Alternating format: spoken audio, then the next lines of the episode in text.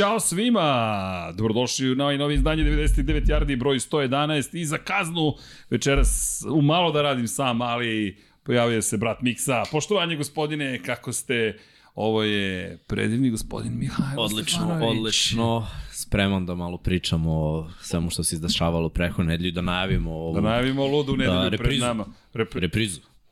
Reprizu. Tako treba da se zove. Tako treba da se zove. O, je Okej. repriza. Repriza.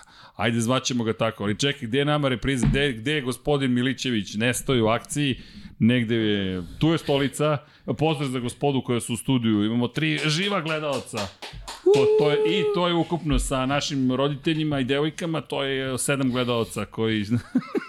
Čekaj, Mnogo pitanja večeras. to je zato što nisi pozvao da lajkuju. Da, Da, nisam još sebe, rekao, ne, ne, čekajte, ovo nije čak ni uvod, samo sam radostan. 111. izdanje, naravno udrite like, udrite subscribe, join, patreon.com kroz Infinity Lighthouse, svaka pomoć je dobro došla ekipi koja je ovde.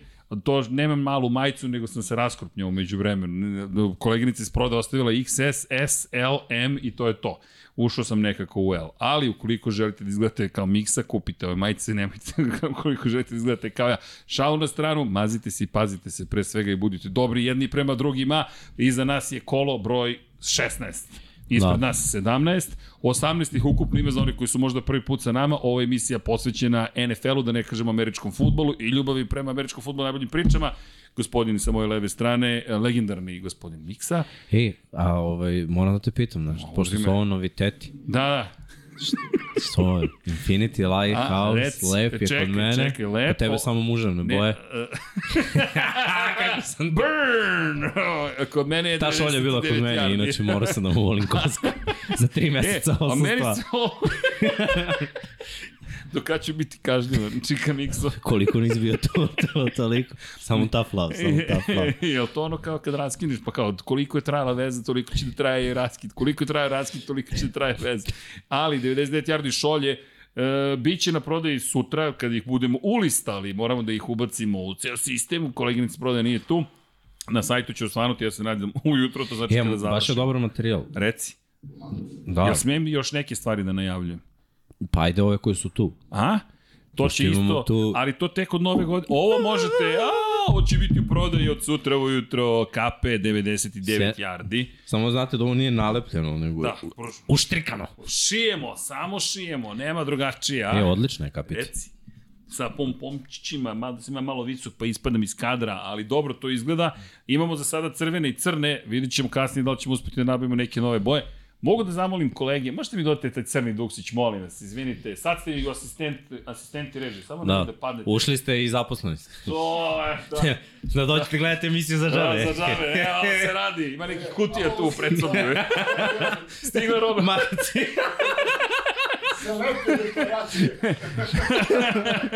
Treba da pošaljemo nešto za, za novu godinu.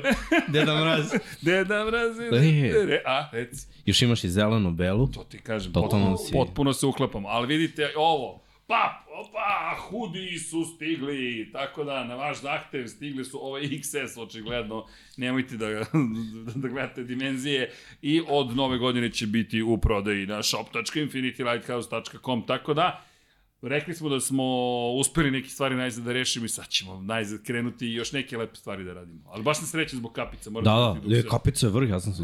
Da. Znači nisam ni znao da su bile Da, da, kapice. da, da, da, da. Tražili smo i ljubičanstvenu, ali trenutno Da, nemaju, bić, Polako, bić. polako. Samo da znaš, ljubičasti duksevi su najkompleksniji, to mora drugi proizvođač, za tu boju niko nema boje.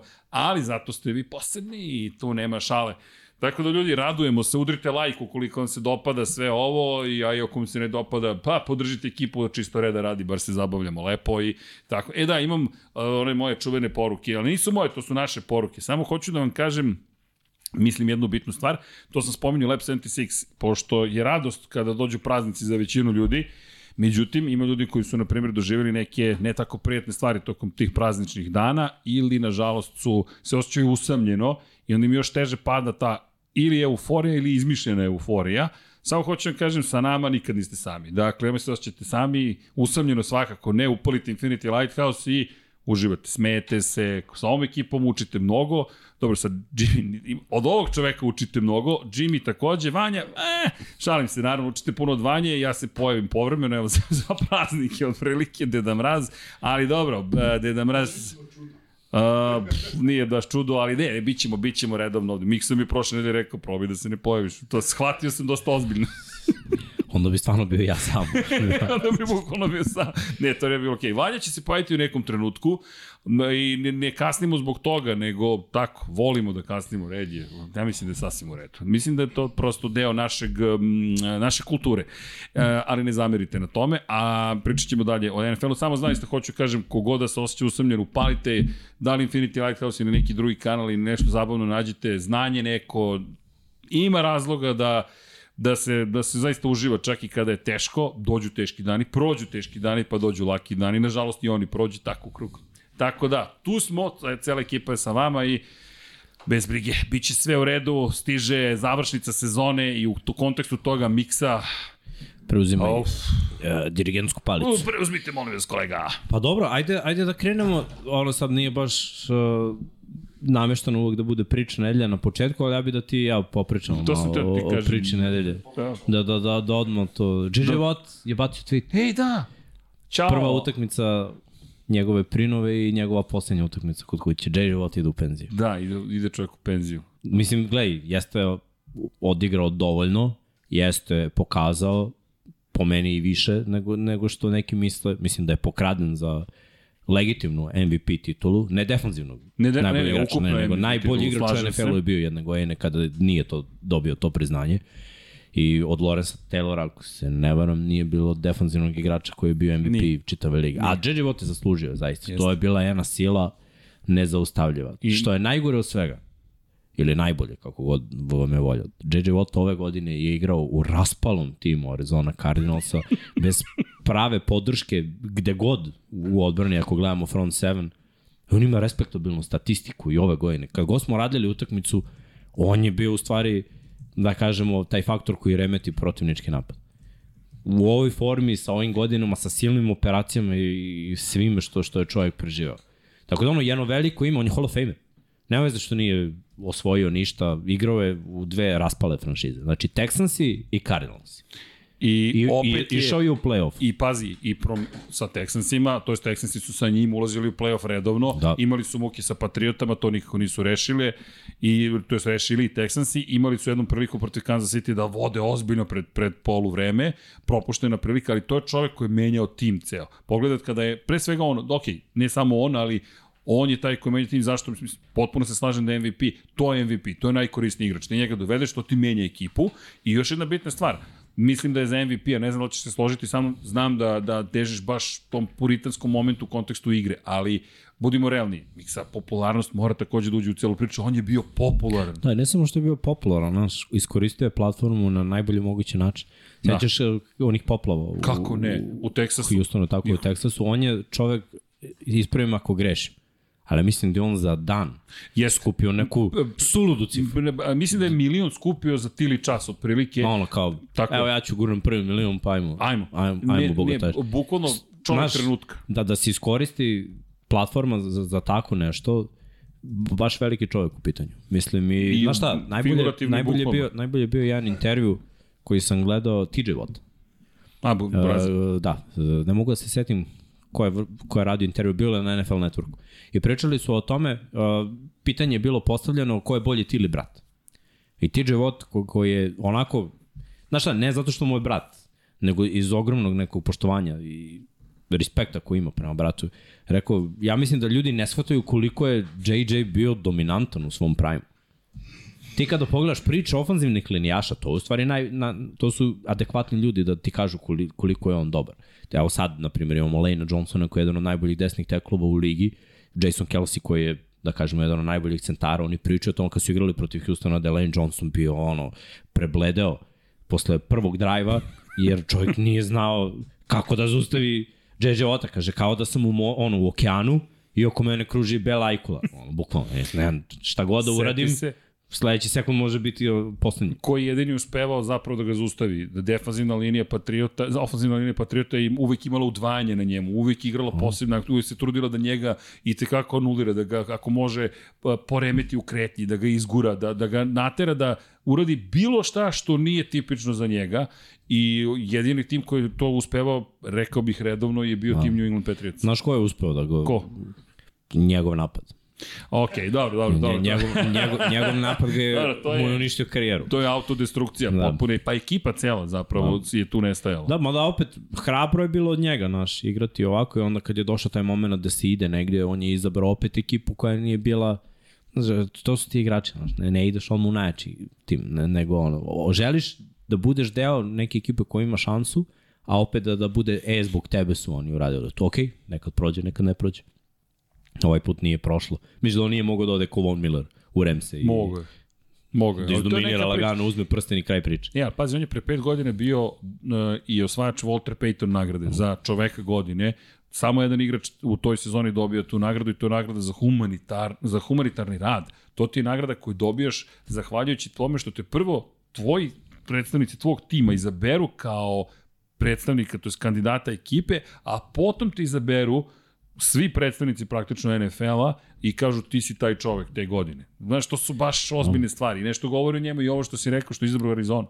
Mogao je da ode negdje drugdje. Nije. Ali nije da, probao je ovde, nije prošlo. Romantično. Da, na, na, nažalost to je to, to je, to je kraj puta, mislim, igračkog, ali verujem da, da će JJ biti Hall of Fame. Malo i simbolično rekao bih to što se zapravo završila karijera posle, to je domaći, nastup na domaćem terenu se završio u duelu protiv Toma Brady-a. Nije da su Baxi nešto bili posebno inspirativni, ali opet ne, njih dvojica su imali ozbiljne duele, neprekidno su se susretali u play-offu i ne samo u play-offu, generalno kroz AFC, a kada pogledaš, postoji uvek poštovanje među tako velikih igrača. I Lep Kadar je zapravo bio, gledaš njih dvojicu i JJ koji kaže ja sam otišao i znaš da je otišao. Ja, ja ne vidim nikakav, nikakav preokret u odluci u budućnosti. Ma da. Prosto to je to. Ne, njegovo telo je zaista pretrpelo mnogo. Znaš ti, kad smo radili uh, Hard Knocks sa, sa Houstonom, davno je to bilo, sa Texansima. Mislim da je to prva ili druga godina kad je Jadavian Clowney bio izabran, znači 14. ili 15. I ovaj, ta, tad je bila jedna scena koja meni pokazala još jednu vrednost, njegovu tu ljudskost. Uh, nakon treninga, mislim ti imaš opciju, uh, navijači uvek dolaze da gledaju trening. Trening je ono, da kažemo, otvorenog tipa za sve ljude koji imaju sezonske karte. I sad za neke timove tu dođe, ne znam, 1000 ljudi, za neke timove dođe 5000 ljudi. Za, za ovaj trening Texansa je bilo, pa da kažeš, jedno 5-6 redova oko celog terena. I oni su ono fast forward odradili na, na kameri. On je svima potpisao nešto. Ostao je 3 sata posle treninga. Nikog nije iskulirao. Mislim, to, ljudi možda ne kapiraju kao ja, ko pa da, on je sportista, prima pare. Mislim, ono, Ne, to ne rade svi. To ne rade svi. Naprotiv. Neko bi ono potpisao dva, tri komada, ide čovjek da odmara, ima terapije. Brat. Znaš, Ali- ono, re- redko ko će da stoji Znaš- i to umara malo. Znaš, ljudi ne kapiraju koliko, koliko za veliki, za zvezde, koliko to umara. On, njihov život, znaš, nije, nemaju svoje ja, ne, nemaju ono svoj moment samoće, Ne, ti imaš nemaju raspored. svoju... Ti imaš raspored, Da. ti tog ujutru daj ti raspored ovako i kažeš ti se u tom minutu pojavljaš tu, tu, tu, tu, tu, tu, tu, tu, tu i tu i to i radiš. I to su godine, To decenije, Tako i, isplanirane Ali, decenije. Znaš ko to radi, izvini? Ko, iz mog iskustva. Imao sam priliku možda da sretnem samo jednog takvog čoveka. Zaista imam priliku da, da, da radim kroz MotoGP Valentina Rosija. Tako je. Dakle, e, do, ok, dolazi nove zvezde i tako dalje tako dalje. Mark Marquez je neko ko je najbliži tome, a on nije ni na pola puta u odnosu na ono što je Rossi doneo, ne doneo samo, popularnosti koju je posjedovao. To nije poređenje njih dvojice, niti kao vozača, niti kao ljudi. I jedno od pitanja koje sam dao Rosiju je bilo kako. Znaš šta mi je rekao? Kaže, kad vidiš ove žute tribine, znaš da moraš da daš deo sebe. Ali to, šta je poenta? Poenta je da je on kao najveća zvezda uvek bio taj koji je ostajao najduže. I to je e, zapravo za mene bio znak da si ti stvarno velika zvezda. To, to je nešto što, baš si lepo rekao, mislim da, da nisam za to znao. Hvala ti za ovu priču, zato što mi je to preko. nepoznato.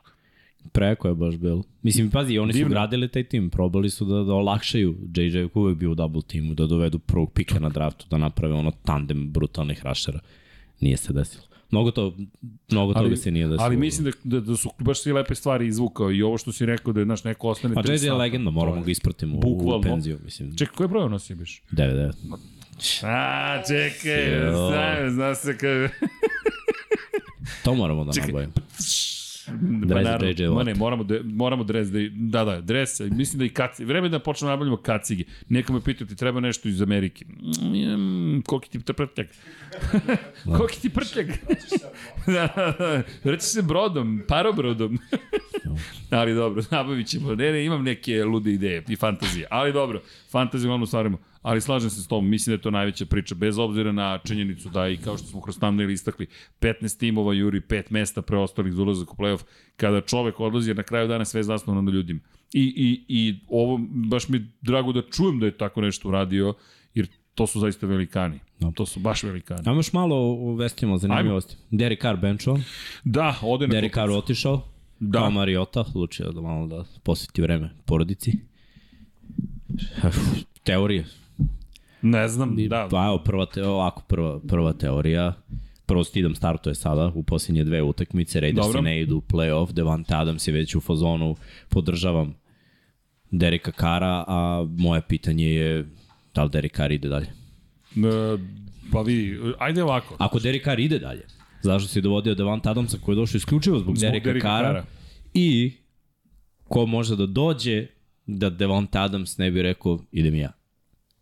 Čekaj, čekaj, čekaj, ja, ja, ja sad ovo ono, pra- pravimo lude, E, ja lude teorije svakom ili... emisiju imam po jednu teoriju. Ok, hoće, hoćeš mo, moj odgovor na tvoje Do- pitanje. doktor teorije. Jesi mi sad namestio ono na keca? Pa, ali upravo. A, e, jel jeste? Bukvalno.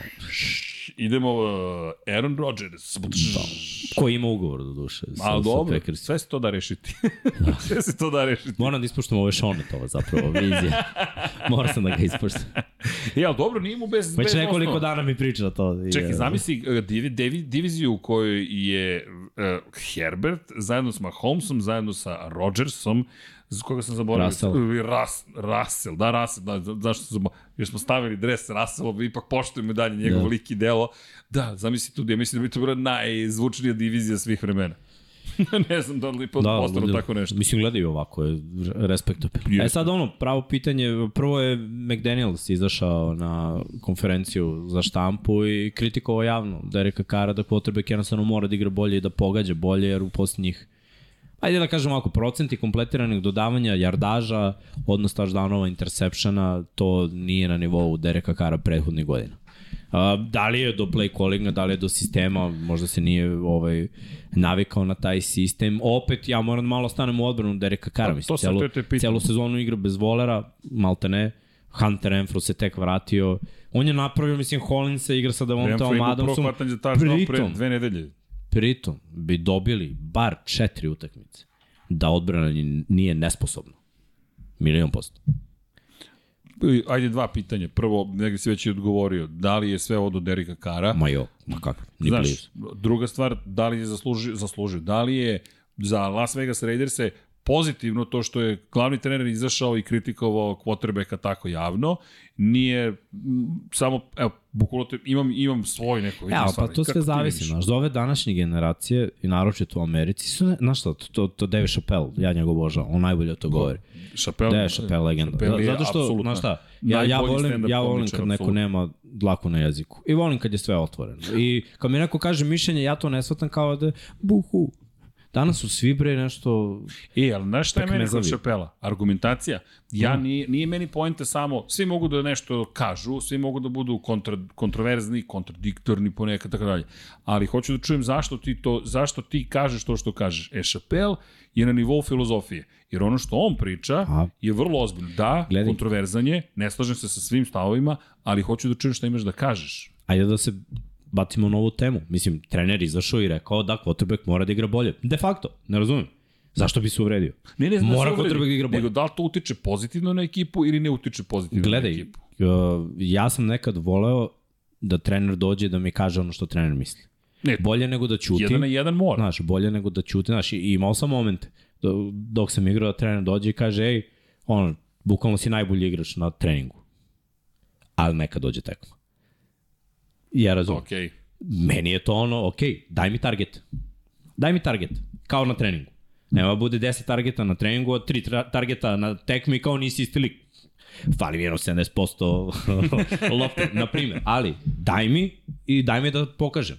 Ако нисам, тоа е мој фейл. Онда ќе ја да радим. Мислим, ал, nije тоа као, ја реко ми е зајд, буху. Мислим, знаеш шта, и Добро, Дери Кар, де, Кар мора да, да свати ово. Мислим да, да, да е доволно дуго у лиги da, da razume da su ove godine stvarno uradili sve da mu pomognu, ofanzivno. Znači, jesi teo svog najboljeg drugara, najboljeg hvatača u ligi? Jesi. Jesi ga dobio? Jesi. Je došao novi trener, je running back jedan od najboljih running backova ove godine u ligi? Jeste. Jesu promenili čitavu ofanzivnu liniju, jer je tebi stalno bio problem kad si pod pritiskom? Jesu. Mislim, druže, ono, Ispoštuj. razume. Man up. Tako je. Dobro. Ja bih dodao jedno F, ali ka, kapital, kapital F, a, ali, ali realno mislim, stvarno bi trebalo Derek Carr da shvati da je ovo šansa da, evo sad je odstupio, ali da ne bude u fazonu idem, nego da bude u fazonu hoću da radim dalje, hoću da budem quarterback, franšizni quarterback Raidersa, jer Raidersi mogu samo da imaju bolju priču u sledećoj sezoni. O, ova sezona je bila loša, mislim. Ima tu mnogo stvari koje moraju da se poprave i što se tiče pikova, i što se tiče igrača, i što se tiče, pa da kažemo, sistema igre. Neke stvari je McDaniels popravio, neke stvari nije. Prvo odbrana mu se raspada cele godine. Znači ta odbrana je tek počela da igra u posljednjih nekoliko nedelja, ali kad odbrana zategne, onda napad failuje. A i bio je moment kad je napad imao zaista onako dobar ritam iz nedelje u nedelju i nisu pobeđivali jer je odbrana primala više pojene nego što oni mogu da daju. Znaš, i to je, to, to je za ceo tim. Naravno, uvek to, to Vanja kaže, mislim, znaš, na quarterbacku mora da, da bude najveća paljba. Pa mislim, dobro, to, to je ili trener ili quarterback. Kao Pa. što se desilo kod Broncosa. Neko je morao da ode. Mada Pa. je ovo tek treći put u poslednjih 40 godina da je neko u sred sezone, u debitanskoj sezoni ostao bez posla. Prvo činjenica, Dobro. prošle godine smo imali drugog koji je to postigao, Jaxi su se oprostili od Sabana, Jeste. ali Ali iz, iz drugih razloga, znaš, ne od Sabana, od, od od Maja. uh, Majer. Ovaj, Urban znaš šta, ovde je veliki problem zato što Hek, Heket zapravo ništa nije uradio. To je vest, mislim. Heket Pa, je otpušten. Heket je Ali otpušten, ovaj, tako je. vest Glavni je trener Brown, Denver bila Broncos. očekivana. Znaš, on ništa nije napravio bolje. Niti ekipu, niti unutar ekipe da, da se svi, ne znam, više poštuju, da postoje energija, sistem je onako ništa posebno. Da očekuješ da će Russell Duđi sad napravi pet hvatača od momaka koji su prosek. Nije baš realno. Trčanje, povrede, vođenje treninga, sve je bilo problem. Znaš, ono, na kraju, na, veliki broj povreda. Izvini, Takođe. E, Na, dve stvari. Apropo povrede, obično gledam ka trenerskoj ekipi kada imaš previše povrede. To, to, to je i u Da, basketu. dobro, i u nije on možda kriv nužno, ali Ne gledaj, da je kriv, čak ni ljudi ali- koji spremaju možda nisu njegovi ljudi, ne, nego to bira tim, medicinski tim, kondicionog trenera, Ali- oni imaju strength and conditioning coaches ko, koji, koji rade na toj fizičkoj spremi, pritom se igrači koji su najveće zvezde spremaju individualno kod, kod privatnih trenera. svojih trenera. Ali, ali ima jedna stvar bitna. Samo šta hoću da kažem. Uh, komentar nekolicine igrača je bio da je on dobar čovek, dobar trener, zabavan. Uh, pitanje se vraća ka ovome, ka strogoći, ka disciplini. Mm, I ima povezano i sa još jednom temom. Slušam teoriju, to je Good Morning Football izbacio teoriju, da zapne uh, ili je bio mm, nek, neka od emisija na NFL Networku da smatraju da Brady je u ozbiljnim problemima jer ove godine prvi put mora da bude i bad guy i Mr. Nice guy. Dakle, neko ko te vodi, inspiriše, ok, povremeno odreaguje, ali ne non stop. A i da je sada odsustvom zapravo Bruce Ariansa koji je voleo da budu, da, i to mu je bio posao da disciplinuje i da uvodi red i mir i disciplinu, je došao u situaciju da on mora da bude taj koji zapravo vodi, a i pride se poklopilo sa njegovom ambicijom da se on više pita. I sad pitanje, bukvalno za, za tebe je, ajde molim te, da li ti vidiš da je to dobar put za bilo koga i sad uz ovu priču u Broncosima koju čujemo, pa bio je zabavan trener, bio je dobar trener. Da, da šta, Znaš- ne mora, ne mora da znači, ne mogu da ti dam konkretan odgovor, Jasno. jer sve zavisi od ekipe koja je tu. Sad, Broncos imaju mladih igrača dosta. Bucks zanimljivo imaju dosta mladih igrača. Lako ćeš ti sa starijim igračima, znaš, što se ništa ne shvata lično, jer su već prošli neke uspehe i znaju da mora, mora da Džombe. postoji to, mora da postoji malo te tog Kad naboja, malo te energije. tu- Znaš, jer, tad napreduješ. jer to nije uopšte nešto loše. Mladi igrači, naročito sada, mi, mislim da su previše naviknuti na, na ono maženje i paženje, da, da evo, citiram tebe, Da. Nemojte se uvek Budite maziti. malo. Nemojte se uvek maziti i paziti. Ne, nek, nek, nekada kritikujte malo. Ono, Ne, ne. Recite ono što mislite. E, Ne, da. ne, uvek recite šta mislite. Mažni pažnje, samo vodite račun- zapravo, kritikujte, ali argumentujte to što radite da. i nemojte da, budite iskreni, nemojte da sakrivate ako vam nešto smeta. Nisam to mislio, da. mazite se pa Znam. malo nežnosti, ali, Nego leglo samo ovako. ali lepo čučulo. Da. Bum. E sad, veliki je problem, znaš, kad si ti tako dobar čovek i sve, a nemaš uspeh. Je- Jer njihove utakmice su bile loše vođene. Od prve utakmice protiv Sjetla, to su morali da pobede. To smo, šta smo kritikovali u prvoj nedelji? Jasno, Odluke. jasno, jasno. odluke, trenera. Da, da. I gledaj, ok, prva utakmica, nema veze, prva mu je utakmica da, da bude glavni trener. Ali to se nije promenilo ni u jednoj utakmici do kraja. On nema ni jednu utakmicu da je bilo dobre odluke. A bile su, bili su mečevi da je odbrana radila posao, no oni zatvore protivnika na ono, manje od 15. Čekaj, treća Napad, nema, on najbolja je odbrana po broju ofanzivno poena. orijentisani trener. A- ali ne mogu daju 15 Miksa, poena. u, znaš šta mene oduševljava? Da je ta odbrana, sve do, pričat ćemo verovatno i o toj utakmici sa LA Ramsima, bila spektakularna. Dakle, kada znaš da gotovo nema nikakvih šansi da uđeš u play-off, ti dalje igraš sjajno. A to nije njegova odbrana. To je, a pazi, ali treća najbolje po broju poena. Da. Sve stoji. Gle, radili su ozbiljan posao, ali ofanzivno nisu radili apsolutno ništa. I sada je vreme da, znaš, da, da se desi, Vreme nov, se da se desi nova promena. Tako je. Znaš, Jednostavno. saseci odmah. Šta treba da budu cele godine, dve godine da Šta daju će s šansu? Russellom? Vidi, to je ugovor od 234 miliona, 240 A verujem, koliko daš mu dobar sistem, bit će bolji quarterback. Ja mislim da I, ovo gled, nije njegov I da, su, domet. da je ofanzivna linija zdrava i da imaju svoje primarne bekove. Mislim, Javante Williams je zver. Bez njega su ostali be- bez hiljadu yardi trčanja. To, to je činjenica. I onda uzmeš ove hvatače koji su isto bili povređeni. Daj, daj Russellu. Mislim, sad je imao vremena da se upozna sa ekipom malo da se navikne. Sa ovom odbranom oni mogu da urade dobre stvari. I trebalo da urade i ove godine. Eto, jednostavno, loš sistem. Loš sistem. Nije se desilo. Znači, moraju da pronađu trenera koji ima sistem koji odgovara talentima tu. Znaš, ne možeš ti samo da izbaciš ovako, evo ga moj playbook. To je to, vi naučite, čekaj bre, druže. Pozabavite se tim. Da, da li taj playbook odgovara mojim igračkim kvalitetima, tvojim, njegovim i tako dalje i tako dalje. Koja je, koja je naša filozofija? Šta ćemo da budemo? Run first u diviziji gde se prangija na sve strane. Nećeš dobiti tako, ni čim A imaš se... Mahomes, imaš Herberta, oni su zategli ruku i to imamo to. vrhunsku odbranu, oni neće dati poene. Aha, bilo pre 20 godina. Ali nema toga danas. Znaš, koliko Jasno. god imamo dobru odbranu danas, mora da imaš i napad, inače nećeš pobediti. I onda dolazimo, vraćamo se na Raiders, ceo krug praktično iste divizije, to je zapad američke futbolske konferencije. Gde se prošao Tim- ovu test sezonu? Ali, u, izvini, u smislu onoga što si rekao, imaš povremenu napad, imaš povremenu odbranu. Moraš da imaš jedno i drugo. O, ali gledaj, ono što si vidio povremeno, i ovamo i onamo uz sve povrede koje su oni imali, ti govori o tome da on ipak zna šta radi. I o, ovaj potez, mislim, ne znam da li je to bila njegova odluka ili je pod pritiskom napravio odluku, svakako je pokazao da ne postoji u ovom timu trenutno veća zvezda od trenera. Što je naučio samo na jednom mestu. Znamo gde je, ku Da. Patriotama. Tako da, A ovo je znaš, njegov drugi izlet u, u trenerske Da. vode kao glavni trener. Pokušao on sa Bengal, ne, sa, sa, Brown, sa Brownsima. Broncosima. Broncosima. Ne, nije. Broncosima. Sa, za, Bron, za trebao je da ide. Vodio. Trebao je da ide. Odbio je. Da, on je odbio. Da, da, da. da, da. Ne znam da li treba u Colts ili u, sve u svemu Ja odbio. mislim je. da su Bio je u Broncosima, izabrao Tiba. Bili. Jeste Tim Tebow i cela ekipa. Da.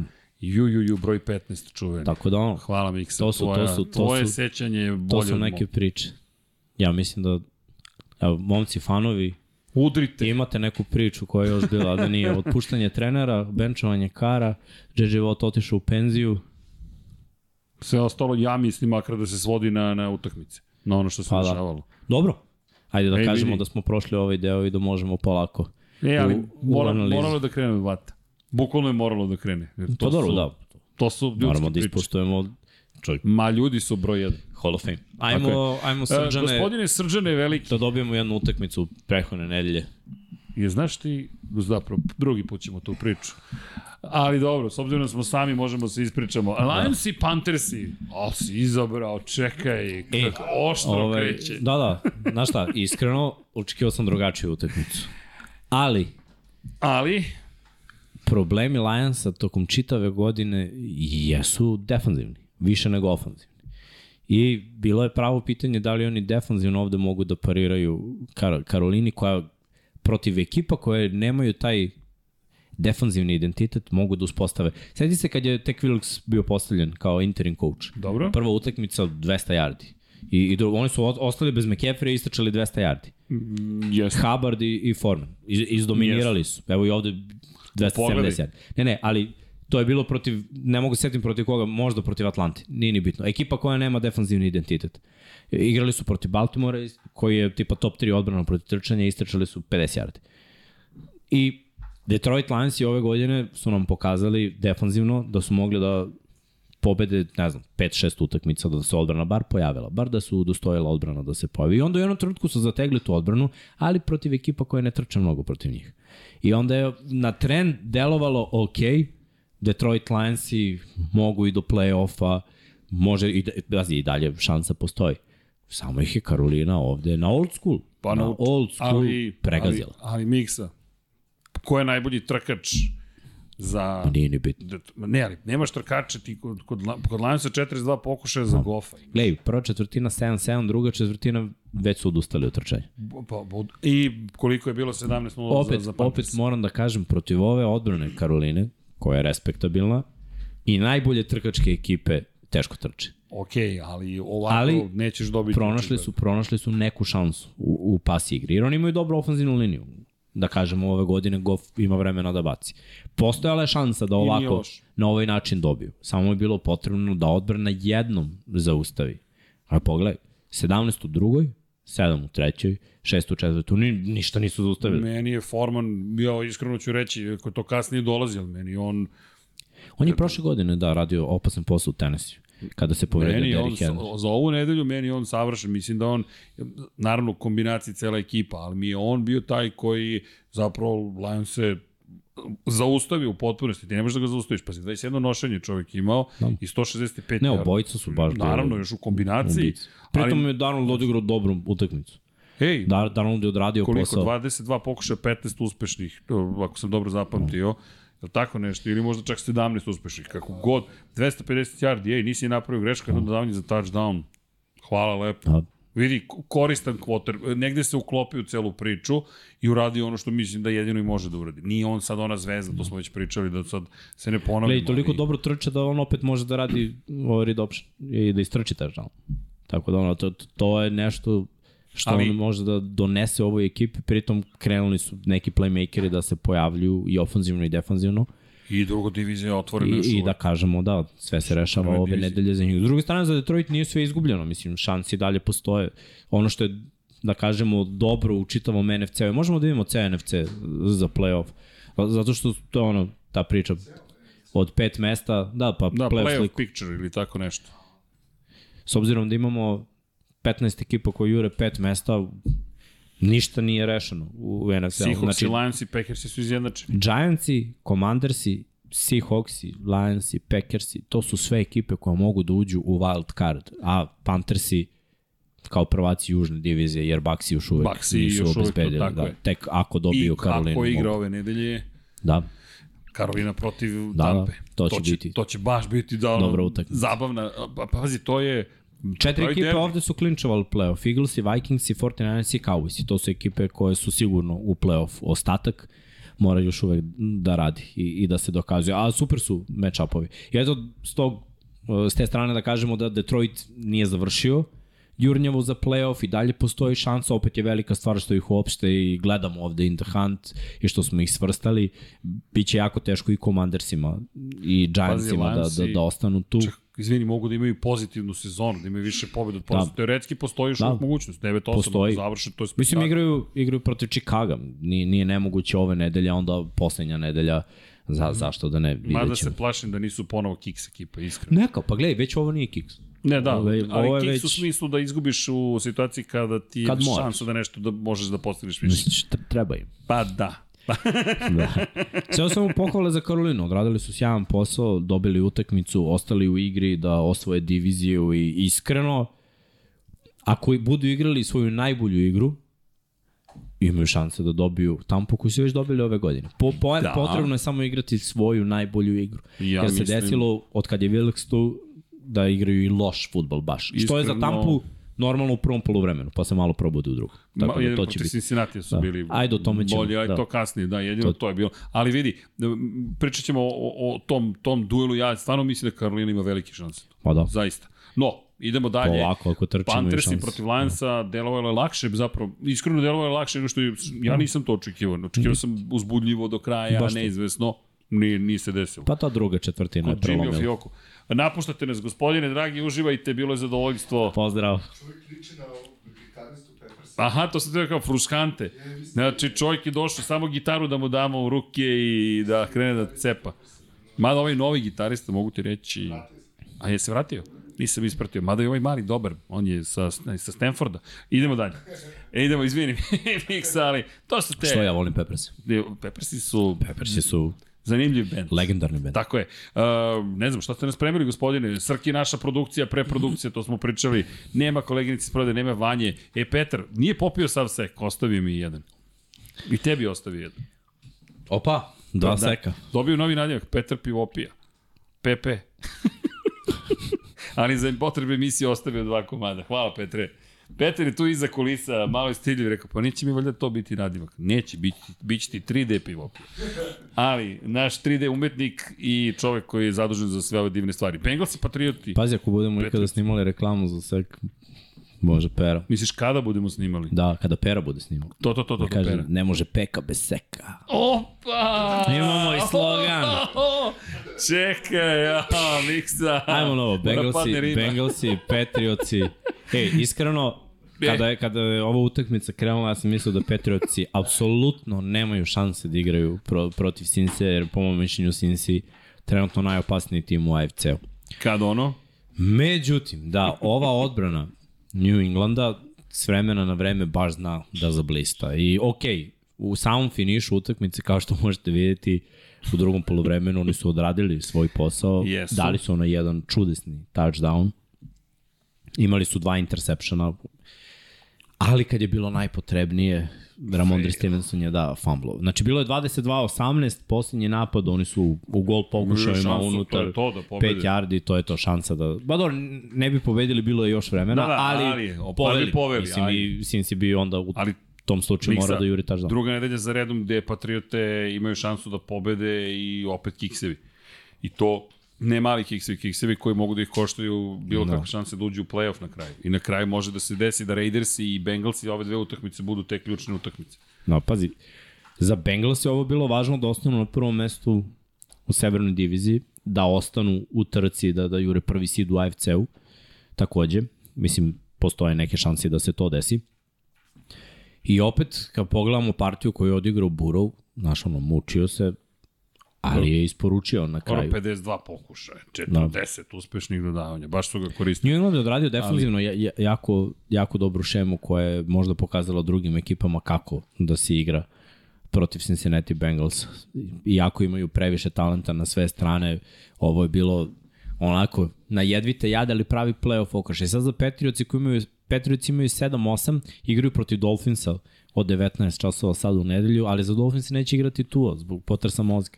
I nije samo Tua, već i verovatno i uh, Armstead, što sada otvara malo šanse za Patriots. Oni ako dobiju Miami imaju isti uh, imaju 1-1 u diviziji protiv Dolphinsa u tom međusobnom okršaju. Jetsa su i dobili dva puta. Tako je. I, znaš, postoje neke šanse. Da kažemo da su Ravens i Chargersi klinčovali playoff, tako da za wild card postoji samo jedno mesto.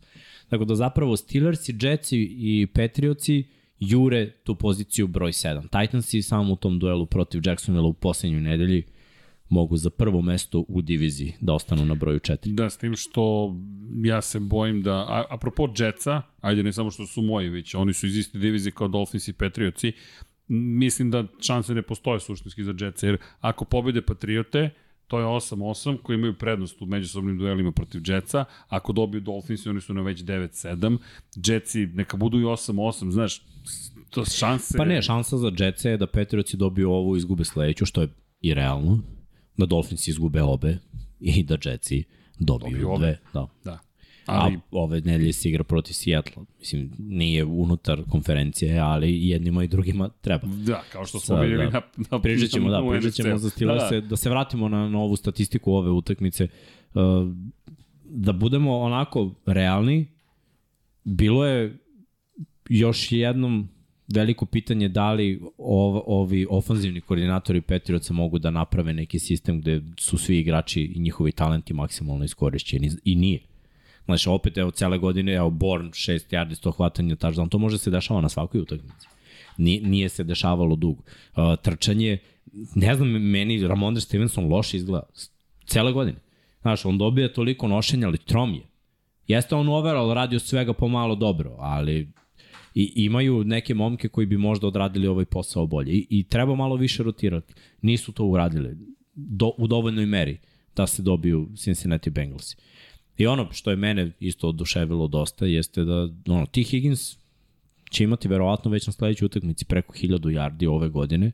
Jamar Chase je propustio dosta utakmica, ne bih čudilo da i on prebaci 1000 jer on imao je neke monstruozne utakmice i ja mislim da će ovo protiv Billsa biti vatromet. Da, da, da. Na sve strane. I poslednje pa kole protiv Baltimora, tako da njima treba da i Chase i Higgins budu sa preko 100 yardi na tim utakmicama. Vidi, iz perspektive posmatrača, savršen kraj sezone. Što se da. mene tiče za Bengalse treba pratiti i, no. i, i ove i sledeće nedelje.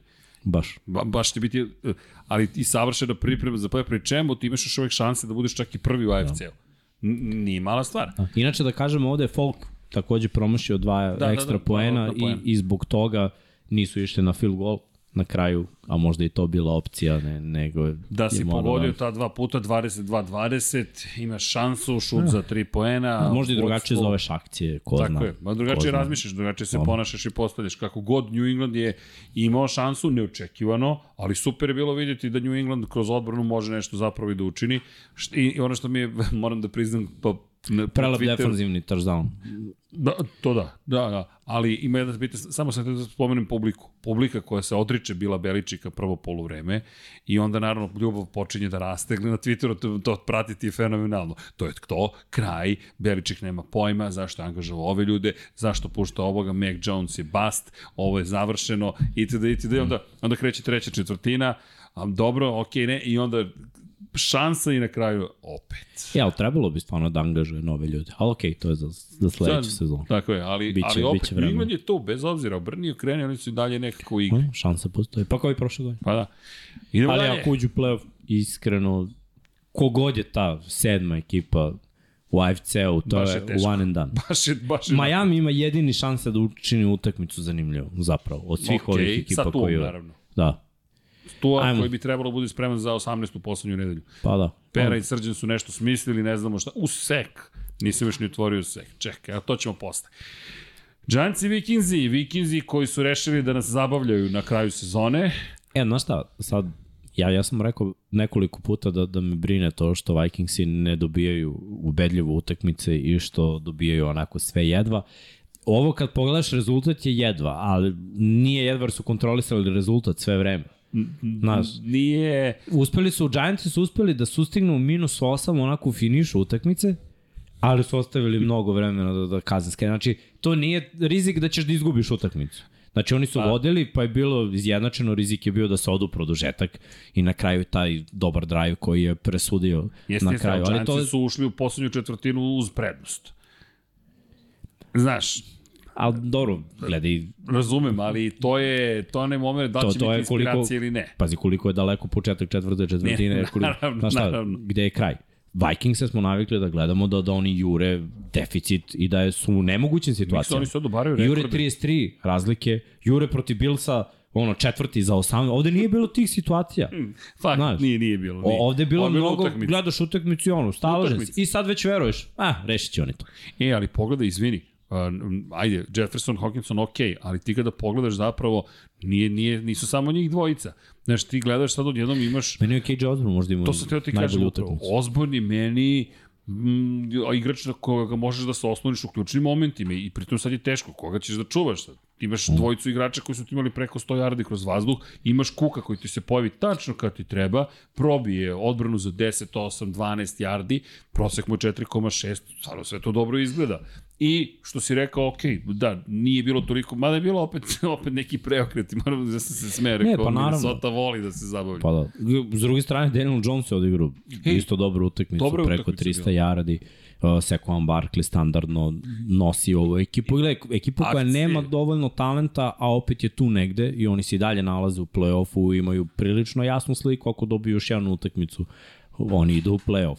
I to je onako velika stvar za Dejbola koji, koji je uspeo nekako da, da reši mnoge probleme koje su Giants imali. Samo na ovoj utakmici, znaš, nije leglo jer igraš protiv ekipe ko, ko je ono, majstor, za, za, definitivno majstor za, za ovakve utakmice koje se igraju u posljednjim momentima. Pritom, okreneš se defanzivno Giantsima, oni nemaju tog lika, niti imaju taj sistem defanzivni koji može da zatvori Justina Jeffersona. Zapravo, kad pogledaš 32 ekipe, malo njih i ima načina da, da zatvori Justina Jefferson, a da ne otvori sve ostalo. Obično bi to bila ekipa iz divizija, divizija ove godine je... JJ, JJ je odradio stvarno brutalan posao, naročito u tom posljednjem drive-u, gde je on uhvatio screen, vratio ga, mislim, za, za ne znam, 15 do 20 yardi i stavio loptu da je lakši field goal pokušaj. Mislim, lakši, nije to uopšte, ali bilo je 61 yard. Tako je. Ali vidi, Ali bilo je nemoguća misija, znaš, ono, idemo na screen, pa šta uradi dečko? I on uzme toliku jardažu.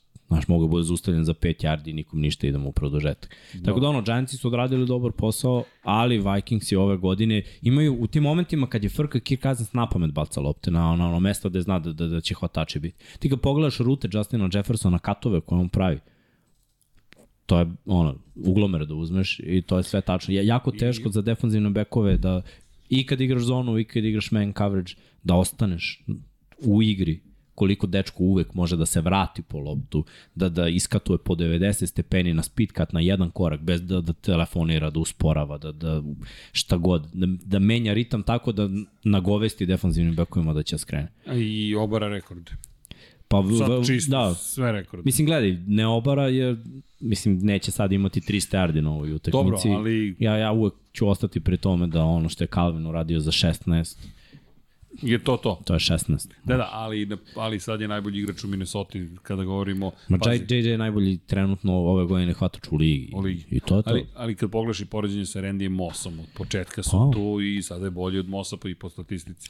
Pa dobro. Impresivno. Znaš šta, e, sa svi ovi hvatači nove generacije uz sva pravila koja su bila, što je to i Brady lepo pričao, ovaj, nekada su postojala mesta na terenu gde nisi bacao loptu.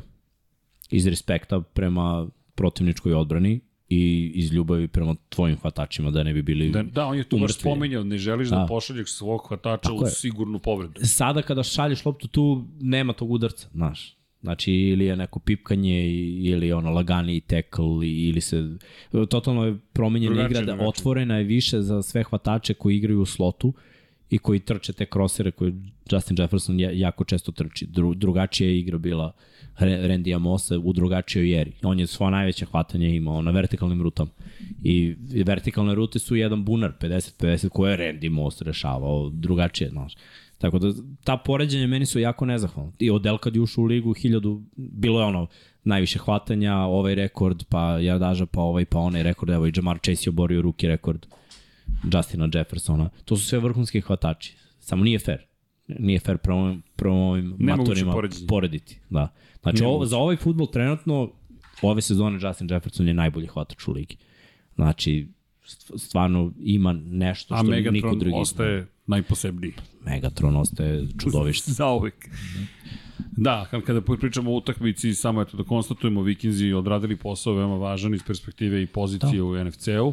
Vikinzi odjednom dolaze do toga da možda mogu čak i na prvu poziciju. Pa, za njih je scenario da Fila izgubi dve. Pa, nije nemoguće, ali sada već mislim da će biti... I opet neće biti prvi, ako se to desi, a Dallas pobedi dve. Sad, aha, Jer ih je. Dallas da, ugazio. Tako je, tako je, tako je. Tako Znaš, da, tako da, je. za Minnesota je ono, da Fila izgubi dve i da Dallas izgubi jednu. Dobro, teško je. No. Ali nije nemoguće, samo čisto konstatujemo, ništa drugo. Pa da. Međutim, Minnesota već može biti prezadovoljna. Ej, divizija uveliko dobijena, ušao si u play-off, deluješ odlično i postavlješ rekorde po broju utakmica u kojima si uz jedan posed lopte zapravo pobedio. Da. Baš su istrenirani za ove situacije, ovo je sada već, što kažeš, da, uobičajeno. vidjet ćemo ih u play-off. Vrlo je važno da li su na poziciji 2 ili 3 da se slučajno ne okliznu, a čekaju i teške utakmice, oni igraju protiv uh, Lions, prvo protiv Packersa pa protiv Lionsa. Znaš, ne želiš u eventualnoj situaciji da ideš kao ono, drugi i treći ako budu igrali seed, a nije nemoguće da ideš u San Ali Francisco. utakmice sad protiv Packersa, jedno da. čekam. Ovo Baš to. kolo je prelepo Pa dobro, kolo. namestili su baš kako naravno. treba. Uh, Ajmo dalje, Petre, Srki. napoštoš nas, uh, ako se ne vidimo, Petre, srećni praznici, da. sve najlepše. I, nisi nam ostavio neko pivo. Šalim se, čovjek ne pije, ima da nam odnese namerno čisto reda radi. Petre, sve najlepše. Pozdravite lepšu polovinu i uživajte u praznicima. Doviđenja. Ćao. Pera, najpristojnija osoba uz goste u, u studiju. Na, a šta stigo je Vanja? O, o, spremamo i žuti mikrofon. Možda, ako nadam se da ima plavu majicu, tamo onda se sve oklopi. E, ali, Miksa je rekao. Šta? Idemo Dalje. Idemo dalje, idemo dalje. Sek. Pudž. Packersi i Dolphinsi. 26, 20 Rodgers i kompanija održavaju sebe u životu. Ali ko im je pomogao ovde? Ne toliko napad koliko Tua i odbrana. Pa više tu ne, nego Da, odbrana, okej. znaš, ali ovo je, znaš šta je problem? Problem je ovaj, ja, ja bih rekao da je najveći problem u, u igri Tuinoj sada ta konstantnost i sumnja. Konstantnost u lošim odlukama. On je, to je Kurt Warner pričao, imaš quarterbackove koji vide coverage i onda dodaju loptu po nekom osjećaju gde je coverage i gde će biti otvoren coverage, na pamet. Šta je problem kod takvih igrača? Uh, odbrana može da promeni nešto, neki od vrhunskih igrača. Znaš kako je James Harrison došao do interceptiona u Super Bowl? Protiv uh, Kad je Arizona. vratio za Za 91 99. yard. 99 yard. 99 99 yard. E, znaš šta je imao kao zadatak tu u toj akciji? Ja, defanzivnoj? pričao je on to u njegovom futbol life on je, on, je, imao- on imao rush. Dobro? Krenuo je prvi korak u rush i znao je da Kurt Warner ima tendencije kada vidi da taj end ide u rush, spoljašnji linebacker da ide u rush, odmah baci inside slant. Znači, ovaj ide u rush, odmah Jasno, baci inside jasno, slant. Napravio prvi korak i vratio se u flat zonu i lopta pravo u ruke. To je bio problem sa Kurtom Warnerom jer on bio sličan dodavač kao što je Tua. Tua dodaje, on donese odluku, vidi coverage donese odluku. Gađa. E sad, ono što je najveći problem u toj njegovoj igri, zato što odbrane danas često znaju da ti daju jedan luk i onda odigraju nešto drugo. Kada bacio drugi interception, imao je tri igrača za prvi down. Imao je slant, imao je, uh, slant je bio sa desne strane, on je bacio fade za interception, imao je uh, sa leve strane slant i imao je curl koji je 10 yard isto za, za novi prvi down. Tri čoveka. On je odlučio da uzme loptu i ovamo da šikne fade ovamo za, za interception. Tokom čitave godine ta neka njegova dodavanja, lobovanje linebackera i, i stavljanje lopte pre safety-a su prolazila. Sada ne prolaze, to je već četiri utakmice da, da ne prolazi. I to je onako veliki problem za Miami jer oni žive od toga. Sad ti taktički da kažeš ok, trčanje je išlo, trčanje je išlo na ovoj utakmici i McDaniel je mogao da se osloni više na Mostert. Prvo, taj Mostert isti je ubica Green Bay Packers. Znači, seti se pre nekoliko godina San Francisco kada ih je ugazio na njihovom stadionu. Znači, otišli su na Lembo i ugazili su To je Mostert bila utakmica. je tako? da ima 500 yardi na toj To je bila utakmici. Da, utakmica. da su Mostertu dali loptu, mogu da ima 500 yardi na toj utakmici. Znači, njegov stil trčanja iz te zonske šeme blokiranja sa katovima je stvoren da, da se ubiju Packersi. I bilo je dobro na ovoj utakmici, ali oni nisu odlučili da forsiraju to, odlučili su da veruju tu. I sad ti gledaj, taktički ima smisla, jer je i opet i ta zona iza otvorena. Samo tu opet nije donosio dobre odluke. Vidi, u ključnim Nekoliko momentima loših, dva je. davanja. Ti Sve u drugom poluvremenu. ekipu. Sve, Sve u drugom poluvremenu. svoju ekipu. Pri čemu koliko si pojena ima u drugom poluvremenu. Niti jedan jedini nisi imao Krompirić. poen. Krompirić i je u trećoj, četvrtoj četvrtini. Kolega Milićeviću, ćete nam se pridružiti? O, Šta? Opa, vidimo Oj, pokoj. žena. E, Imamo mi nešto za tebe. Ček, ček. Imamo mi, imamo mi bolji za tebe. Ne, opa, maco. Opa, vidi, dobio sam naza. dobio? Naza, brate. Idemo. A zna Vanja, Vanja. brate. Može ovo, a? Izvoli. XS. Probni primjerak, ali vidiš da se dobio? Pa, E, to XL, morat ćeš da... Šta je to XL? Da, morat ćeš malo da... Da se šta raskrupljam, nisam se dovoljno ne razumem. Znači, naduo sam se ko Gambi, ko da Pa bar- baš mi- zato, da. Mišelinove gume. Ali, zato. ovako ću da držim. Evo, vrh, baš je vrh. Pazi kakav je, ja, Maco, hvala. Ja, dobili smo ovde i neke slatkiše. Da, to su urme A sa crnom čokoladom. kupio? Zato što je, e, čekaj, sad ću ja da stavim ovdje na diskusiju, na, da imam pitanje. Imamo ta, to, to. A ti si dobio kačket. Opa, idemo. Vidi ga Vanja, češće da mi putuješ. To ćemo mi njemu. Hoćemo, hoćemo. Evo imamo mi kapicu za tebe, crnu Da, tu ispod. vidim, vidim, A, vidio rec. sam fenomenalno, baš je dobro. Baš zadovoljan? Jes, pratno, iskreno. Yes. Baš je dobro. Ne, Baš smo- Materijal je vrhunski. Svi smo baš ono shiny happy. Infinity pozadi sjajno. baš Tako cool, je, baš cool, malo iskreno. sivi konac, sve, sve smo To, radili. baš je cool, baš je dobro. Ej, hvala za poklon, stvarno si divan. Da, Je, šta pa da. Baš si, baš si, ovo je, ovo je Morao sam. predivno. Šolje isto grmi. Šta si morao? Šolje, g- šolje grmi, iskreno, not gonna lie. Ne. Mi- Miksa je... Ova boja je odlična. Mi... Oduševljeno boja. Dobro, to je nešto više Seattle, šta hoćeš. Kaže Storm Rider, Srki obuci Dux. Ako hoćete da se skuvam ovde i preznem... E, to, ja sam mislio on džemperu novogodišnjem. Evo ovako. Evo ovako, trenutno smo na 90 lajkova. Kad dođemo na 200 lajkova, a sad se prodajem za lajkove, oblačim Dux. Neka. Jel može? Uvek. Evo, ja ću lično da doniram jedan like. Idi la, lajkuj odmah. ja. Samo da instrke kako se kuva ovaj Ovaj, Da ajmo, li- ajmo ovaj, e, da pričamo malo o Green Bayu. Znači, njihov scenario za playoff je da moraju da dobiju sve do kraja da bi ušli u playoff. Bio, bio je težak matchup protiv Miami, iskreno nije im lego taj matchup, ali uspeli su na kraju i ja opet kažem, tu je meni najveći krivac, ali Green Bay Packersi pokazuju neke znake ko, koji su pozitivni. Naš ostati bez Devonte Adams, igrati loše, imati tolike povrede cele godine i vratiti se na ovaj način. Pritom od Rodgersa sad vidim neku drugu energiju koja mi je onako zan, zanimljiva.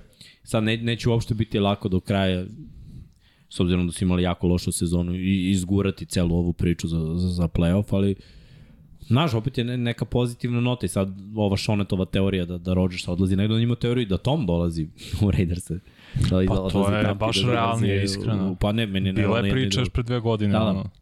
I onda kad, znaš, kad pogledam sve te stvari, meni deluje da, da Rodgers možda ostane sledeće godine sa nekom boljom energijom sa, sa ovim momcima u Green Bayu. Evo da ga, nešto koji menja. govori to isto. Da imamo neku novu ekipu, počeli su da funkcionišu, pronalaze se, deluje kao da uživa ponovo u futbolu, i, a čim uživa u futbolu, negde znamo da je ekipa mnogo bolja, a i kad on uživa, on je bolji. Tako da, mada još, on ima, još nije to ono staro, neko je komentarisao sa NFL Networka, e, prezirem NFC zato što su zapravo dozvolili i Bradyu i Rodgersu da se izvuku. Ne, svojom igrom A. to nisu zaslužili, ali ali, pa to je AFC. Ra, Russellu nisu dozvolili, a to je AFC, tamo je surovija Da, situacija. nisu još izvukli, ima još.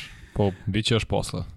Za Dobro, samim tim što su uopšte u trci, kako loši igraju, jer to je baš traljav, loš mm. futbol od strane jednih i drugih, veći deo sezone. Znači, više su igrali loših utakmica nego dobrih i dalje imaju jedni i drugi šanse za play Kakve takve? Znači, malo bolje Baxi, malo slabije ove, ali samim tim što su i dalje u igri, to, to je onako velika stvar. I ovaj, šta bih još dodao za, za Miami, veliki problem što je tu opet doživao potres mozga. Jer ono, znaš, meni nekako pada, Znam, ali to sad već sad ja, postaje ja ne mogu... hronično. Pa da, znaš, on stalno pada isto. Ja ne znam kako, da razumem svako ima čovek neke tendencije kako ćeš da padneš, to, to je do čoveka verovatno, ali mora malo da treniraš kako da padneš, a da ne udariš glavom pozadi. Sa, ali i, i nije samo to, znaš, koje su sad posledice. Ti malo, malo potres mozga, malo, malo potres ovo mozga. Četiri meseca, tri potresa možeš, da, to je to- to su- ozbiljna stvar. Ja ne bi igrao na mestu tu do kraja godine. To njegovo zdravlje ovde u pitanju. Ja bi igrao laga. Pa ne, Pazite se, pazite se. Ne. Bang. pa i to, ali i nema on, on je što mu treća godina na ugovoru. I Pa ne, ne, treba još znam, da znam. uzme te Mislim, ne bi igrao ovu utakmicu, mislim, jer i ne sme, ali bez Ne sledeću bi, bi se vratio. Nenad Ja, Bojić ima da odličan pred, predlog. Brady u Jetse. Ja sam i dalje više za Rodgers u Jetsa, ali može i Brady. Pa, dobro. Da, da, Srki, ti nisi bio prošli, da, ja sam baš rekao i verujem u to da Jetsi treba da idu na Jets.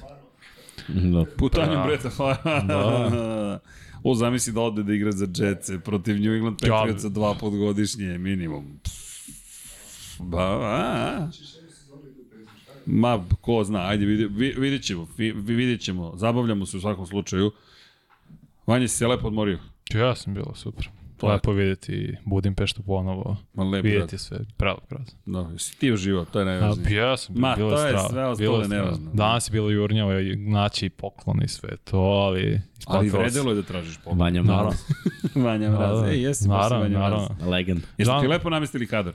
Pa okej, bre, skroz. Čekaj. Skroz je cool. Ma lagan, Imaš i- bre, lagani ste. Jelkicu. Fenomenalno, sve, sve je cool, stvarno. I je boja došao u mikrofona. super hyped pozitivnom raspoloženju. Javi da, da je moja ekipa klinčala play-off. Tako je. Ovo ide od stola u play-off, brade. Pa i ovaj je u play-offu, samo ga nema, otišao čak na trajni odmor koliko su dugo u play-offu, jedino ja jesam još ostao. Ali, samo još pol, polako, pripremite se, ko je verovao da ćemo imati više od pet pobjeda? Niko, nisam ni ja. Tako da, sve je u redu. Ajmo dalje, godine. ajmo dalje, ajmo, ajmo, ajmo dalje. Bilo je dobrih utakmica, treba preći. Eagles i Cowboys. U, u derbi. To je baš bilo dobro. Dobro, ovo, ovo je bio vatromet. Vatromet obostrani. Ono, Minšu igrao loše, ali pokazuje koliko odbrana Dallasa može da bude šuplja.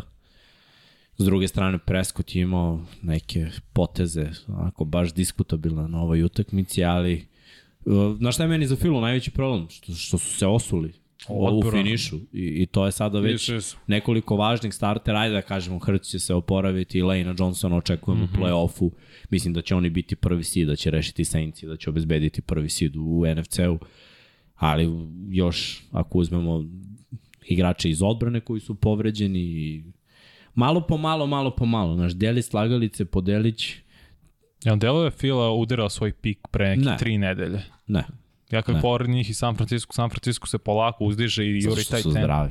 Pa da, Da, da, baš zato. znaš šta, za Filu je sada vrlo važno da ove utakmice, znači ajde da kažemo da ova utakmica protiv Dallasa je bila važna, ali sad protiv Saintsa, ako povedeš, vadi startere.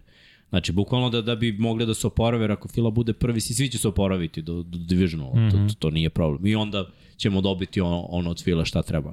Uh, šta je dobra stvar, najbolja stvar za Filu, nisu ozbiljne povrede i Jalen Hurts je već trenirao i očekuje Super se... napredak ima ove nedelje. Pa da. Očekuje se da će svi oni biti u play-offu i, i da će sve to izgledati onako kako smo i videli Filo što kažeš pre nekoliko nedelja. Ali tačno se vidi velika, velika razlika A ti između startera i ovih drugih igrača. Baš mi kreće u delu da odbrana Nije. popušta sve više i Pa više. jeste, popuštaju, najviše popuštaju zato što u sekundariju imaš dva prosek safety-a. Mislim, da. postoje razlog zašto su oni Oni su pokušavali Markusa Williamsa, pa nakon toga su odlučili za Gardnera Johnsona. Postoji razlog mm. zašto su to uradili. Zato što su bili svesni te falinke koje imaju na safety-ima. Pritom, na ovoj utakmici su se desili failovi i, i što se ti ne samo safety-a, ne, nego i cornerbackova takođe. Ali, mislim da kažemo da u posljednjih šest nedelja CD Lamb igra kao prvi hvatač u ligi. Ušao je u tu formu i sad Dak mu veruje, baca mu slepo, zbog toga i greši ponekad. Njega i Šulca je zacrto onako kao mm -hmm. mete i čak i kad nisu dobre situacije, Dak baca loptu tamo. Šta je vrhunska stvar za Dallas? Vrhunska stvar za Dallas je da oni dve godine u nizu imaju najviše osvojenih lopti. I sinoć su igrali protiv Tennessee i opet su osvojili neke lopte, tako da oni baš dominiraju što se toga tiče. Ja mislim, samo Steelers je valjda. Jesu, i 70, 70, drugi i treći drugi su, treći su bili- uspeli da ponove. Tako to. je, sa najviše. Znači, to je 34, 33. Više. Šta je 34, 33? Prošle godine su imali Da, da, da, da, Cowboysi, a ove da. da. godine, mislim, još nije kraj sezone, oni imaju... Ali sad, pre, sad su, pre bili su Eaglesi većinom sezone, sad je Dallas iskočio. Da, stvarno, stvarno svaka čast, svaka čast na tome. I to je u stvari napravila razliku. Je sad, ne bih pridavao mnogo zna, naš značaja sad ovoj pobedi Dallasa, jer je Minšu imao dva touchdowna koje nije bacio. Znači, i bilo je nekih onako situacija koje da je Hurts tu, to bi bilo rešeno. Ovako nije bilo rešeno, ali jedan zanimljiv onako. Dobar, zanimljiv meč koji ništa apsolutno ne mora da znači. Ne, bilo je lepo gle- gledati to, komentarisati Da. tu utakmicu. Pa jest, Morate priznati, bilo vatromet, treba poeni, dešava se, izgubljene lopte, i ima jedni sve. i drugi su mogli da pobede. Bilo je tu grešaka s jedne i s druge strane, lepo si rekao. Što se tiče Minša, ja vidim komentare, šta je učinio Gardner Minšu? Pa, nije to dovoljno. Pogotovo ne protiv Dallasa da bi se dobile, te, da, bi se, da, biste, da biste pobedili. Inače, Philadelphia ove godine zahvaljujući naravno i razvoju Hrca je došao do ovog nivoa do kojeg je došao čovjek koji, mm. ono što je pričao Jimmy, izbacio loptu ranije nego, nego prošle godine i predviđa gde će igrač biti, ne čeka da se on otvori pa onda baci no. loptu. Ne, Hrc je sada stvarno došao do tog nivoa gde... To je ta razlika. Više Mislim, ja da- ne kažem da je Minšu krivi, vidimo da, da, nije on kriv, Nije. daleko toga, za njega je vrh utakmice. Samo nije zaslužan za pobedu. Mislim, pobeda se nije Nije se desila, desila zato što ima pobeda. dve, tri akcije koje sada da mu pustiš, on bi znao da je trebalo da baci loptu na mesto gde nije jer je držao loptu u svojim rukama, jer je čekao baš taj Čekao je, tačno čekao je da se nešto desi. Ja, znaš. morate pristiti sam gledao, Jimmy me je baš indoktrinirao. Ovako sedim i gledam Minša i razmišljam, bukvalno je delić sekunde predugo, jer on tačno Tako je. vidiš da čeka da se igrač okrene, ne može, lopta već mora da leti. Ali znaš šta, veliki problem kod quarterbackova koji ne igraju dugo je zašto oni gledaju svoje igrače. Da, da, da. Ne treba gledaš svoje igrače, treba gledaš tuđi, šta- odbrana radi. Znači ti uopšte ne treba, ti znaš šta ima tvoj hvatač, koju rutu ima. Nema šta ga gledaš. Znači ti mu daješ loptu u prazan prostor.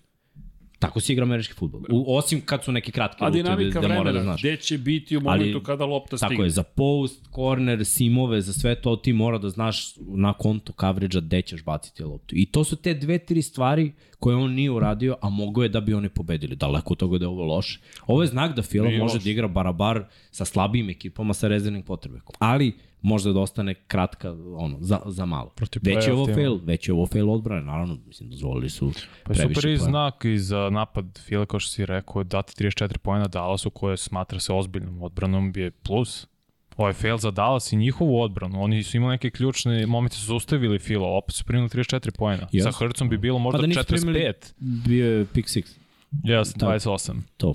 Tako da, opet to je mnogo pojena za neko ko je rezervni quarterback da ti da. Jeste. Ali pohvali izvini za Daka koji je uspeo da se okrene iz situacije u kojoj je to test za quarterbacka mm -hmm. i pogotovo protiv File. Nego je nastavio i rekao, ok, da desilo se gotovo, ostavljam to iza sebe. Dobro odigrao Dak. Ja nešto nisam veliki vernik u to da Dak može daleko da odvede Cowboys u play-offu, ali mi se dopalo kako, kako se ponašao u tom trenutku i kako je igrao. I stvarno je dobro odigrao. Pa šta je uspeo? Mislim, mogu da pobede prvu rundu, wild card. Kogod da izađe sa NFC Jug, da Tampa ili Ma da. Karolina. To nije, nije ni dilema. Biće opet, re, biće opet revanš protiv Fila. Juga da bi mogao, ja mislim Znaš šta, da veliki, da veliki dobiju. problem se desio sinoć.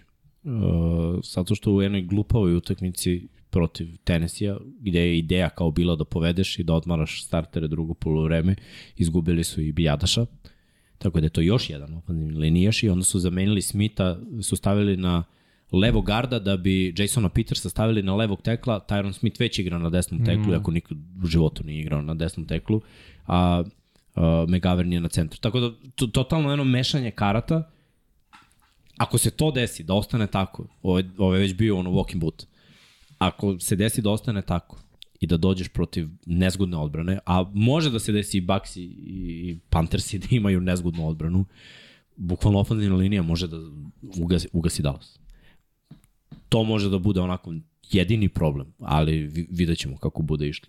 Jer sve te promene, Jason Peters je spor da bi igrao levog tekla. Mislim, protiv ekipe koja nema neki raš, on može da odradi posao i dalje. Čovjek kao šifonjer. Lakše ga je preskočiti ne, ne, nego zaobići. Stvarno kad pogledaš ofenzivnu liniju, to, je sve preko 2 metra. I sve preko 140 kg. Znači, ba, baš su nere, nerealni. To je njihova najveća snaga ove godine.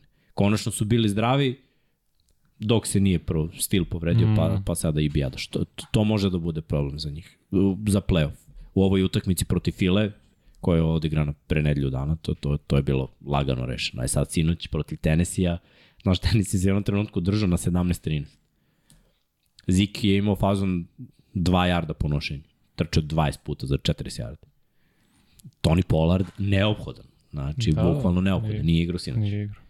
I bukvalno se sve svelo, ok, daj loptu Lembu, daj da, da, ono, da, da izvučemo nešto. Ali Tennessee nije mogao da rašu. Sad ove druge ekipe će možda moći. Što igraju se Washington poslednje kola? Da. Da. To, To- to, Dallasu neće biti presudno, oni mogu da Ne, ono, odmaraju. znaš šta, oni su klinčovali playoff i sad je to ono što mesto. Jure, To, to. Jure prvo mesto. Bolje nemoj da ideš prvo mesto, bolje odmori, da se niko ne povredi, jer ono, malte ne, ti možda i odgovara tim putem da ideš. Da igraš protiv prvaka južne divizije, rešiš tu utakmicu i čekaš dalje. Čekaš Filu, daj, prvi najverovatno. sid. Kakve veze ima? Šta? Je nisi ono, možda igraš protiv File, veruješ da možeš. Ako ti budeš bio, jel te najbolji, jer ja verujem da će se tako iskristalisati mm. playoff nekako. Ali Ne, dobro. Ako se ne oklizdiš, a ne verujem da, da Juga vidim neki komentari Tampa dobije Dallas. Ljudi, teško. Nije nemoguće, to- ali... Može da se desi, kažem. ali Postoji playoff je meč, playoff. rešit će se sve na liniji skrimidža. Da. Tu se Tam- rešavaju te Tampa mora utakmice. prvo dobije Karolinu ove nelje, da, Da. bi se to uopšte Da, desilo. pričat ćemo o To tome, je to, smo već drugačije. negde počeli da, Da. da onako opipavamo. Da. Ja, čekaj, a moram ti nešto priznati, ne znam da li je to vaš utisak, nedelja 16. meni bila kao zapravo najnezanimljivija. Znaš zašto? Zato što je u uvodu ono što će tek da dođe. I onda mi je, znam da je bitna stepenica i desile su se stvari pogotovo za Srkijevi Green Bay Packers koje su morale da se dese da bi uopšte imali šansu da uđu u playoff i sve to kroz nedelju 16. Bilo dobrih utakmica, ali kao da tek sad ovo, 1. januar, 8. januar, da će to da bude, no. znaš, ono što smo toliko dugo čekali zapravo. I, i to mi je utisak bio 16. nedelje. Čak i ovaj duel Dallas i Philadelphia. Ok, bitan je, ali Znaš, No, Fali je zašto? da bude to. veliki, to. veliki je problem bio za, za obe konferencije što su mnoge ekipe klinčovale playoff četiri nedelje, mesec dana ranije, pre Bukvalno. kraja. Znači ti imaš po četiri ekipe koje su ono sigurno u playoff. Što govori da ima dobrih ekipa u NFL-u Da, da, da. trenutno. Znaš, i čak i neke koji ne igraju dobro su klinčovali playoff. Znaš, rešavaju posao, ušli su u playoff i sad za njih je ono, samo kalkulacija s kog mesta osvojiti diviziju ili ne. I onda to malo čini uh, i NFL-u odabir težim, Jer znaš, šta ćeš ti sada da biraš? Staviš ove koji su već obezbedili protiv nekog krš tima, to niko neće da gleda. Pa onda mora da kalkulišeš i dobro su oni i odabrali na kraju. Šta je sve moglo da bude u prenosima. Na, na Da, kraju su... pomerali za ovu nelju Rams i Chargers umesto ko sad igra u, uveče Sunday night? Baltimore i Pittsburgh. Da, da, da. Da, ali to su radili za ovu nedelju. Mislim, Pa da, za znaš, ovu- za ovu nedelju. nedelje su još imao i subotu i nedelju. Baš je bilo, baš su ono dali sve što su mogli. Za- Zato je ovo Broncos i Rams je bila koska, ali na kraju ispode vatrom. Da, da. Veruj mi, dobro je- Pre, spomenuo sam to u prenosu, rekao, Miksa, sa Žuletom pričam, kaže, Miksa je rekao, e, malo da vidite kako to izgleda, posrećilo da. nam iskreno, da su bili raspoloženi toliko, pa 50 Da, poena. to je vrh, brate, veruj. Ali vidi, kad pogledaš samu utakmicu, malo depresivno je to sve izgledalo u jednom momentu, pogod Broncos i baš je loše izgledalo. Neka, bar je bilo poena, veruj. Bolje Verujem gledaš ti. touchdown nego punt. Ne, ne, ja mislim da je najgora kazna četvrsan Thursday Night Football. No. Ja mislim da to zaista najbitno, jer nikako da dobiješ utakmicu da kažeš, ok, uredilo je, Pa i Monday mogu da ti kažem. Znaš da smo sad pevali što Bills i Bengals igraju Monday A, night. to će Najbolji Monday night koji sam radio dve godine. bukvalno, Posljednje dve godine nije bio ovako Monday bukvalno. night. Mislim da neće biti spavanja u ponedljak na utorak ni za koga od nas. Pa Ma ne da pa- mi inače ne spavamo. Ne, to mi je najgore kao. Može li bolje? Znači, Ne, imaš ne. reprizu, pa reprizu, reprize. Vrh tek. Ajmo dalje. Ajmo. Kovali NFL, kakva dva dana. Da, ovo će E, ostaje biti... tek, vrh. Još uvijek smo u pregledu 16. kola. Imamo još Pa- neku Pa utakmicu. dobri Pa ste, ne, iskreno. Šta šta? Dobri ste, Vanja? iskreno. Ko? Miksa ja? Efikasni. Letimo. Efikasni. Da to je, ja vam kažem, Jimmy je problem. Vrlo moguće. Vrlo moguće. Jaguars i Jeti, to smo priš, pričali prethodne nedelje, 19-3, Jaguars je ostali u playoff slici, postali trenutno prva ekipa na jugu AFC-a, Bills i bez problema rešili Berse, Da, malo posle gas dodali. 35-13, pa da, onako da kažemo, ostavi neko što iza nas, bre. uh, Saints, son. damn, homie.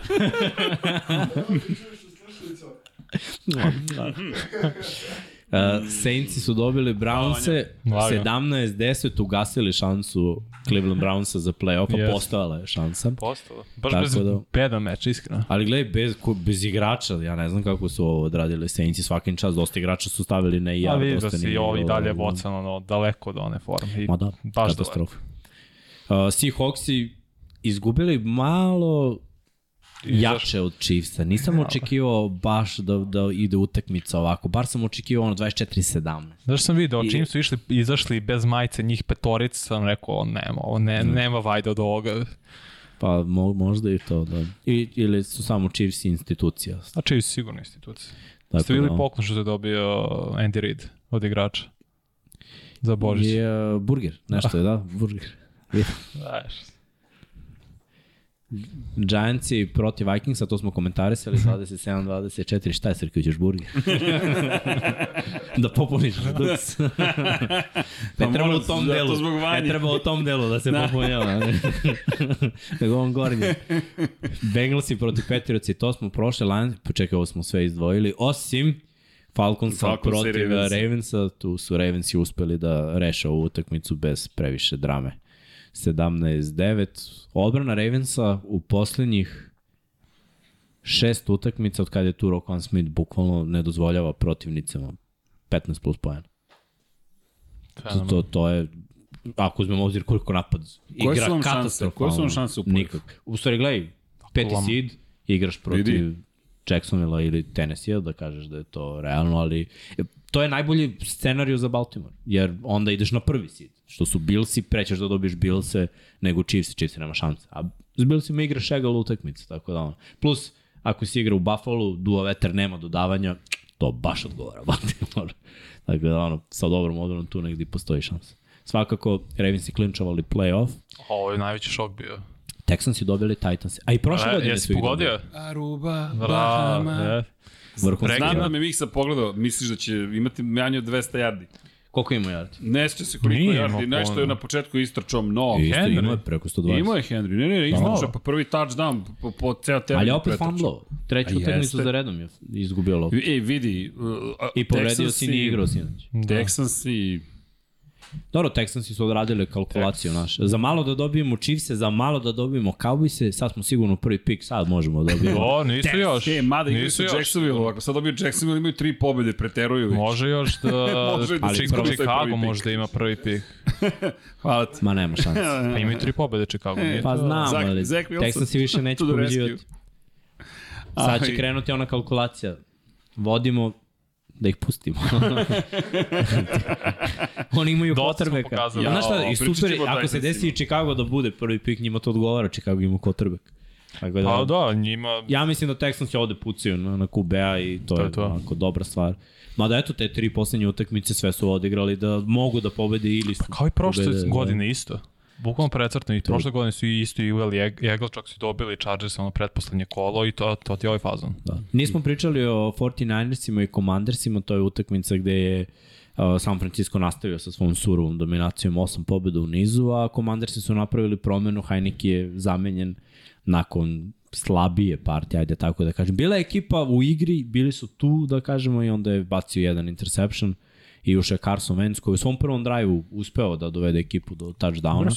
I da kažemo da je to bilo ok, mada tad su već 49 imali on, dva posljeda prednosti i nekako su igrali da Da, kažem. kontrolisano. Pa da, nije, Baš nije je bilo kao wow, sad će Carson Da. Wentz, meni to nije izgledalo tako. Carson Wentz će startovati sada. Chase Young se vratio i izgleda solidno. Imao je par poteza gde je onako Da, po- blokirao je. pokazao je Ma, zašto je bio... 49ersi su stameni ljudi. A Fortnite i... Baš su stameni, kao da ih je neko pravom šipovima zakucao za tlo. Jednostavno, dobili su momka koji očigledno ih, koji ih očigledno inspiriše u celoj priči na poziciji quarterbacka koji taman se uklapa u sve što treba da se desi.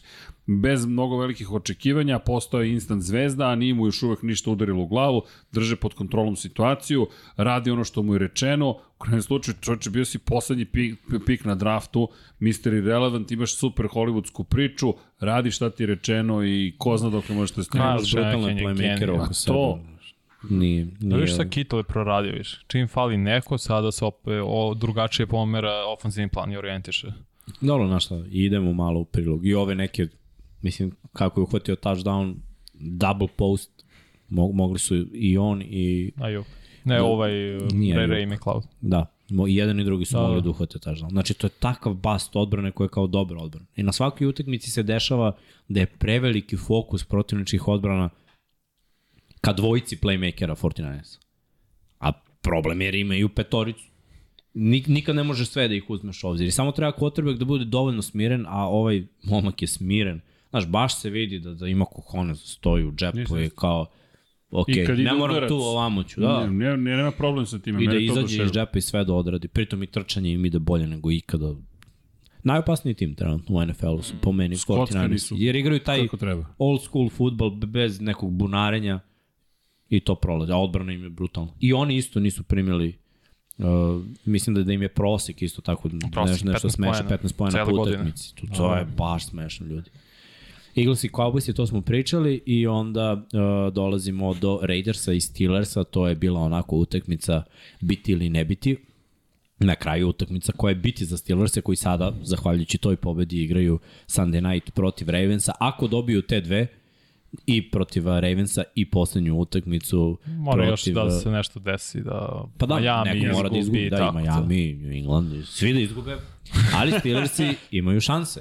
I opet Tako bi je. mogli da dođu do ono što smo pričali od kad je tu Tomlin 8 ili više pobeda, uh, delo je moguće, naročito ako uzmemo sve u obzir. E sad, igra je bolja nego što je bila, rezultat ovde to ne govori, ali definitivno ako uzmemo u obzir sve što je bilo što je bio problem na početku ofanzivno gledano, sad, sada se neke stvari onako malo kristališu. Ofanzivna linija igra bolje. Trčanje je bolje, nije, nije sad to nešto wow, ali posljednjih pet utakmica oni kombinovano imaju više od 100 yardi. Sad na početku utakmice i prethodne godine meču. bilo je utakmice, da, i one tamo je bilo ono 50-60 yardi dok je igrao Big Ben. Znači sada imati 100 yardi, nije to sad neki veliki uspeh, za Steelers je veliki uspeh. Mali korac je. Jer tako, to, to sad za Piketa znači da postoji play action, može lagano da nakon play actiona napravi progres nekih uh, ruta kako će da dodaje. Sigurnije je i on kao dodavač, vidi se da, da je ono hrabri, da bolje razume igru, da mu se igra usporila. Odbrana radi svoj posao, nekako mi deluje da, da su i oni onako bolji Pa kao vidio, ekipa.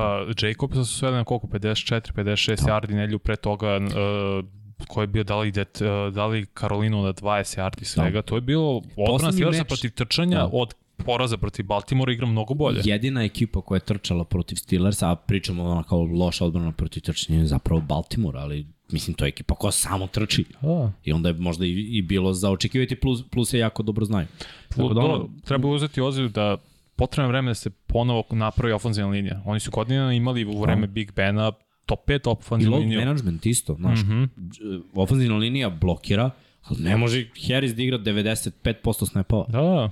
Neće biti taj igrač, znaš, treba malo ga rasteretiti. I tražili su ono Snell, s ovim Warrenom su pogodili, on, on ima totalno drugačiji način trčanja, onako ide kroz zid i, i to je nešto što je komplementarno Harrisovom stilu trčanja. Mm -hmm. Pritom Deontay Johnson, Pickens, Imaš se, mlade frajer mu, playmakere. Da, de, deluje mi sve okej, okay, znaš, ba, baš nemam problema.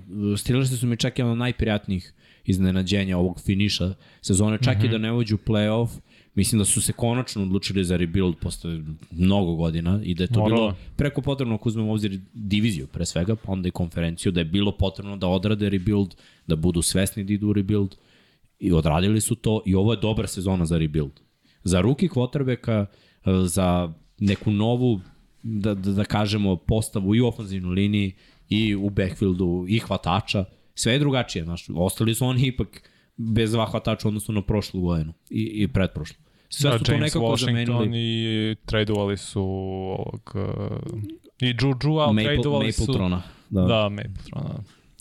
Tako da ono, ako uzmemo u obzir sve to, Seattle, ovi Steelersi su radili ba, baš dobar posao. I ako gledamo taj neki rebuild, rekao bih da je ekipa Seattle odradila bolji posao od njih, a da su ostali možda za dlaku ispred Detroita i, i pa, ajde da kažemo i Jetsa. Jer opet njihov balans, njihova odbrana je jako dobra i napad je Fali. onako, naš, si, i Seattle ima zanimljivu odbranu, koja tu se pojavi neka ne, ali osvajaju lopte. I mlada napad, odbrana, I napad koji rebuild. radi nešto, Detroit ima napad, nema odbranu. I na, sve ove ekipe, Jets imaju odbranu, nemaju napad. A I čekaj, onda, znaš, da budeš top 4 ekipa u rebuildu i da imaš šansu da uđeš u playoff, meni je to ono, bravo. čekaj, šta ćemo sa Raidersima i njihovim nazovi sad, ili će ovo biti rebuild? Pa jeste da ovo je rebuild. Derek Carr je To smo pričali, da, Da, da, kao, kao priča ste. nedelje i Super. Mislim, Mislim, ono, ne, ne znam šta da očekujemo od toga. Ajde, pustimo malo situacija se razvije, mm. -hmm. pa ćemo da vidimo. Ajmo, ajmo na sledeće.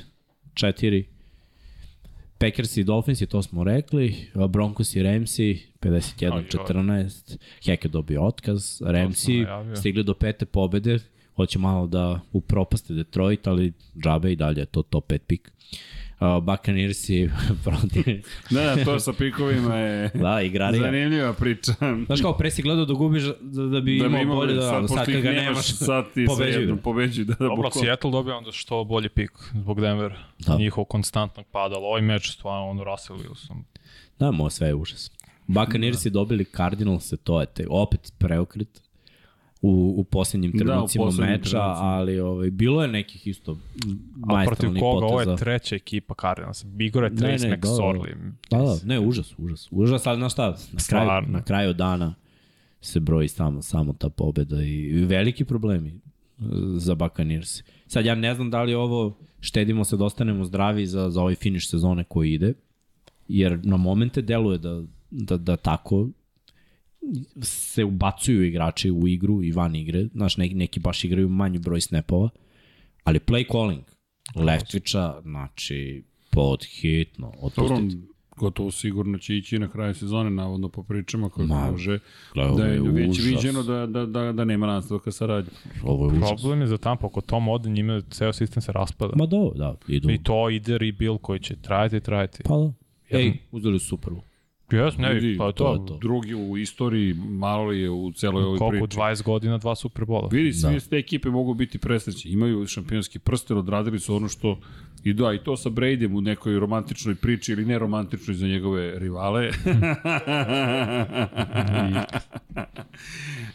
dobro, ptičice koje lepo lete. dobro, dobro. Hvala Vanja. Bum, baš, ja, ja bih to rekao, iako sam ga pregrlio, neće ovo ostati u studiju, ja da ti kažem, šalim se, ovo postoje deo deo studija. E, hvala tvoje. svima za sve dresove, danas mi je bio baš gospodin koji navija za Denver Broncos. Ja sam ovde donio dosta dresova, ali jao, nisam znao danas da vam donesem još neki, rekao, nema potrebe, hvala. E, ali hvala stvarno za sve, udrite like, udrite subscribe, ukoliko niste subscriberi, sve to pomaže. Dakle, a neko što mnogo klik. Dakle, ko može da, da kome se dopada u krajnjem slučaju, i rekao na 200 lajkova, 135 smo oblačimo Dux. A nema potrebe čak ni da oblačimo Dux, ljudi, udrite like. Zašto? Zato što je lepo da nas podržite. Algoritam malo da YouTube-u pokažemo da smo najmoćnija ekipa to je da ste vi najmoćnija ekipa. Patreon.com kroz Infinity Lighthouse, shop.infinitylighthouse.com E, šolje, stići će i druge boje, ovo su bile prom reciklama boje i ove žute boje, da vidimo kako ove fluorescentne izgledaju. Ciklava. A, reci. Čekaj, pa evo, podigao sam to. A miksa, Aha. mik, Miksa mora da... Ne, ovo je, ovo je. Ali ne može da se vidi u kadru zapravo koliko je dobro sija. Ne, ne, baš je, baš je dobro. da ugasimo svetlo, to bi bilo još bolje. Tako da da, malo ćemo da se igramo sa logotipima i bit će stvari. Kape će biti od sutra u prodaju. Sutra ujutro nismo mogli danas da ih ubacimo. Nije nam, nije nam Vanja tu. Igrali smo se danas, snimali smo. Ej, znaš da je Ilovača radila realizaciju? Ko? A ti nisi bio tu da ne znaš ko je Ilovača. Jelena Marjanović. Da. Tako da, e, devojka je super inteligentna, tako da, To. danas smo bili kao, kliknut ću, kliknut ću mu sad, Okej, Rešeno. rešeno. To ti je rešeno, to ti je završeno. Daj da vidimo što imamo da dalje.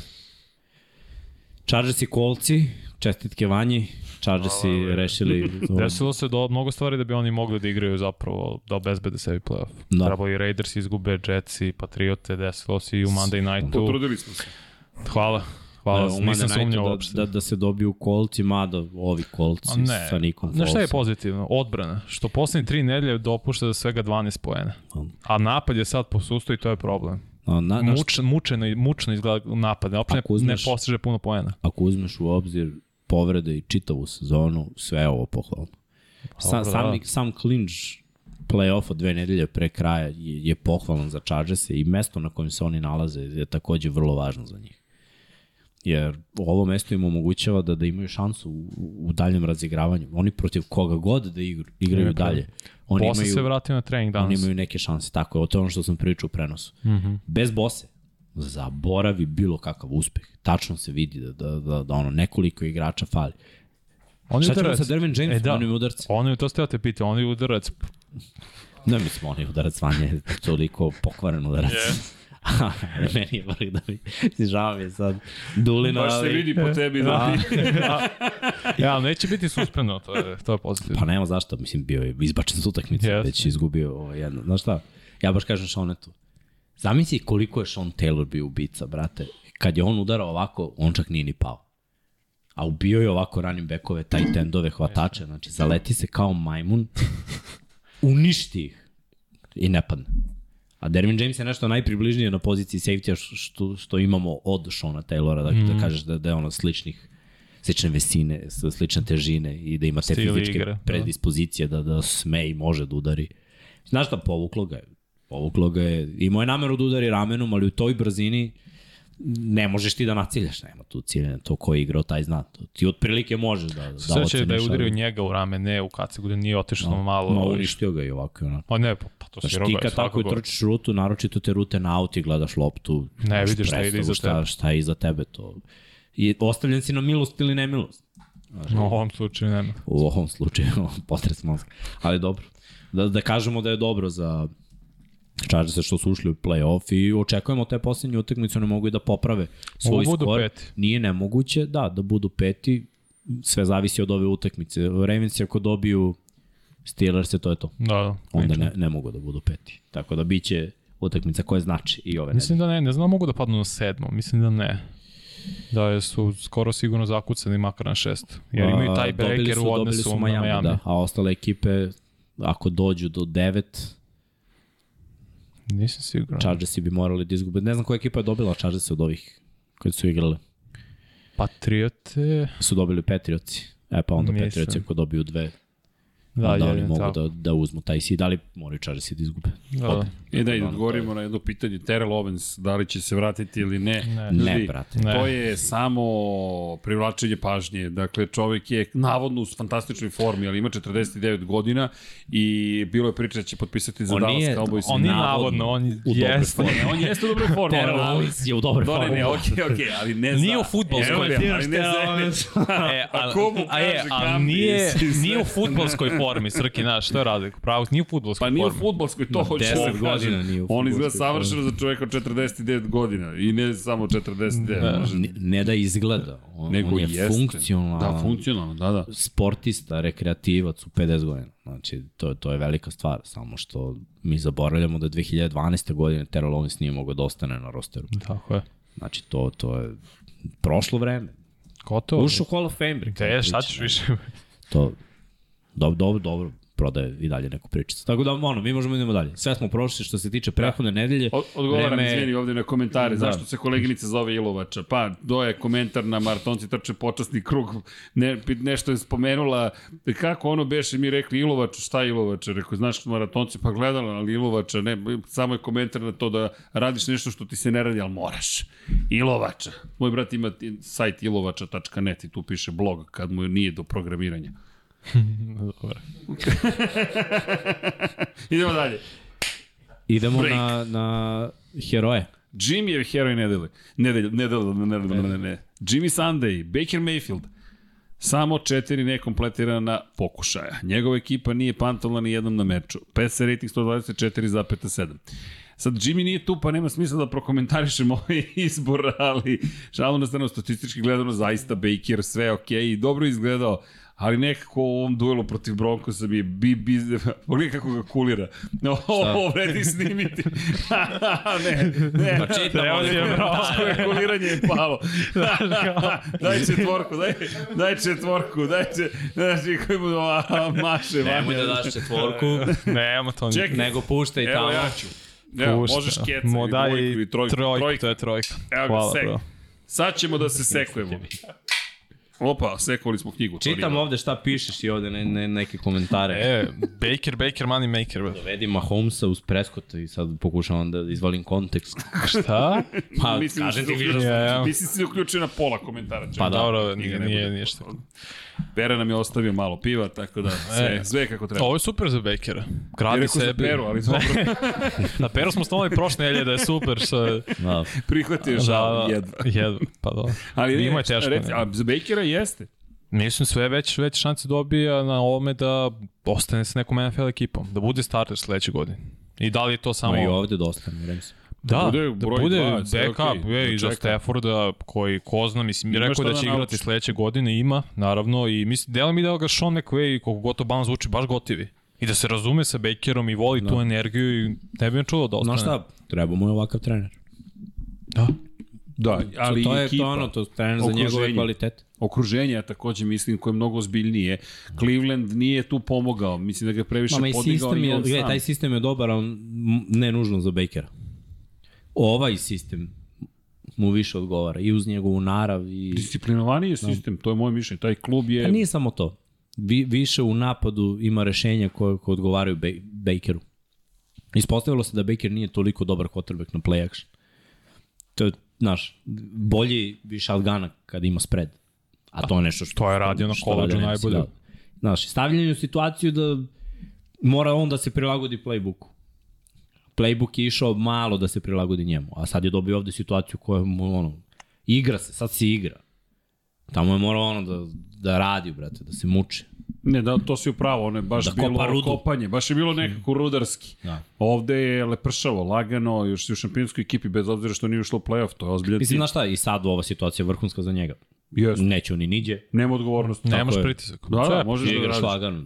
A pazi, on nije loš igrač, samo ti treba prosto mogućnost da Ima da se razviš. Ima falinki. Nisam rekao da je, da je savršen, nije loš. Da, Ima da li- tih nekih promaša i tih nekih dodavanja koje su jao Bakeru. Znači, Zašto, čemu, vidim. kako, koliko, Pa, ali opet možeš da učiš. Pa, I imaš od koga da učiš, ima imaš gde. za, da, za napred. I, I slažem se s vanjem s tom, mislim da je u njemu super pozicija. Da, da. Baš se lepo klopili, bilo je zabavno na kraju opet utakmica. No. Odgovara LA njemu, on je bre, To je taj, misliš, Jest. moment. Dobro, Jimmy je heroj nedelje u svakom Da, da. slučaju. Ko, čiji je sledeći, Srki? Vanjin heroj nedelje. Da, da, Greg Joseph je moj šut za pobedu sa 61 yardu, to je neverovatno. Umalo Takero rekord da ugrozim, da, ali falilo još nekoliko yardi. Savršen je bio i opet je izvuko Minnesota iz teške situacije. Minnesota dobila 11. meč na uh, posed ili manje i zato je Joseph i heroj. Da, pa dobro, može i moji. Tu su. Tu su. Zavisi jedan, jedan od drugih. Samo ne znamo šta je Srki planirao kao produkcija. Aha, Pa ali- mora da nađe. Mixin, heroj nedelje. Ima i on CD nedelje. Lamb, tako si stavio. Stavio. Mislim, da. Si ti stavio. Može si stavio si Jokera Jokera. stavio nekog, možda si jo... Nis. prvo upisao Jokera, mislio da je heroj. Neko drugi onda stavio JJ. A ja sam morao da ispuštam CD Lamp. Ali svakako da JJ nije stavio loptu, ne bi bio 61 Ne, jar. ali volim... Uh, Ali inače, mogu da pričamo mo- Mogu da otkrijem samo jednu tajnu, prije što kreneš, molim te. Ovo što vidite na ekranu je bukvalno šta ne, svako od nas upiše. E, ovo vam je ono što je upisao Miksa. Suština. 10 kroz 11, 120 yardi, 2 TD i jedan double V. Kao quarterback kada dobiješ šta, koju akciju treba da odigra. I to je to. Respekt. Kratko i jasno. Evo te šta mnogo da se priša. Znaš, kao, dobar je momak, Ali no, Jimmy, šalje pare ali, ali, ali Kevi. Jimmy je Jimmy predlog. sin. Ajmo da u, u, u, opišemo zašto smo nekog izabrali i, i svi kažemo važi. Evo, objasnit ću. Imao je 11 targeta. Uhvatio je 10 lopti. Znači, samo jednom nije hvatao. Razumem. Pritom, dva od tih, jedan, 10 bilo je za touchdown. I njegova ekipa je pobedila. Ali jedno duplo, nisam to, nisam to video uopšte. A? Nisam to, nisam, nisam video. Ne, ali... Ode, One odite, dub, treba si dub da napišeš. Dečko prešao igricu. Svesno si da ti stiže uskoro. Majica, silueta, sve na... Kratko. Kratko. Kratko i jasno. Sad ću ti kažem zašto. Na, pazi, mogu sam da stavim ono, je moj rolling da je poslao po burek, definitivno. Pera ono je da stvarno bilo, burek. bukvalno to je moglo da bude slika. Oni idu po burek, Heroj nedelje. jogurte na sideline-u. Ček to A ono si kad je nameštao Kajlu pa je uradio double move u uhodio touchdown. Si vidio to? Ne znam, uh, znam da je posle kao nešto džuskao kad je dao touchdown, ali ruta je, ruta je bila corner ovamo. Ne, onda je ovo drugi touchdown. Bukvalno pre nego što je ušao da se pozicionira namestio je Kajlu jer mu ispala, vratio, double ja move, touchdown. kajlama, Kyler Murray. da, ja kad ih vidim s tim kajlama, znači... Ma nemoguće. I ja, neko igrao pa su ga ka, Odeli, pa, da, pa reklamirao, Hubble, pa je, pa je dobio kaznu. Da. Pa dobro, ispatila se ta kazna, verujem. Svakako CD Lamb polako ali sigurno izrasta u vrhunskog hotača i uh, bi- sad je pro bowler, ima preko 1300 yardi, tako da ono, sve što, što je trebalo da bude, a nije bio, prošle godine i pred prošle godine, sad je, sad je pokazao da, da bi moglo da bude.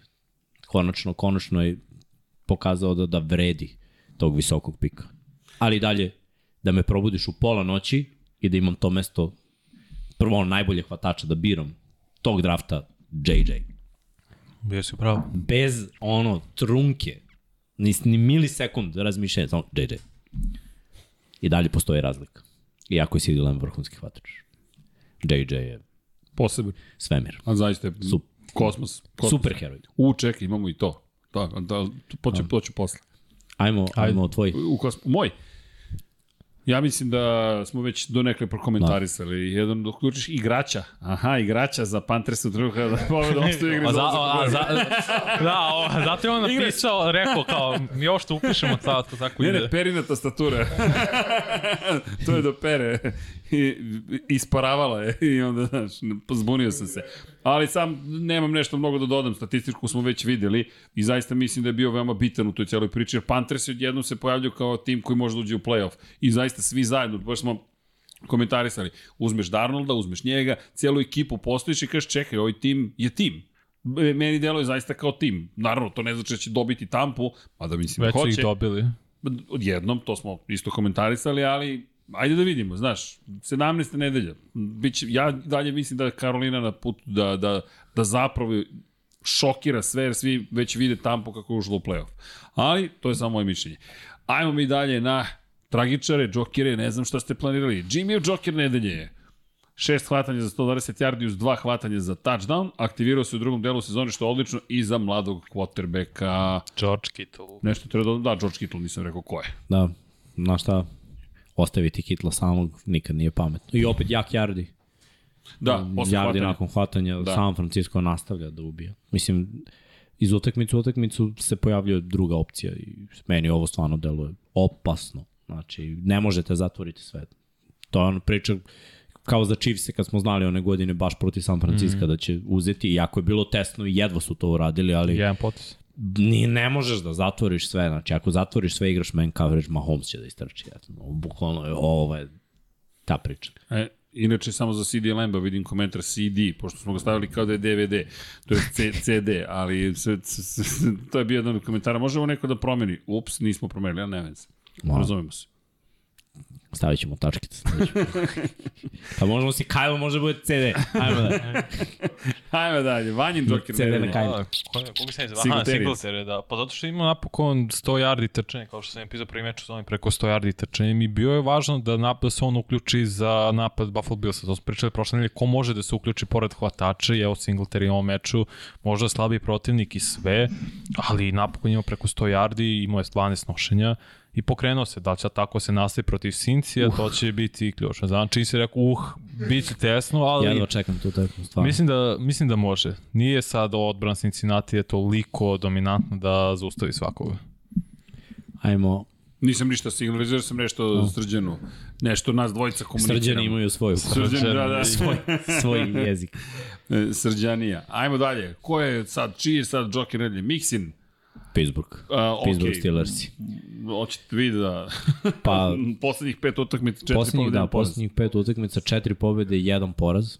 Pritom odbrana dozvoljava 15 poena u proseku po utakmici. Znači, bila je utakmica da je manje, da je više. Znači, pričali smo San Francisco, vrhunska odbrana, oni rade to, ali moramo da damo respekt i ovim momcima, oni stvarno rade posao. I od baj nedelje, znači, osim protiv Baltimora, uh, trčanjem imaju više od 100 yardi i protivnička trčanja znaju da limitiraju. Ali to što oni imaju više od 100 yardi trčanjem je, je velika stvar. Samim tim su se vratili, pričao sam malo pre krat, mm. u kratkim crtama, samim tim su se vratili i to je taj Joker. Znaš, sve vreme smo pričali tri ekipe sa zapada u play-offu, tri ekipe sa istoka u play-offu. Može da se desi tri ekipe sa severa, tako ono, bum, pravo nijotkuda. Da, da, da se nađu na kraju play-offa. Dve već imamo. Dve, dve su već tu. Dve su tako. već Dobro, tu. za dve smo već, mislim, za dve smo znali. Znali smo, manje ali- više, ali da opet. će biti tu. Znaš, Ali za, za se ostale se nije znalo. I prošle nedelje smo pričali, iako nisam verovao da će pobediti, to jest ne znam zašto ih nisam verovao, čak sam ih, kad je počelo to, rekao Steelers se ovo dobijaju, a nisam ih birao, ali bio je tu momak koji navija za Steelers, pozdrav za, za, za, sve, za celu ekipu koja je svraćala, pa i za ekipu koja je trenutno tu. Dakle, Pittsburgh je veliki tim. Green Bay je veliki tim. To koliko god delovalo, pa da, da li postave ovako ili onako. Ne, ne, ti kad uđeš u one hramove futbola, drugačije se posmatraju stvari. I, i, i Steelersi, Steelersi su Steelersi. Baš to, baš to. Neće biti, neće biti uopšte naivno.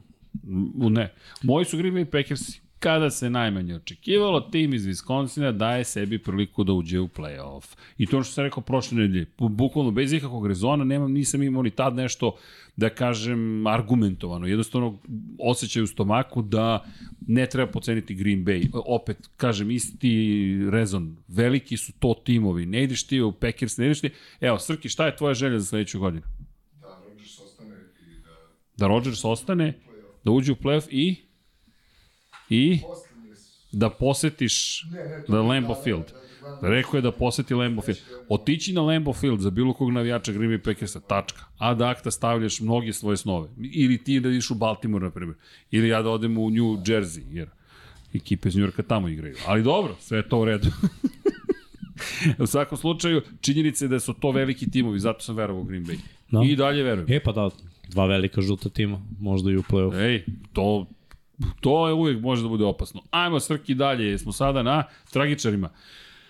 Derek Carr, 53 kompletirana dodavanja, 3 presečena dodavanja i do kraja sezone je na klupi, to jest nije čak ni u deo ekipe, jer je rekao da će se skloniti kako ne bi ometao, to jest uticao negativno na samu ekipu. Što su ogromne stvari, nije on samo sedi tu pa posmatra stvari, njega nema.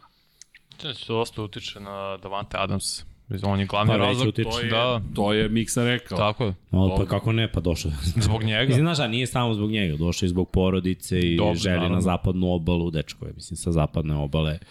I ovaj, ali opet ujedinjenje sa quarterbackom kog znaš, ko ti je prijatelj, s kojim posjeduješ konekciju, to je velika stvar. I sad, zameniti to neće biti tek tako lako. Mislim, Devont Adams je profesionalac, ali daće im jednu sezonu, eventualno ako krenu u drugom smeru od Dereka Kara, u smeru koji nije bolje od Dereka Kara, jednu sezonu čisto da ispoštuju ugovor i nakon toga će reći ono, ne dolazim. Uh, mobilni pretplatnik Vidimo se je nekada. isključio telefon. Da. Nije Da, neko je dosta. rekao da već zo, zove, gri, alo, alo, Wisconsin, kako zima, je ladno gore kod vas na severu? Pa onda će morati da, da ga traduju ili da, da se nešto Da. desi. Znaš. Čekamo. U, u krajnjem slučaju, ako pogledaš karijeru Devonta Adamsa, nije, ne bi mi bilo čudno da odradi Calvin Johnson ono exit. Ako mu ne budu dali izlaz. Da, da, jasno. Jasno. Jer da igra za lošu ekipu i ono da demorališe sebe da se ubija u glavu, to ne ide. To ne ide. Pa nije do njega Evo, da se pevaju, vrati. vrati se, Nije vrati do njega. se. Nije to njega. Dobro, pitanje da bi se i suštinski nešto promenilo u Packersima da je on ostao. Bilo bi lakše, bilo bi lakše. Pa, bilo bi njemu lakše, ali znaš šta je Vanja? Ne, Packers im bi lakše, ne znam Pa kako bi bilo bi njemu lakše, bilo. ali da li bi se neki jer mislim da se Packersi polako menjaju, to je ono što su i Mixi i Srki pričali, a to ti je da došla neka mlada ekipa, neke stvari su sad počele nove da se postavljaju. Ti kada imaš Adamsa ne postavljaš nove stvari. Mi- Misliš da bi Rodgers pogledao dva puta ka nekome, jednom mu ispustiš loptu, slobodno izađi sa stadiona, zauvek, ne se pojavljaš. Imam Adamsa i to je to. Dobro. Tako je. Ne, ne, tu je kraj, tako da znaš, ti sad sa odsustvom Adamsa, to odsustvom Adamsa dobiju neki klinci priliku, ne kažem da je to bolje ukupno za Packerse, ali zavisi koji per, vremenski period posmatraš. Znaš, doći će dan kada će Rodgers reći, aj čao ljudi, odoh ja. Neće to sad skoro biti, mislim da su i Miksa i Srki to lepo rekli. Pa to ćemo da vidimo tek. Naravno, to su nagađanja, ej, sve, sve, Ajmo. sve da je zabave. Vanje tragičan nedelje. Tu, tu je 0 pojena, dosta ste vi sami već i pričali, 0 pojena u drugom polovremenu, 3 presečene lopte, 23.0 Kako znaš da smo pričali, ali jesmo. Pa prepozili ste radili Miami. Ko još radi? da. Imamo dres Ne, mi Miami. smo ga ne. najavili, zato ga analiziramo. Da, Da. bila je nekad, nije baš kritika, komentar, svaki nedelje se analizira fila. Pa, pa Pa- Jimmy Vuticav je snažan. Najbolji tim u ligi. Najbolji tim, igra. mora. moraš da Nećemo da ih analiziramo protiv loše ekipa, ali, Ali mora. dala sam. Da. Mora, mora. Ne, loš izgleda tu. Je nekada davanje ovo kad je Terika prebacio, mislim, Terik da imao 3 metra, ne znam da bi uhvatio onu loptu iskreno. Jesi Ba- video intervju uh, na, nakon, Jair Alexander? da, Da, ja sam oplakao. vidio, da. Kao, Vidio, sam, vidio. sam. vidio sam te Ricky Lido motion. da, on, on, ne, verovatno je bio na nečemu. Ali nađe. Vidio sam da te Ricky Lido motion. Uh, bolje da se povučem. Otišao sam iza. Bio mnogo brzi. Lopta. Trči. Ne, jaka izveo, stvarno. Kakav kako, kako ste to izveli? ja trčim Ej. i onda... To je taj izbor, ne razumeš? Lik je rekao kako uradio. Bukvalno. Nemo kao, stavio sam u kavru. Znaš, kao, brat, ništa sofisticirano. nego, Bukvalno, ali... Objasni mi šta se desilo, kako je uradio. Bukvalno, iskreno je se rekao. Onako, narodski. Ko nije to gledao, mora da pogleda. Mora, mora. To je, to je ono, uh, uh, i nije intervju, ali odgovor nedelje, apsolutni. Pobeda. Ništa. Pobeda, Znaš šta, to mi nedostaje u NFL-u, ti Marshall Lynch momenti. To, to, to. Ta ljudsko. Ono, kad je igrač, brat.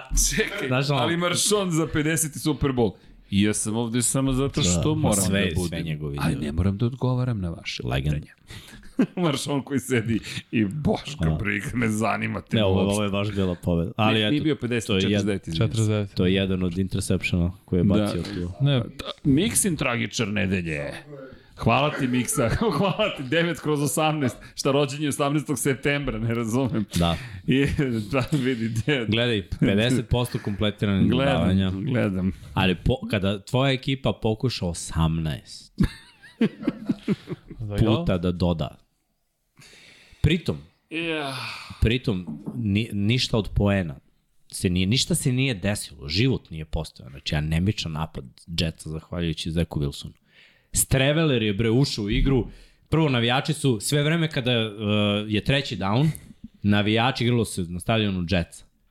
Znači, buuu, Jesmo, jesmo. dok odlazi u out, Jesmo, dok odlazi, dok ne ode i sledeći put kad izađe na teren opet je bu i sve dok ne, ne, ne izađe. Kad je ušao Streveler, krenuo, ajmo, i onda je Burazer, ne znam šta ga je pomoglo, krenuo da igra dobro, oni su čak, mogla se desiti touchdown 2, odradio Streveler, Streveler svoje, ali ono, šanse su postojale, sad je utakmica već bila ispuštena, ali pazi, ušao je Streveler.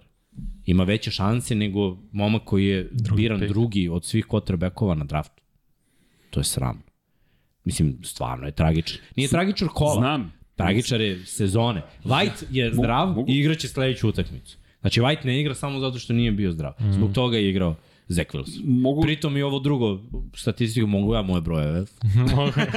nisam ja pisao, nisam ja pisao tu pola dana za džave. nisam ovo smišljao. A če, če, 9-2 nije poziv u pomoć policiji, razumeš?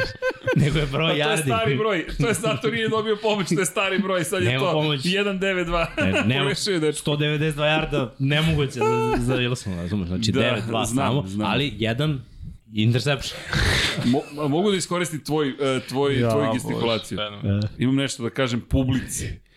Zažalio sam dan kada ste mi izabrali o, tim za koji navijam. Zašto? Zato što sad za nekoga ekš, zapravo navijam i emotivno sam uključen i gledam i plačem i razmišljam, ne, ovo nije u redu. Šalim se, ali hvala vam na to. Biće bolje, White, White ulazi. Biće bolje. E da, igraćemo. Igra, da. Igra White. To, to, to, to je Kao šansa. da, se si, kao da si rekao igra ne znam ko, a ne igra va. Pa, ja, ja, U ja, poređenju a s Wilsonom i ima jeste. Herberta i sad mi ovde, odavde. E, vidi, polako, polako, ali mi imamo odbranu. Dobro. Imaće ti vi. Samo se oporavite. Ali stvarno, to je sad druga priča. Želji i pozdrav. Ajmo da... E da, pošaljite kome da čestitamo rođendan novu godinu ili nešto slično tome. Se. tvoj. Kako, ostade moj, tragičar.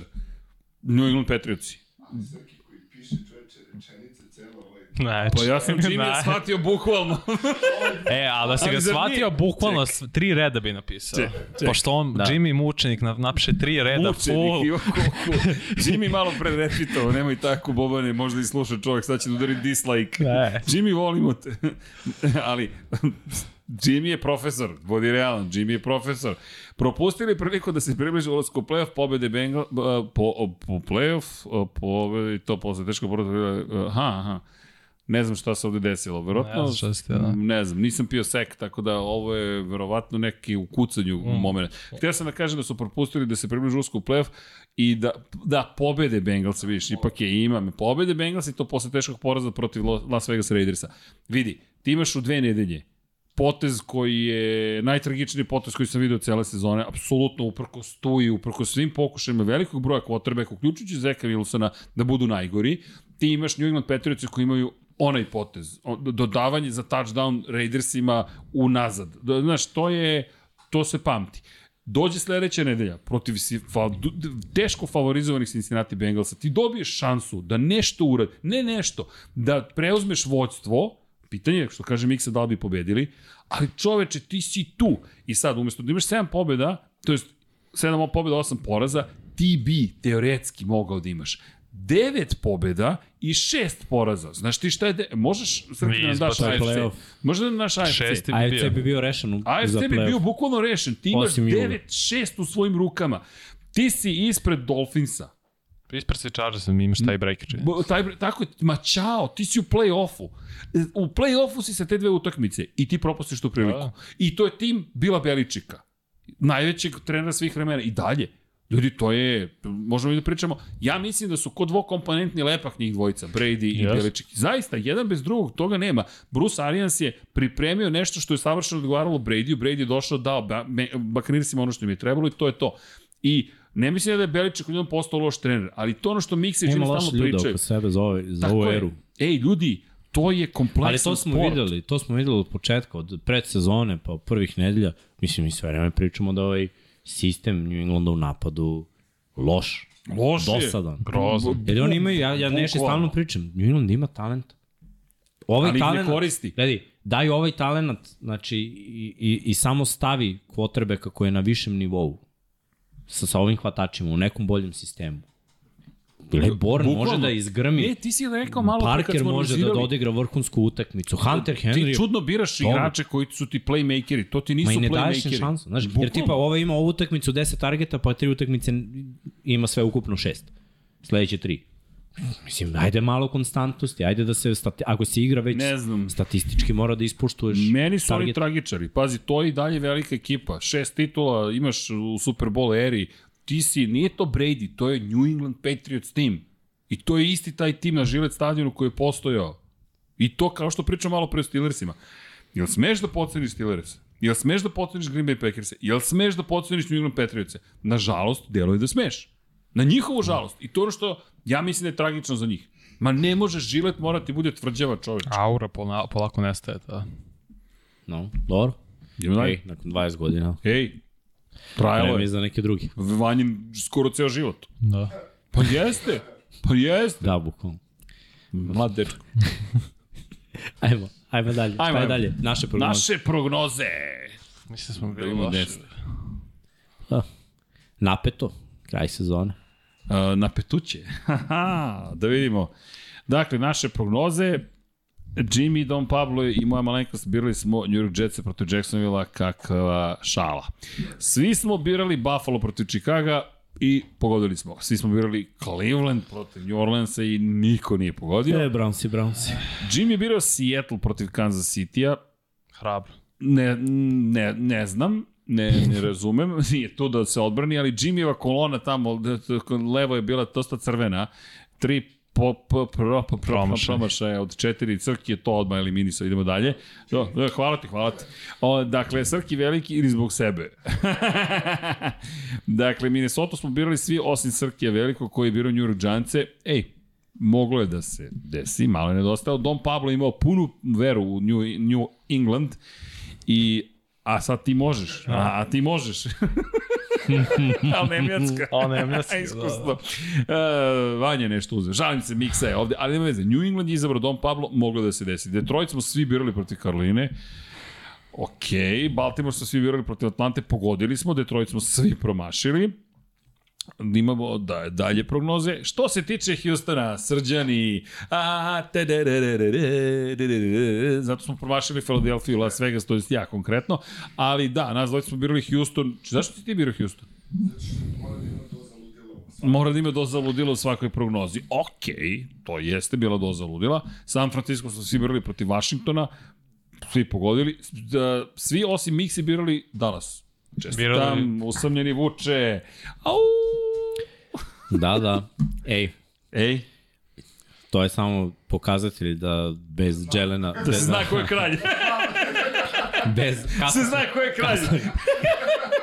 Bio sam u letnjoj hibernaciji. Da, Na sad više početku. nisi lav, sad si među, znaš, kao lagan. Sad zimi se bude zapravo, znaš, ono. Počinjem da igram prognoze zimi. Ti si zimski tigar. Ali nemo bez Jelena Hrca, to nije, to nije, Nije taj- ista ekipa, ta ista definitivno. Da, Jimmy i ja smo birali Las Vegas protiv Pittsburgha i očigledno smo promašili i tu smo pretrpeli poraze. Šta još ima, Srki? Ili ima još ne? Aha, aha. Ali zato... Jao, Miami, Vidi kako nam se zeleni ko Mogao sam da budem zelen, sve da pogodim, brate. A? Ali, ali verovo si u tu, a mi smo verovali u Green Bay. I, a, reci, zelenimo Da. se ko semafor kada pogodiš zeleni talas. Mada opet, ja ti kažem, sam zadovoljan ovim kolom. E, super si. Pazi, Miami inače samo da konstatujem izgubio od Green Bay, nas dvojica smo birali Srki veliki i Srki mali Green Bay, Las, Los Angeles Rams smo birali protiv Denvera, ok, to je moglo da bude na Nikad više neću biram Denver. Volim, grozno. To ono što sam ti rekao. Strašno. Se sećaš? Sećaš, strašno. Bolje isplatiti se statistički više da igraš stalno protiv njih. Pa i kad dobiju, to je 30% poraza Da, da, strašno. na celu sezonu. Više veruješ u Russell Ja Wilson nego mislim da je Bakera. tiltovao bukvalno Jezivo. koliko je besan. Da, Jer je bilo nekoliko utakmice da kao odbrana će da reši. A, da okej. Ne, to sam, baš sam mislio stvarno da će odbrano reći, kad sam vidio ovog mučenika što je uradio prva tri dodavanja, koštao čoveka posao. da. Vidi, u svakom slučaju Ramsi pobedili, Jimmy i Vanja su birali Denver, izgubili, Tampu smo svi birali protiv Arizone i jedva smo Jedva. dobili svi zajedno. Chargers smo svi birali, osim Dom Pabla, ničim izazvano, ali cenim da je to na nivou onog što si ti rekao. Blag je doze Da, rivalitet Raider sa Chargers, zato A to je to, a nema ljubavi. Ne. Imamo li još nešto? U centru I sada grada. pogled na Vanja, 155, Gledaj koliko sam blizu. pazi, nisi daleko. Imao sam Miksa. 10 za ostatak. Miksa. Prethodno nisi, imao si osam. Ne, ne, ne, prethodno, nego malo Galop. nazad, kad se ode malo nazad. Pa dobro, galop je okej, nije to loše. Dobro, ja sam zadovoljan. Ovo može biti da se završi na... Ne može, ali ne, pa re, tad kad je bilo 10 razlike između Vanje i Jimmy koji su bili tu, tad je bilo E, ali suviše je ludo. Mora da pogodiš ce, jedno celo kolo, znaš. A to mi se tipa posljednji put desilo pre 3, 3 godine. Kralju. Ortek ja u odigrali vas. tiket sve tekme. To. Ušli. To. Znaš kako se jelo, brat, u Intergalaktiku. U žaru. Intergalaktiku. Intergalaktik. Za sve pare. Pozdrav za Gvozdena. Ej, inače, moram iskoristim priliku. Naravno. Čestite moj mami rođendan. O! Čekaj, čekaj, daj četvorku. Daj kadar. Mama, Daj četvorku. Daj mi. Danas nam je divan dan, divan dan, divan dan. Miksinoj mami rođendan, rođendan, rođendan. Živela, živela i srećna nam bila. Živela, živela i srećna nam bila. Jeee, živela mama! Mama, nisam kralj ove godine, ali bit ću opet. Vratit ćete da se na tron. Samo ću nas. Da. I najlepši, najpametniji. Ko su ti ovi sa što sede s tobom za stolom? ja. Ona bi editovala ovu grafiku. Za meni. Evo, pa kao. Stavimo, ne, moramo Petra da nateramo da nam napravi deep fake, znaš, svi smo miksa. Evo, pa kao. Svi smo Evo. mi samo miksa. E, Ajmo Crki, dalje, ajmo dalje. Crki, šta nam nudiš večeras? e, Miksu? E, pa ne, ne. Lep dečko. Naši, Ne, naši i ne, vaši. ima da, Run Your Pool. Run Your Pool, jeste uspeli da učitate Run Your Pool? Imali smo problem sa, izgleda su promenili u pozadini podatke kako beleže i Pera mi se malo namučio i tako. Je li uspeo Piotr? To se vadi. Pa da, Opa, Opa, Vanja, Bowling sa 87 beži za jedan poen Bati, Inđi Vanji, Gangula Lagano, Slavko, Viktor, Alex na pozicijama broj 5, Go to 97, a us, nema više nikog od predstavnika 99 yardi. Ajde Vanja, odbrani ovaj 100. Ajde Vanja. trudim se, trudim se. Uf, se nerviraš? No pressure, brate. No pressure. Da vidimo kakav No si. pressure. Kakav si kad je raš. Kad je... Dobro, ne. Skrembluje Vanja, skrembluje. Re, respekt ove godine. Ozbiljno. Znači, na, na oba polja ne da se Vanja. Ovo će biti ono, foto finish. Da, hoće. Ali ne, ovde traje do kraja Superbola. Nema veze. I od play-offa uh, Valkara važi 2, uh, Division 3, finale 4, Super Bowl 5. Ništa. Postoji nada i za nas bednike. Pozdrav, momci. Gledamo se, ljudi. hvala što ste bili. Uživajte. Srećni praznici, srećna nova godina, hvala vam što ste došli, danas ste se malo zabavili. E, vidimo se sledeće godine. Svratite nam posetu ponovo. Uvek ste dobrodošli. To. Ali sledeći put bar vodu da popijete, molim vas. Sramota nas. Mama, mama i Miksina i moja Da. i Vanja ima da nas zove. i bude, Alo, dečko, Kaka je to kako domaćin? ste? Ništa nisi jeli ti. Ej, da se odbranimo, ponudili smo. Drugari, svako dobro. Ja Pozdrav. samo za pitanje, za koga navijate? Miami on Tennessee. Miami i Tennessee. Oh. Jao. Šta je? Jao. Vi ste s moje strane stola. Vi ste, vi ste kod mene. Mi ipak imamo šanse, imate i. Imamo. Ćao ljudi. Svako dobro. Dobro. Ajmo da vidimo Ajmo. gde smo mi bednici. Bije, bije, bar sam bolji od Dom Pabla. 180. Dobro. Kuku. Znaš šta?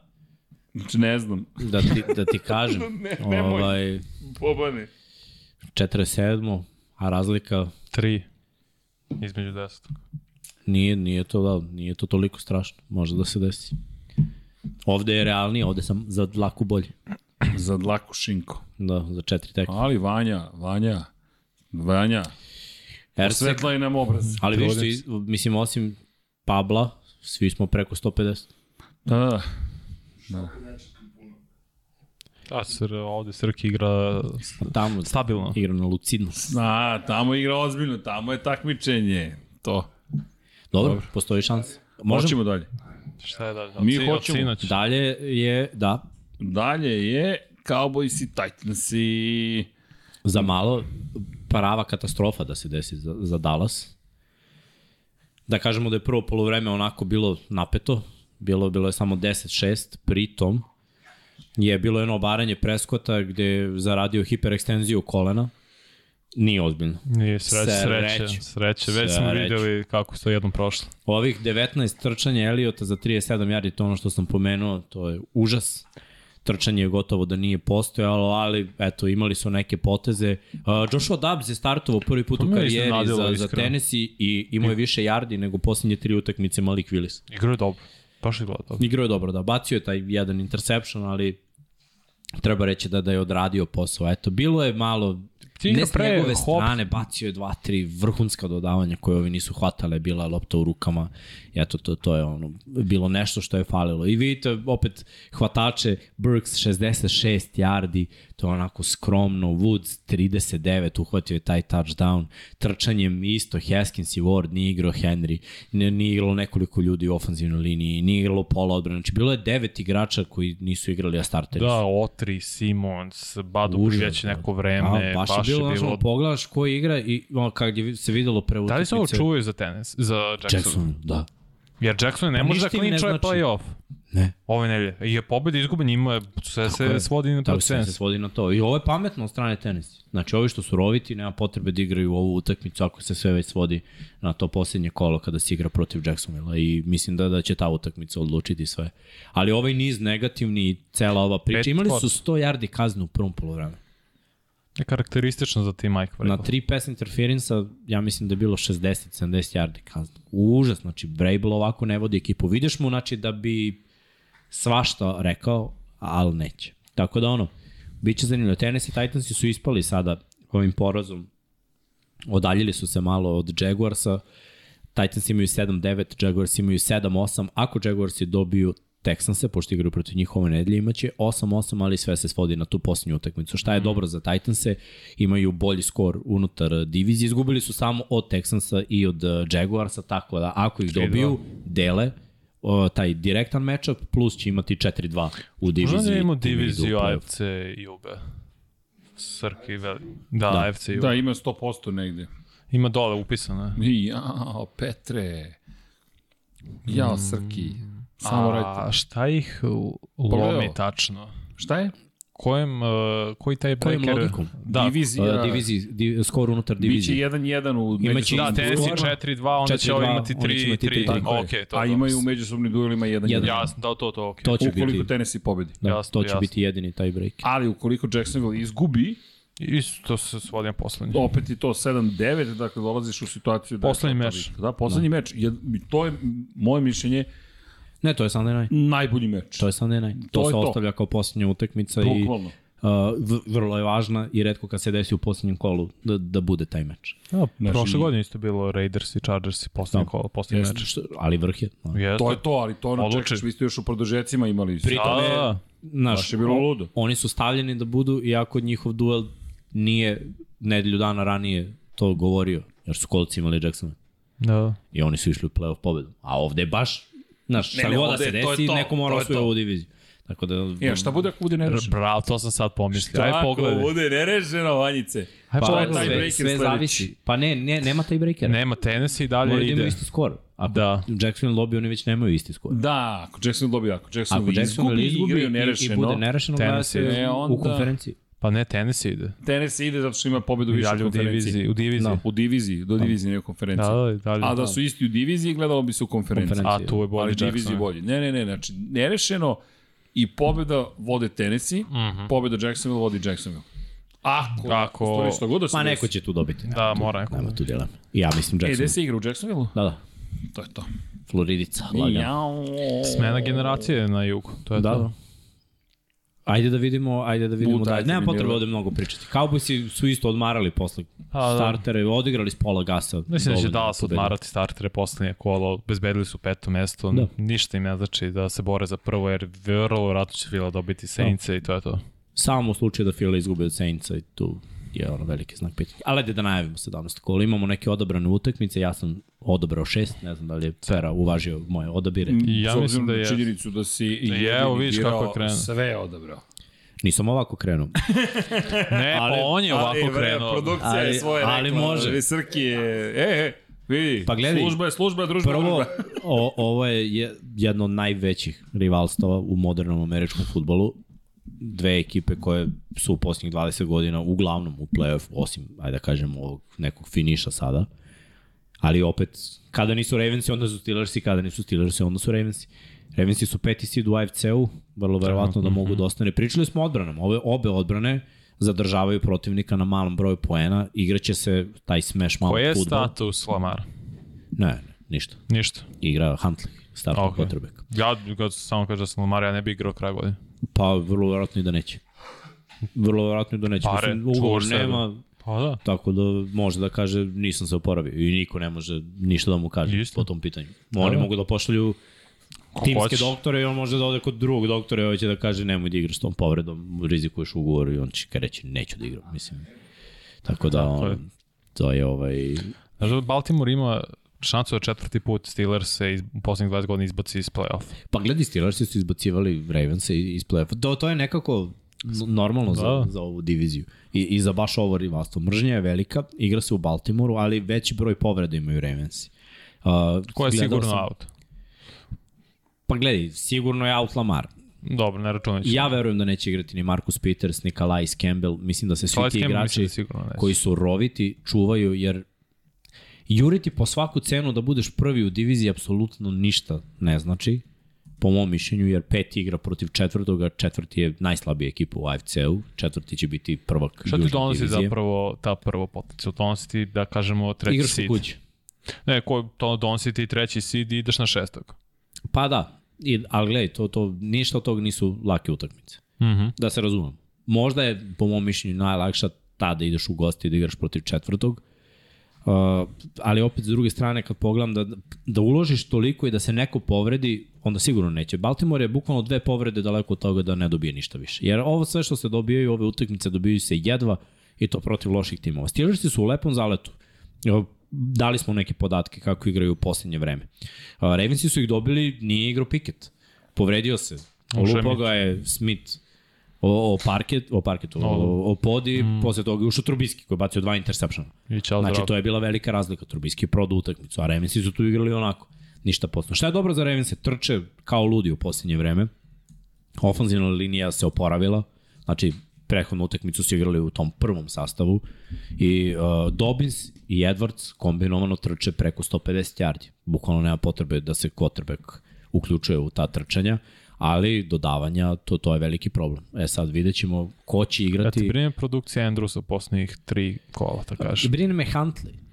Pa Huntley upravo je to jako po, loš usko dodavač. povezano zapravo. Gledaj, hvatač je prvi put od treće nedelje uhvatio touchdown prošle nedelje Demarcus Robinson, koji je povređen i pitanje je da li će igrati. Deshaun Jackson je takođe propustio i tek je juče trenirao prvi, prvi trening. Ti, ti kad pogledaš hvata, Duveren nije igrao prošlu tekmu. Kad pogledaš hvatački korpus, to je onako baš tanko. Znači moraš da trčiš, da se osnoveš na taj tendove, a Huntley i njegove odluke i njegova dodavanja, to jednostavno nije na tom nivou.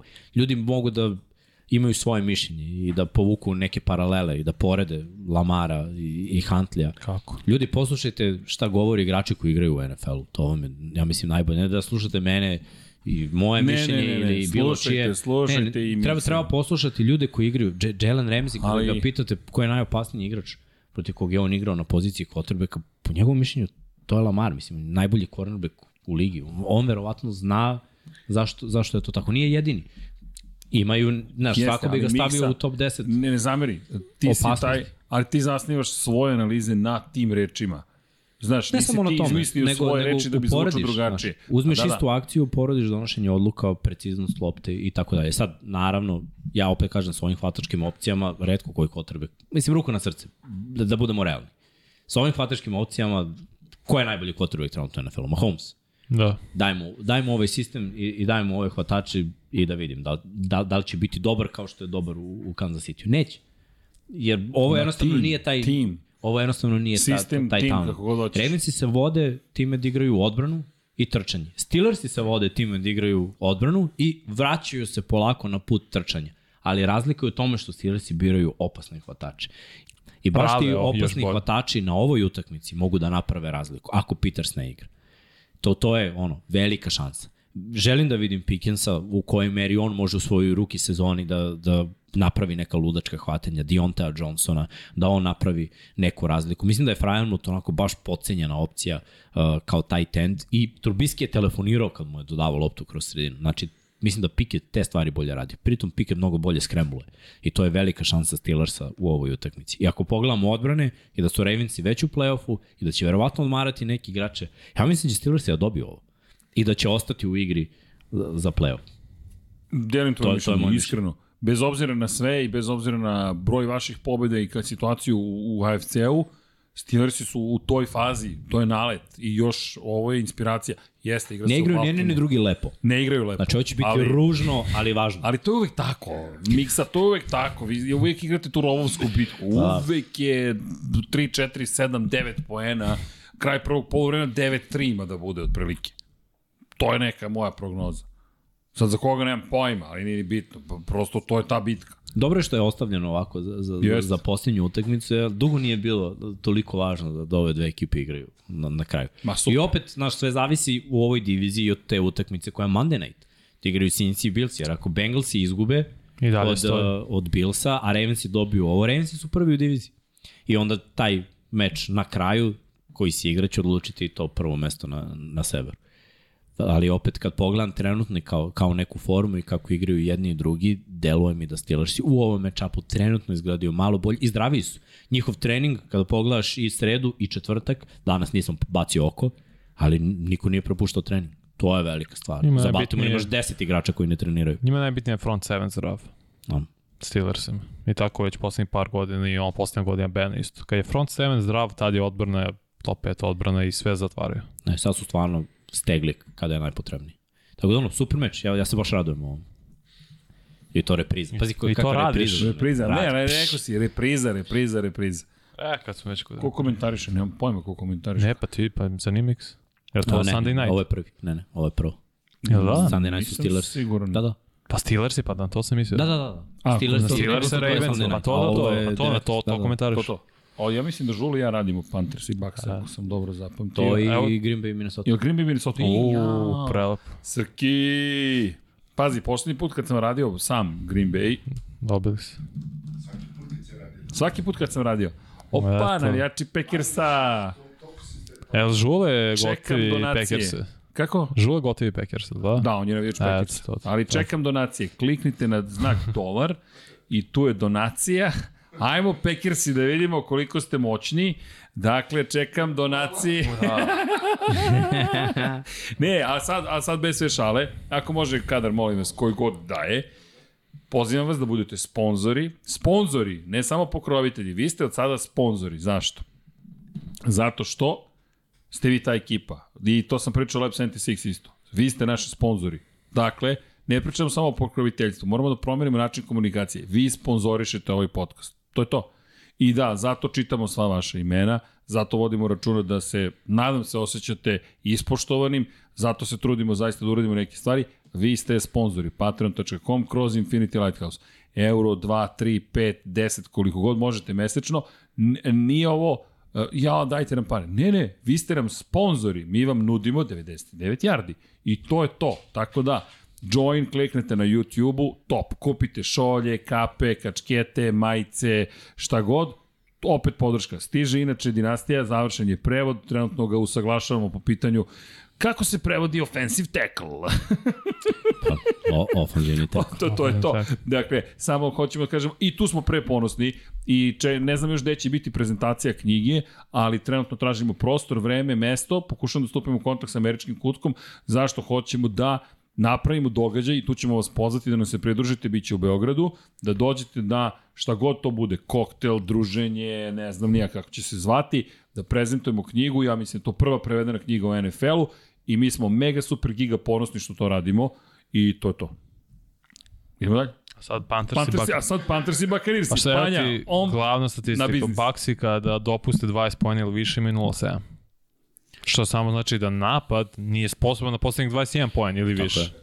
I to ti, Ne, to, tu se sve svodi. Svakog ofanzivnog ritma ove godine. Bukvalno. Nemaju, znači, znaš, na nekim utakmicama vidiš trčanje, na nekim utakmicama ne vidiš. Ali ono što sigurno ne vidiš je balans i jedan najbolji igra two minute offense. Nemaju drive koji je izbalansiran i koji ima dosta normalnih akcija dodavanja i trčanja i tako da dođu do poena. Ne, nego gube i onda krenu brzo, a bre je on najbolje oružje, to, to je njegov najbolji atribut, donošenje brzih i ispravnih odluka. Mm -hmm. I onda kad krenu two minute offense i kad protivnička ekipa gubi, oni su u ajde da se odaljimo i da se nadamo da će Kotrbek da pogreši i da ćemo mi da odreagujemo na vreme. Ovaj ne. Nećeš, brate, jer ovaj, u tom trenutku ne greši. On čeka bukvalno četvrtu Za njega je vreme uspore. Tako je, sad naravno ima utakmica gde pogreši, on i, i to gube, ali dešava se ponekad da, da poveže sve kako treba da poveže. Pritom oni imaju pretalentovan hvatački korpus. I dalje.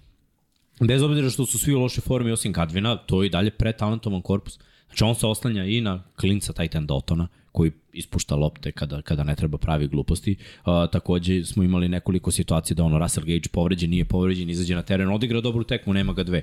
Julio uhvati touchdown, ponište touchdown, ali posle ima hvatanje koje donese pobedu, ali kasni, Pojavi nije, se nije u formi. na nekoliko snapova. ima jardažu, ja nemam pojma kako. Igra baš u lošoj formi. Ali, pass interference, majstor, šalji ga vertikalno, trči, neko će ga uhvati. Oni mogu da naprave razliku i stvarno prave. Check down, running backovima. Kogod je running back. I, i White i Fournette. Znači, to ide. Ali, šta je njihov najveći atribut ovde protiv Panthers? Kako mogu da ih zatvore? Front seven.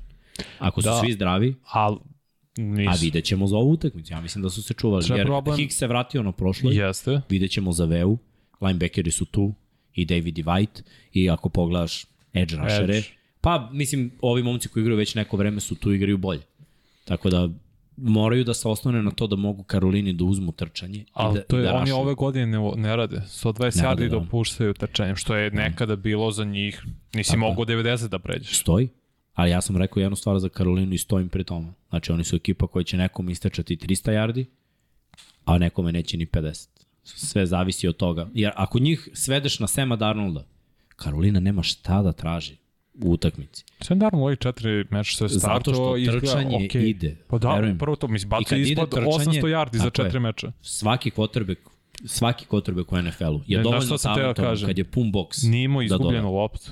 Nije bacio Da. nijednu presečenu. To je pozitivno Sam Darnold. Da Jeste. nije stavio svoj tim i svoj napad u lošu situaciju sa glupom presečenom, fumblom i tako dalje. Igra sigurnije, ne, ne bunari previše, oslane se na trčanje i game manager. Evo, dovoljno. Znaš šta, izbego je vruć krompir.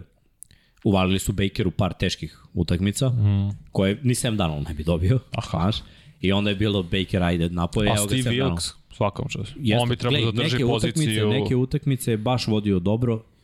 Kod njega se sve svodi na ono, odbrana i, i ovaj trčanje. Znaš šta, ne znam, uh, Horn. Neće JC igrati. Horn. Će igrati, neće. Pogledaj Hoće. Video sam da, da je ono. Doubtful. To, to je veliki znak pitanja. Ako ne igra Horn, evo, evo je šansa. To je za Brady-a. Mislim, Horn igra mnogo dobro. Tako da je to, to ono, ve, velika prilika. Inače, da pozdravimo Blagoja Ačevskog, donirao čovjek makedonskih denara 500, hvala. I kaže, po, po, produžite samo tako, momci, pozdrav iz Skopje. Pozdrav za Skopje, pozdrav celu Makedoniju, ljudi, hvala. Pozdrav. Ali zaista, veliki pozdrav svima. I ima ovde dosta pitanja, nekih odgovorit ćemo vam kasnije na ova pitanja, koja su najteža pitanja, najškakljivija pitanja, ali... Vi ste ovde u 99 yardi, tako da Out. ste u bezbednoj zoni. Out. Out je JC Horn. Evo šanse. Biće Imao je zanimljivo. operaciju s globa. Da, da. Znači, otišao na operaciju. I Justin Lane isto drugi cornerback out. Šansa za Bucks. Ja mislim da Bucks dobijaju. ovo. Igraju kod kuće. Već su izgubili jednom od Karoline, da ih Karolina očisti u sezoni. Biće napeta tekma, biće tesna, biće ružna i ova, ali, ali postoji šansa za Buccaneers. Čak i da izgube ovo, Postoji šansa. postoji šansa da, da se nabije da Karolina će mora obe dobiti. Karolina da, da izgubi. Karolina će mora da dobije obe utakmice do kraja, a Baxi da dobiju samo Karolinu. Mm -hmm. I to je to. I to je to.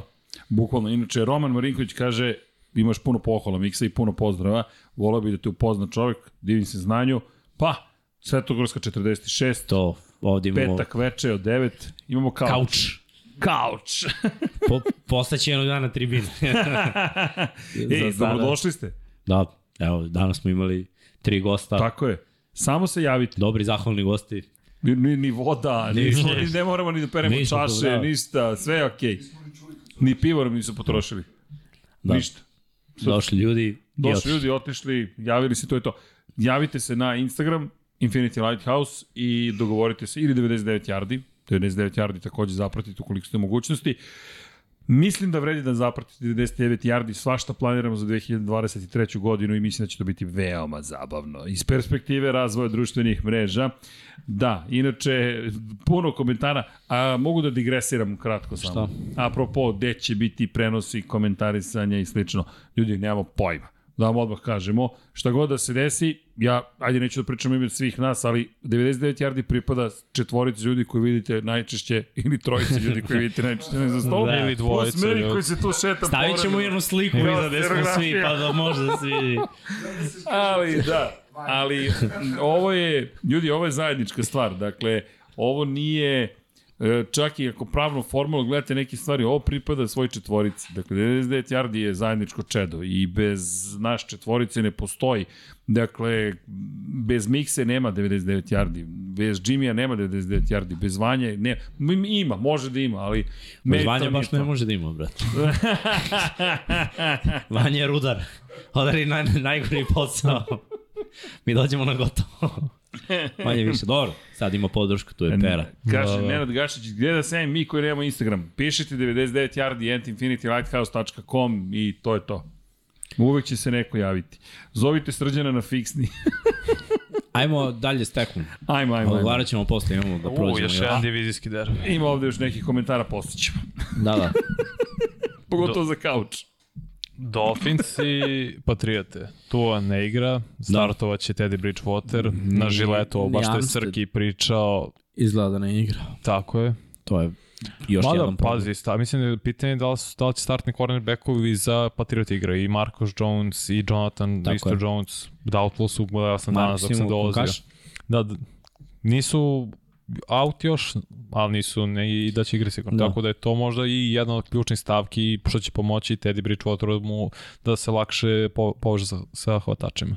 Ja uopšte ne verujem u Bridgewatera. Ni ja, ja sam stavio Patriote pobeđu. Isto. Ja toliko ne verujem u Bridgewatera. Prvo, Bill je majstor, defanzivno kod kuće, da zatvori nešto. I prošle nedelje baš smo pričali Cincy Zatvorio ih je. je zatvoren bio, na, i to Cincy, i Joe Burrow, i ozbiljni igrači. Teddy Bridgewater, ne znam kako može da, da iskoristi ovaj talent koji ima oko sebe. Mislim, ja samo treba im doturiti loptu i taj talent će Samo. da odradi svoje, ali mislim, to, to nije baš samo. Pritom trčanje Levi protiv tekl Patriotsa. za njega je bitniji nego za tu. Tako je. Mnogo bitnije je desnoruk. Može da bude napet. Uh, ovo je bukvalno ispit za Tedija, da li može ili ne može. Opet Miami nije, da kažemo, čak i da izgubi ovu eliminisan iz play-offa, jer ima sledeće kolo i ako tu pobede Jetsi, mislim da s njima igraju u posljednjem Jest. kolu, da, da onda mogu da uđu u play-off sa 9-8. Miami ima priliku da svipuje Patriote što je, će uraditi prvi put dve godine za redom od početka milenijuma. I to ono, Ali, još... ni, ali da, baš nisam siguran u to. Ja ne verujem stvarno Opet to. Srki je pričao o tome kako su Petrioci tragičari, ali stvarno su tu. Mislim, u posljednjih nekoliko utakmica. Nisu oduvani sa terena. Tako Ali- je, ne da nisu, nego, nego bilo mnogo utakmica ove godine koje oni gube To za su malo. mi tragičari, zvaš zato. Ne, ne, znam, zato su tragičari, ne mora znači da će biti ove nedelje. Ne, ne, ne, ja sam tipao na Patriote ove nedelje. Ne, ne, ja sam tipao na Patriote, jer ja, ja ne vidim, vidi, Patriote su ozbiljan tim. Ljudi, to je ozbiljna ekipa. Mm -hmm. Nije ta kultura prestala da postoji zato što je Brady otišao. Da, teže im je Brady, ljudi, Brady je Brady, ne znam o čemu pričamo, ali da pričamo o tome da je kultura New Englanda nestala, ne. Samo je, ja mislim, ovo je još veći pokazatelj koliko je teško sklopiti ti tim da uspeva iz godine u godinu ili da uopšte uspeva.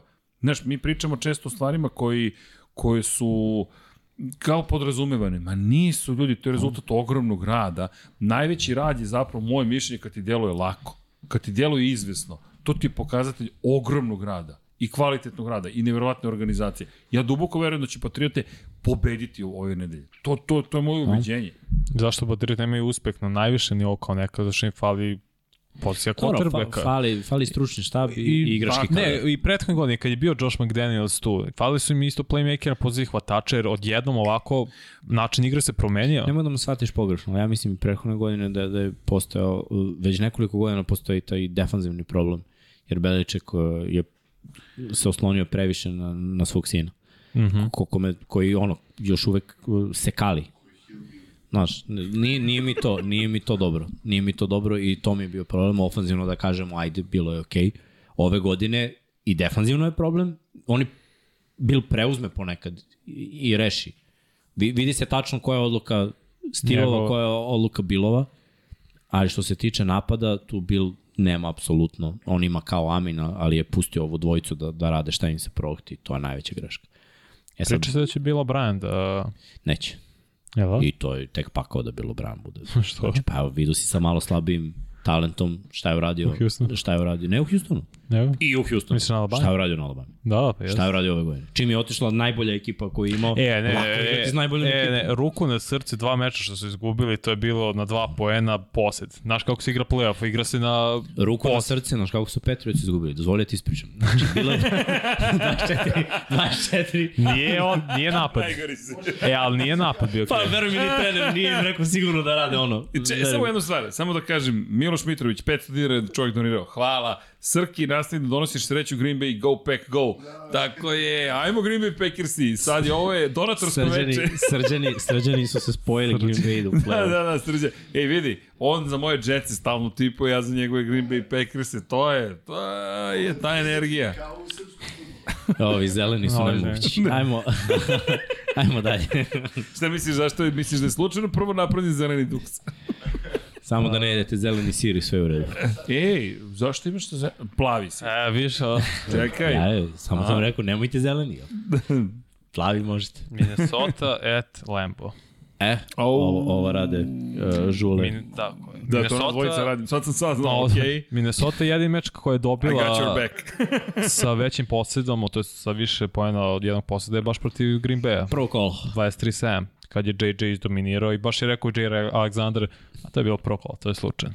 A, igrati coverage koji su Packersi igrali prvo polovreme protiv Minnesota u prvoj utakmici je toliko suludo, ja mislim da im se to, to, to neće, taj danak neće, Neće ovaj, nikada ponoviti. Ne dajemo pola malua. Da, da, kaže Dušan Janković, samo navijača reći mi Ravensa koji pola iznos da ukucam za pola malua i za Ne, miksa. može. Nije za tebe. I za, za mene, tebe. to sam te da kažem. Ja nisam miksa, ali sam lep dečko. Sreću. Nema pola malua na dan. Jer što se tiče ove utakmice, znaš šta, sad, sad je pravo pitanje koliko Vikingsi žele da uđu all-in u ovaj meč. Uh, Packersi su dobili neki igrače nazad od povreda i to je velika stvar. Mm. I ofanzivno i defanzivno. Prvo, I defanzivno, samo da... najve, najveće, ja mislim, njihovo pojačanje je što, što se Devondra Campbell vratio. Ima I, pi, a, baš presečeno. da, I nekako mi deluje da je odbrana kompaktnija i da će postaviti dobru taktiku za Vikings. Treba uspostaviti raš. To je u stvari sve što treba. Naterati Kazinsa da, da bude u panici kada, kada baca i zaustaviti trčanje, što su mnoge ekipe ove godine uradile protiv Minnesota. S druge strane, Packersi moraju da iskoriste svoje šanse. Veruj mi da bi utakmica bila drugačija da je Fade uhvatio Dobsa. Sigurno ne. 100%. Znači, ti kreneš ono, 7-0 i odgovoriš 7-7, druga je priča. Umesto toga Slažem se. 14-0, to je već ono, jao, je moguće. U igrani je sad napad. Još je prvo kolo. Nemaš nijednu pobedu no, i kreće neka loša energija. I celu tu utakmicu prvu je bila loša energija. Sad je bolja energija. Naročito na, mislim, dobra energija na obe strane. Igra Dobro. se na Lembu, rush je proradio za Minnesota protiv Giantsa. Daniel Hunter napokon pokazao da je sposoban da digne na pro bowl nivou kao što igra prošle nedelje. Možda će to biti ključ za odbranu Minnesota koje smo pričali bila jedna od najgorih ove godine, da se oni malo pokrenu. pa mora. Jer ako se to ne... Znaš šta, za, za Green Bay sam opet vidio setove sa dvojicom, trojicom tight endova. To je ovaj, vrlo dobra stvar Yes. za protekciju. No, Mercedes Lewis krenuo da, da hvata po vampirio se, matori. Ali, znaš, pa baš, baš je nekako sve krenulo u tom smeru da, da nagineš na njihovu stranu, malo, igra se na lembu, otvoreno je sve, ali ovo završavanje utakmica od, strane Minnesota, to ne može da bude slučajnost. Znaš. Mo, 11, to je NFL rekord. da, ja mislim da će nastaviti. Ali vrhunska utakmica. Sad mi našu počinjemo ranije u 22.05, ovo je 22.25, ali jedva čekam da krene, da, da mogu da gledam. Jer mislim da će ovo baš biti. Važno je i jednima i drugima za Packers ovo je potencijalno eliminacijona utakmica.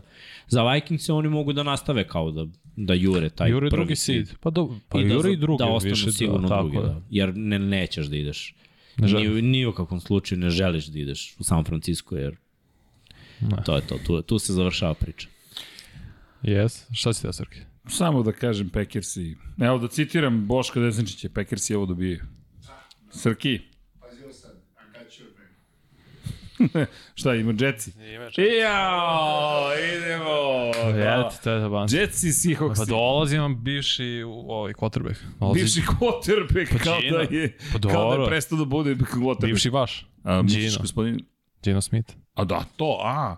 Pa dobro. I Rešićevac, I? Mike White se vraća. Pa, pa dobro. i- I, um, Battle of ne, ne, Bastards. ne znaju kako da mi kažu da ćemo izgubiti. Pa nije. da, Vanja je bio dosta jasan. U poslednje četiri meče imate drugu najgoru igru trčanja. Što kad pogledaš Seahawkse koji su treći najgori odbrani trčanjem, posle isto, zato isto to vreme, znaš, to više se zavisi ko će više Šansa, pol... šansa postoji. E, Postoji sad, sad. koja je prednost i Hawks igraju kod kuće? To je njihova najveća prednost. Jeste. To, Pa da, to, to je moj 12. čovjek. Inače Da. u dresu ovde piše Dakle, gore, kada pogledate kod Russella Wilsona, 12. stoji. Da, broj 3 je, ali 12. je na, na kragni. No. Uvek 12. čovjek, uvek gnezdo. Tako je napravljen i stadion da ta buka Tako je. baš odmaže protivničkom napadu gde je bolji kvotrbek, ali mlad, neiskusni kvotrbek. Ako pogledamo te hvatačke opcije Jetsa, morat će da iskorače onako baš big time pro, Vidi. protiv Seahawksa. Opet ti Seahawksi se ove ne žive za ove ložačke momente. I ova je ta utakmica protiv ekipe koja nije u njihovoj. Jer šta je posljednje kolo za njih? konferencija, sad ne znam da li je Arizona. U diviziji. Ba da, divizija, samo mogu setim da li je Arizona. Mislim da je San Francisco protiv Jer imamo spisak možda utakmica po timovima, ali vidi, za Seahawksa i Jetsa. Da, Ali, ajde da vidimo. Znaš šta, šta, Šta je bih poslednje ja kolo? dodao, Ove, biti ili ne biti za obe ekipe? Pa za obe, da. šta bih ja dodao odbranu? Ramsi.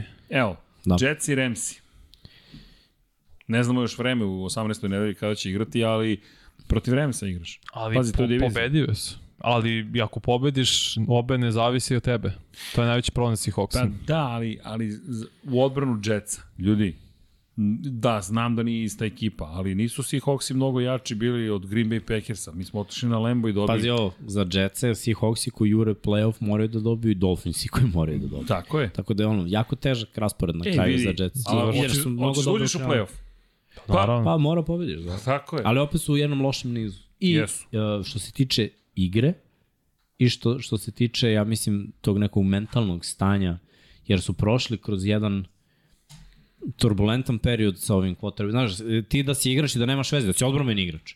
I opet te pogađa šta se dešava u tvojoj slačionici, a to je jedan quarterback, drugi quarterback, kritike, pa ovaj glumi, pa izlazi na konferenciju za štampu, pa ulazi drugi, pa treći quarterback, jer je drugi ono, izvikan od strane navijača za malo javno spaljen, pa razumeš se, vraća quarterback koji je bio povređen, a mogo je da i Znaš, ti ne možeš da jednostavno da budeš Da ono kao se. spreman, emotivno ulaziš u ovu utakmicu i to, to. Ti ćeš da odradiš svoj deo posla. Ali sve vreme postoje, postoji neka sumnja za ovu drugu stranu lopte. Jasno, jasno, Znaš, jasno. jer te, te dve ekipe, da, ajde, da, da, sad malo zaboravimo na specijalni tim, jer je to treća ekipa koja je isto jako važna, ali ako pogledaš te dve ekipe, napad i odbranu, oni se međusobno hrane energijom, to je tako, ali kada jedna ekipa od te dve sumnja ovu drugu ekipu, uf, ta nema uspeha.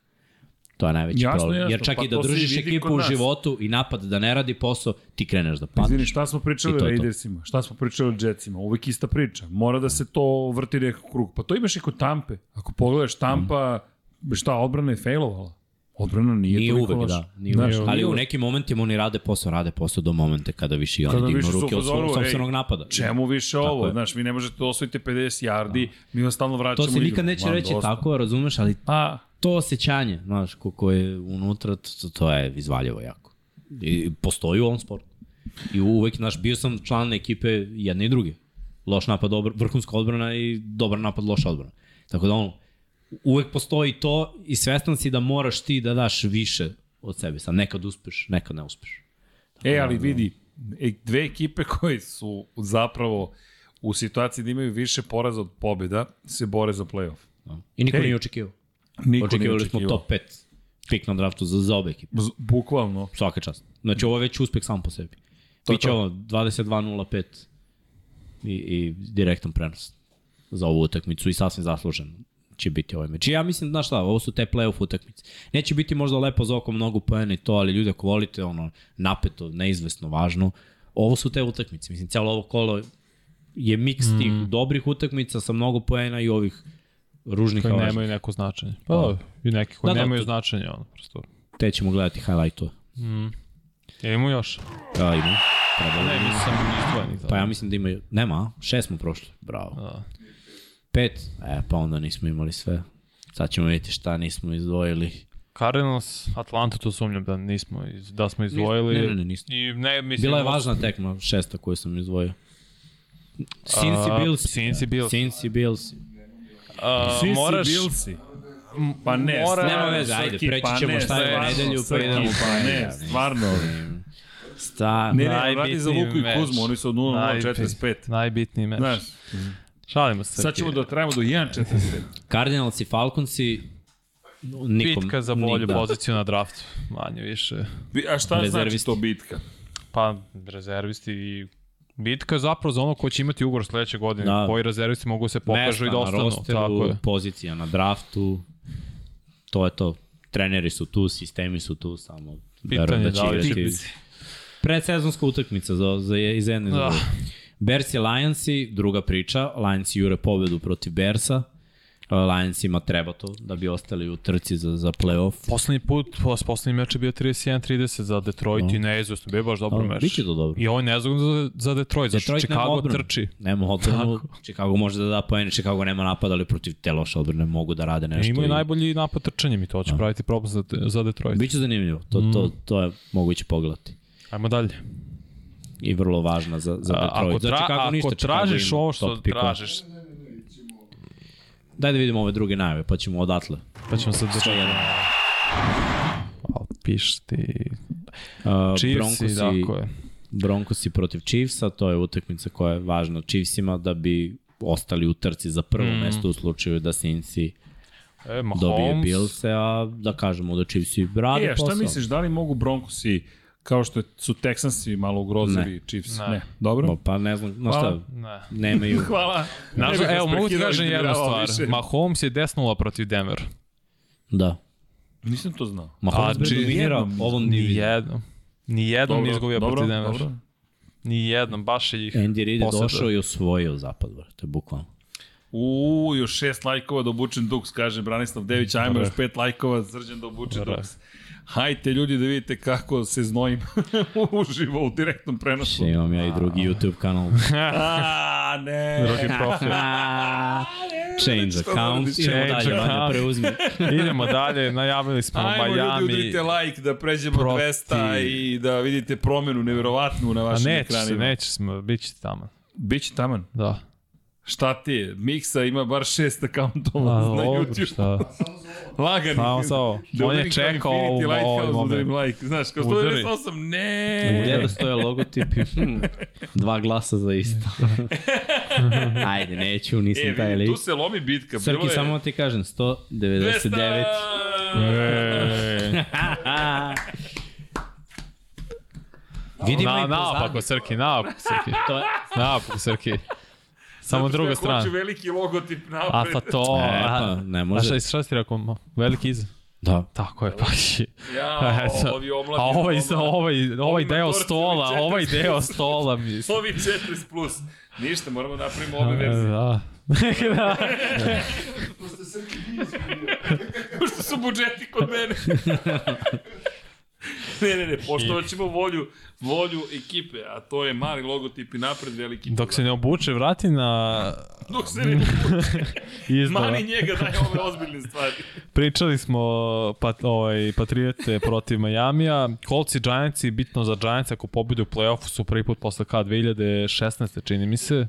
I onog tripa, to jest onog puta u Da. Miami pred meč uh, Ja- za Green Bay. vožnja. Vožnja jahtom, da. Odela.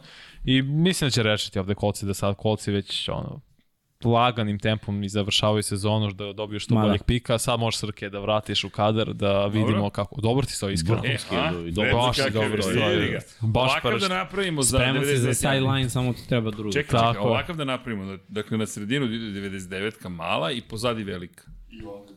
Može, ja sam A i na dalje za osnovu ovde. thumbnailova da pravimo... Miksa, šta je ovo? Koja tehnologija? Koja je ovo tehnologija? Ovo je sito. Ja neki. mislim da, da je to Ovo je ono sito. naj, najkvalitetnije, to sito. Sito. Mm. To ćemo i mi. Dobro je da, to, to Ovo je. je sito. Biće mi vrućima da se rezi. Neka. Dobro, samo ni, ni, ne piše da trebaš da se zadržiš, samo da obučeš, možeš se skineš. Ne može. Ne, Dobro, smijem da promenim duks. Ne. Imamo jedan na naš duks. Kasnije kad krenu pitanja. To odlično, okej, okej. Za sad si tu u zaroblju. Ajmo dalje. a lepo ti stoji Jetsi, stvarno. Stvarno je dobro duks. Eaglesi, kao što smo rekli, jure prvo mesto. Tako je. Pobedom obezbeđuju prvi seed i kroz njih ide zapravo NFC, to je NFC, to je playoff NFC deo. Uh, Panthers i Buccaneers smo ustanovili. Idemo dalje. Browns i Commandersi, Commandersi igraju za playoff. Browns su Da, da. zvanično ispali, ali zato Commandersi idu pobedom. Igra Vance. približavaju, Vance startuje. Vratio se Young, bit će ovo Biće napet. dobar meč. Ja, jedva čekam iskreno. Zanja Može kako da će za- zakomplikuje NFC totalno. Da. Zanima kako će da zaustavi igru trčanja Browns. I to je zapravo Brownsi moraju se vrate tom igrom trčanja. Mora da se vrate čantu, a ne Dešon forsiranje, vraćanje njega. Na, vidjet ćeš da je on forsiranje do kraja, Pa, mora se znam, vratiti u nažalost. formu. Jaguars i Texans, i to smo već rekli, šansa za Jaguars je da obezbede to prvo mesto za sada. Jel, to bi moglo da bude zabavna tekma. Da. Pa, Zabavno. mislim da, da Izgubili Peterson su, da shvati ovo. Houston je dobio prvi meč. I to je Da. tad je Trevor Lawrence bacio dve ve, a presečene. velika je razlika. Ne, ogromna je razlika u igri, u pristupu, u svemu. pris- tako je, sve, Sve je baš velika. dobro. Jacksonville je napravio ono, noć dan promenu. Mm, Posljednjih šest utakmica. Znači, baš je sve drugačije. Jeste. Trevor Lawrence igra vrhunski. kao zmaj, znači, bukvalno je ono, Tarzan, kralj džungle. Da znaš, na 300 lajkova oblačiš 99 yardi duks. To lagano. Ajde da vas vidim, 300 yardi. 300 yardi. 300 ja. 300 lajkova. Uh, 49ers i Raidersi, Neki lagana utakmica Fortnite, mislim, tako da. teoris, teoretske šanse postoji dalje za Raiders, što je najcrnije. Ne, stvarno? Da, Da, da, imaju da- šanse. Da. Ako svi izgube, Na, ono. a oni, zato što su dobili Patriots. Da, da, I jeste. onda da Patriotsi budu s njima u taj breaku. Ali neće to desiti jer će San Francisco da dođe da ih pregazi. Stidi, rekli ste, startuje. Da. Stidam startuje. Kažu Pitanje. da ličim na Sala. Je, ne, ali izgledaš kao neki lik sa sideline. Kad onaj- njihovu, kad imao... Znaš, bi on imao je što, sta, što stanja trenere, znaš što... To je McVay uve prvi. Najče. Pa Da, to. nešto vraća teren Da, nazad, znaš, kao nema vodi teren računa. A ja bi tamo bio malen, znači sa mojih 1,92 Ma, debil i bi, 120 kila bilo bi... Ne brini, ima i tamo kepavih. fight, fight, fight. Ali idemo dalje. To smo uvek govorili kad su u pitanju mali ljudi. Hobbits! Uh, Jetsi protiv Hawks. Seahawksa, to smo najavili. Da, Vikings Packers. Dobro, Da, to, to, to, smo je, to je najavili. važno. Ramsey, veliko. Chargersi, to je ovaj... LA, LA. LA, da, borba, borba LA, uh, Baker, Herbert. To će biti zanimljivo, jako je nebitno. Kaže Marko kako je oblačenje za lajkovanje da bi trebalo skidanje. Mi sve radimo super. Ništa devojke nek se jave, ako ih ima uopšte. Na, pa ćemo da skinemo dok se jave, nema problem. Srki, kakav je konzervativan počeo bi od kape. Kao pa još to lajko. da. Ne, ne, miksa, miksa, sat. Da, na pola sata Nemojte nam devojku. Yeah. Ej, Da. idemo dalje, jeste nova godina, ali nije još žurka. da, to, to još. Steelers i Ravens i Bills i Bengals. Moramo najavimo bre najbolju utakmicu kola. 12-3, 11-4. Vanja, Ko pobedi, bolje, Nema spavanja. ko pobedi bolje Nema je seed od ove dve ekipe. Trenutno u boljem nizu Bengalsi. Jesu. Ali-. I drže taj breaker i nad Chiefsima, iako dobiju i nad Billsima. Tako je. E sada, šta je fora u ovoj utakmici? Uh, vidjet ćemo, znači, top 3 quarterback u AFC-u trenutno su Mahomes, Allen i Joe Burrow. Mm -hmm. Sva trojica su na Pro Bowlu, dvojicu ćemo videti u ovom meču. Znači, Burrow je već rešio tri puta u tri utakmice Mahomesa i Chiefs. Sad ima priliku protiv Allena. Ali totalno drugačiji tip napada i ja ne znam da li su Bengalsi spremni. Znači, Lamar je uspeo sa svojim kvalitetima da ih dobije trčanjem i dodavanjem. Ja mislim da nisu svesni šta je Josh Allen sa svojim kvalitetima dodavanja i trčanja. Ali ako to uspeju bar malo da zaustave Niveliš. trčanje ranim bekova i ovo limitiraju da tipa bude 50 yardi samo za Josh Allen trčanjem i da bude taj okršaj hvatača Gabe Davis, uh, Stephon Diggs s jedne strane, Higgins i, i Chase sa druge strane. Kako to će secondary Bengalsa da se postavi? isto Koji će kao, biti game isto plan? kao i secondary Bills, bit će u problemu ceo dan. Jedni Ali više veruje secondary Billsa? Ne, zapravo ne. Protiv ovakvog protivnika ne. Ja da. Nisam siguran. Malo škripe i oni na kornerima. Pa bolje mi je Tre Davis White, jako se vraća s povredi Pa. sve nego bilo koji cornerback Psincija. Stoji, stoji. Ali safety, da ka, čekaj, jesu kompletni Bills? To je moje sledeće pitanje. Nisam pogledao. Sad ću ti odmah Da, da, da, da li su na safety ima kompletni, jer, jer tu škripi cele godine. Sad ću odmah da ti kažem. Poer i Hyde su vrhunski tandem, ali ove godine ih nismo vi- vidjeli. Ja, mislim da je jedan povređen za sezonu Da, svakako. Hyde, Poer je igrao. Red Cirque. E, pa Roman Marinković kaže Bengalsi nemaju odbranu da zaustave Bilse. Pa znaš Pa šta, mnoge ekipe tako, koje nemaju odbranu da zaustave Bills ove godine su uspeli da uspore Bills. Šta znači zaustaviti Bills? Ako Billsi daju tipa 20-25 poena, meni je to zaustavljanje Bills. Jest. Znači onda napad treba da postigne taj broj poena da pobediš. 27, 9, 30. E sad, mnoge ekipe nemaju takvu neku odbranu vrhunsku, ali su limitirale Bills ove godine na baš te brojeve između 20 i 25 poena. Jer ti u teoriji da daš, jedna i druga ova ekipa daju više.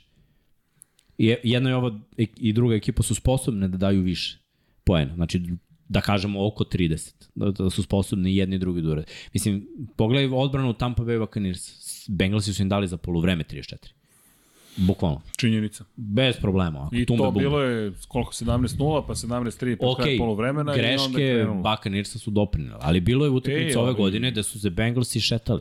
Znaš, te delo mi da, da, da su E, jako slušaj opasna ekipa. Izvini, Nikola Mijatović, a može se reći da ni Bilsi nemaju odbranu da zaustave Bengalsi. Da, da, pa da. To je baš to. Ali imaju mnogo bolji front seven. I funkcioniše, iako nije tu više Von Miller zbog povrede, ovi ostali, pogotovo Greg Russo igra E, ali Sve bolje moramo bolje. da budemo je- realni da su i Bengalsi sa svojim front sevenom pojačali koliko god su mogli. Znači oni igraju, oni igraju granicama svojih E, ali mogućnosti. ljudi, ovo je van, ovo je duel, jedan od onih duela koji prevazilazi pozicije, ljude, statistike. To je to je duel situacije, to je duel dve ekipe koje žele da osvoje Super Bowl, koje žele da budu prve u AFC-u, koje žele da budu bolje od Kansas City Chiefs i Ovo Mahomesa. može, ovo može Znaš, da bude finala AFC-a. Bukvalno. Ljudi, ovo je... Kogoda je domaćin, ovo su dve ekipe koje imaju onako na svim pozicijama dovoljno talenta. Pritom Bengalsi su već igrali u Super Bowl. Znači oni su već... Ovi Bengalsi. Ovi, da. ovi, ovi. Isto ova ekipa. To to. Barrow. Znaš, s druge strane, Billsi najdalje su stigli do finala konferencije gde su igrali očajno. Chiefsi su ih počistili bez problema. I onda, znaš, opet se postavlja pitanje, ovaj duel nisam vidio i želim, želim da ga vidim. Jer u AFC-u trenutno ga pogledaš top 5 ekipa. Znamo ko zna protiv koga. Znači, na primer, Bengalsi znaju protiv Chiefsa. Chiefs protiv Bengalsa. Pa ne znaju. Pa ne, Da li Ne znaju? mogu da ih dobiju. Nisu ne ih da dobili. Chiefs Tri- protiv Chiefsi znaju protiv Billsa. A, ali ne ali Billsi, izvini. Billsi su Um, uspeli da ih dobiju. Hteo sam da kažem Da. Chiefs protiv Billsa. Ej, Chiefsi znaju protiv Chiefsi Billsa. znaju protiv Ravensa, Chiefsi znaju protiv Chargersa, ali sve ove tri ekipe u posljednje dve Ne, ne. godine su uspele da ih dobiju jedno. Da, da. Bukvalno mi je lapsus jezička greška. Hteo sam da kažem protiv Billsa, jer ti sad imaš Bengalse koji jedini mogu da dobiju Kansas City Chiefse, Billsi se muče sa Kansas City, ne kažem da jedini skinu. mogu da dobiju, ali se muče, kao što si rekao, svi se muče sa Chiefsima. Svi se muče, ali svi su uspeli da ih dobiju jedan. Je- Je, je, to- e to je sad pogledaš. Billsi. Ravensi znaju da igraju protiv Billsa, isto Napeto. je bilo napeto. Nismo videli Bengalse protiv Billsa. Nismo videli o, ovu ekipu Šta Bengalsa ćemo sa protiv njim? Billsa. Šta To je ćemo nešto sa što, što baš želite Mi smo da- dobili Bengalse kad su bili na letu još prošle godine. Da. A vidi, ja, on, To su te opasne ekipe, Oni su- znaš. oni Evo, to je su- te po, ekipe evo da potvrđeno, igraju. Bosa igra sad. Igra boss. Da. pazi uz bosu. Biće, biće zanimljivo. A Poer je upitan ovog sad, Biće- kad sam gledao Ko, safety. gde god ko da završi. U AFC-u, ove top ekipe, To, to, bi, biće top. Mislim, ne bi bilo Jer- Bengalsima svejedno da idu na Chargers odmah u wildcardu. Iskreno, da im dolaze. Mislim, to uopšte ne bi bilo na- Ali se gledaj, sklopite. Bengalsi ne jure da, da, da idu protiv Chargersa. Pa to da. Bengalsi jure da budu prvi seed Da, da. i da, odmaraju, Da, da odmaraju. jer imaju šansu. Ako ne budu prvi seed, jure da budu drugi seed. Znači, jer računamo da će Chiefs, jel te, da dobiju svoje utakmice, oni će imati taj breaker sa, sa Billsima. Ja, ko, nam, ko je outsider koga bi trebalo da se najviše Jacksonville, svi ja mislim da trebaju, Jacksonville, svi trebaju. Ali nešto, mislim da može jednu da dobije i to je to. Ne vidim da Dovoljno. idu dalje od toga. Dovoljno da dobiju jedno. Dovoljno. To je već O, uspeh. to jeste, veliki to jeste, uspeh. velik uspeh. Miami bih stavio, ali ako sa Ako uđu Ne, čekaj ne. da uđu. Ne. Mislim i za Jacksonville, ako uđu. To, Ne, to, je, me- to je znak pitanja. Ja Ali da se, da, da se fokusiramo Izvini. na, na ovaj meč. Evo da, kaže da ti, Poer je upitan. Poer je Verujem da će igrati. Ok. Nije doubtful, baš je ono questionable. to će napraviti razliku da li igra ili ne. Jer ako vertikalne opcije, pa pogledaj u poslednje vreme kako je Irvina pronašao Buru. Znači, momak se odjednom pojavio pre nekoliko, ne, pre mesec dana, ja mislim da, da je odigrao prvu utakmicu, krenuo da hvata nešto i odjednom već ima touchdownove i sad je u posljednjih... Koliki utjecaj treba da imaju, to jest mogu da imaju Milano i Edmunds? Mogu da imaju uticaj, ali Cincy ima načina da ih zaobiđe. Prvo, znaš šta, kogoda je corner i ako je malo slabiji safety, Higgins je ta opcija jer je visok. Mm -hmm. Mnogo je težak za spolješnje hvatača. Chase je brz. To, to, to je sad ta kombinacija koju oni posjeduju, koju s druge strane imaju kao Gabe Davis i, i Stefan Diggs, da kažemo da, da je copy-paste. Uh, hvatanje iz backfielda, tu je način jedini da, da, da Upravo to da zaustave Pirajna i Miksona. Tako je. Na, na Da im trčanje to. mogu da ih zustave, nije nemoguće, mnoge ekipe su zaustavile Bengalse trčanjem, Ali ta ali ta hvatanja dodavanje. iz backfielda, tu su Bengalsi jako dobri, znači ti swingovi, uh, A Milano odlično to rešava, baš im Milano osjećaj sve, za to. Milano je vrhunski back. Mislim, ljudi, ovo su dve možda uz Chiefs je najkompletniji, da kažemo AFC. te tri ekipe najkompletnije, ne, ne u AFC, u NFL-u. Znači Mora da bi da dodamo San Francisco 49ers i i, Phil. to su četiri. I feel. I ajde da ubacimo Filu. Znaš, ali znaš koja je razlika između Fila i svih ovih ekipa? Ovi su svi bili povređeni pa su ozdravili sad. Sad je obrana situacija. Da. Fila je I onako... još jedna stvar, izvini, ali Fila je igrala sa ovom postavom jednu utakmicu u play-offu, izgubila je protiv Tampe prošle godine. Nije s ovom. Mnogo slabiji Dobro, mnogo slabijom, ali opet, govorimo o quarterbacku pre svega, ali okej, I za njega je noć dana razlika sa AJ Brown. ali opet nema ekipa tu vrstu iskustva. Znaš, gledam, Nema. Ne, Buru, gledam- ako gledamo Ne, ali imaju quarterbackove- stariji igrači u toj ofenzivnoj liniji, a to ima iskustvo, jer većina iz TRS-u kad su osvojili Super Bowl defenzivna linija, manje više nema Hurts iskustvo još. Da. to je pobeđivanje to. Ali, u play-offu. Šta hoću da kažem, u AFC-u kada pogledaš, ovi ljudi su već se naigrali i velikih utakmica i gubili ih, pogotovo Allen, Allen je u najvećem problemu. Gledaj, ja moram da kažem, pošto mnogo vo- volim Alena, ali moram da, da kažem da uspesi Billsa, ljud, znaš, mi ih stavljamo da je to njihova godina i da je sve to super, ali njihovi uspesi zapravo jedno finale konferencije, uh, jedan wild card, izgubili od. Texansa u toj prvoj godini kada je Allen uh, ušao u, u 2019. playoff uh, i posle toga divisional. To, znaš, i nije neki uspeh. Nije. Pogotovo za zvučnost koju ta I ekipa pritom, sada kako nosi. su ušli u finale konferencije, isto je bilo mučno. Protiv Baltimora su igrali tad, u divizijskoj rundi. Znači, oni su rak rana za sve ekipe u wildcardu koji im nalete, to, to mogu da reše. U divisionalu već kreću problemi. Znaš, ja moram da vidim od Billsa da, da će oni dobiti neku. I ovo je prava prilika da, da pokažu, ok, ajde, dobili su Chiefs ove godine, od ovih top ekipa oni su skoro sve dobili. Znači, dobili su Ravens, dobili su Chiefs, Nisu igrali sa Chargers. Mislim, nisu ne igrali, ih kao top nisu igrali ekipu. sa. Chargersima, ali evo im sad Bengals. Znači, da kažeš od top 6, bukvalno su odigrali Tebi treba zapravo da oni ubedljivo pobede nekoga. neubedljivo. Treba mi da pobedi. Meni fali to. Treba Jer da kao pobedi. Minnesota, Minnesota nikog ubedljivo nije pobeda, zato ima taj mali osjećaj da ono, ne shvatam ih toliko ozbiljno. Da, ali njihov, na, njihova sigurnost mi ne postoji. Za su mi postoji sigurnost i kad dobiju jedva. Jer sam vidio utakmice da, znaš, Alan kada doda nekad loptu u tim posljednjim napadima, doda loptu da sve vreme gleda u Stefana Diggsa ovako i svi znaju da on gleda u Stefana Diggsa i lopta ide projektil u Stefana Diggsa i svi gledaju kako on hvata. A Kirk Cousins baci loptu i boš pomozi da JJ je tamo. JJ, JJ je tamo.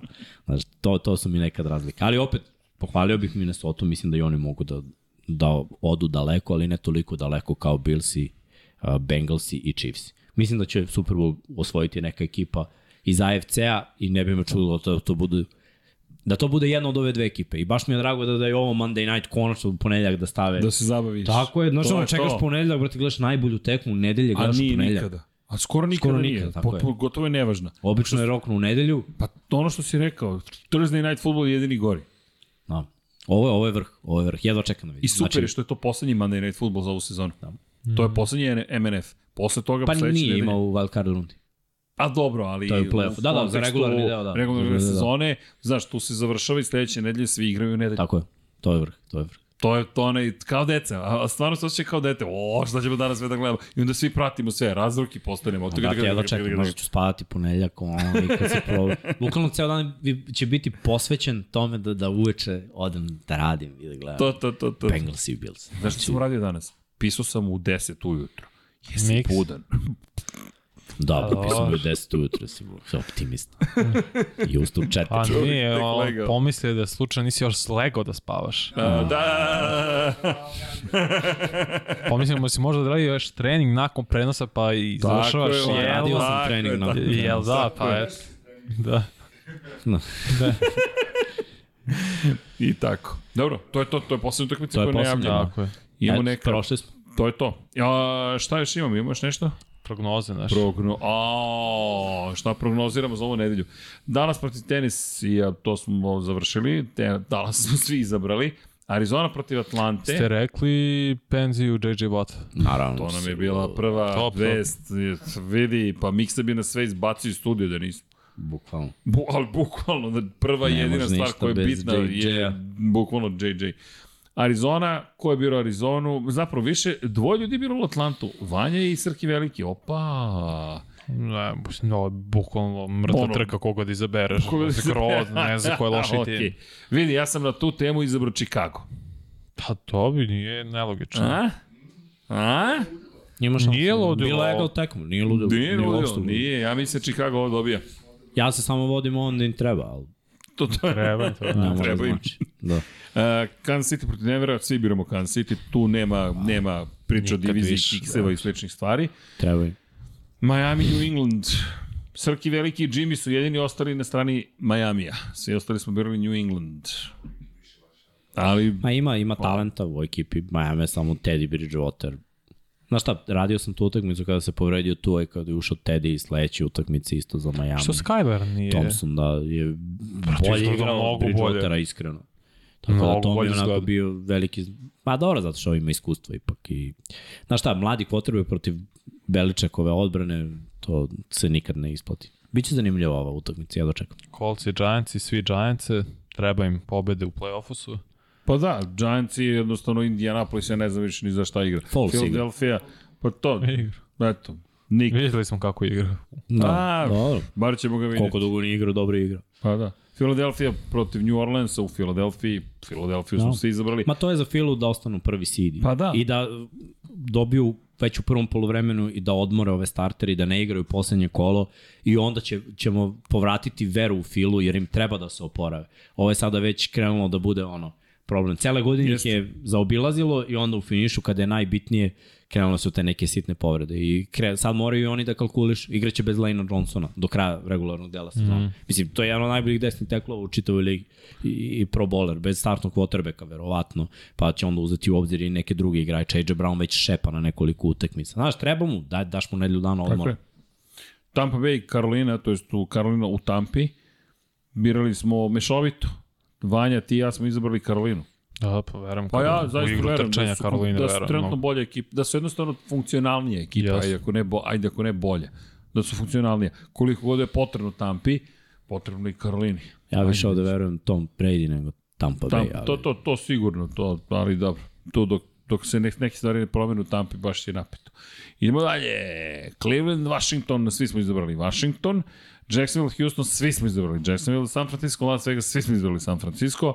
New, New York Jetsi protiv Seattle, opa, Jimmy, Vanja i Pablo biraju Seattle, Miksa, tako je, Srki, tako je, New York Jetsi, Nije zbog Duksa. nije zbog Duksa, ali Znaš šta, kad pogledam odbranu Jetsa, to je jedina nada moja. pa, da. White igra, idem na ludilo da ovo može da bude ono ružna tekma i da neki defanzivni potez presudi, a bolje mi je odbrana Jetsa.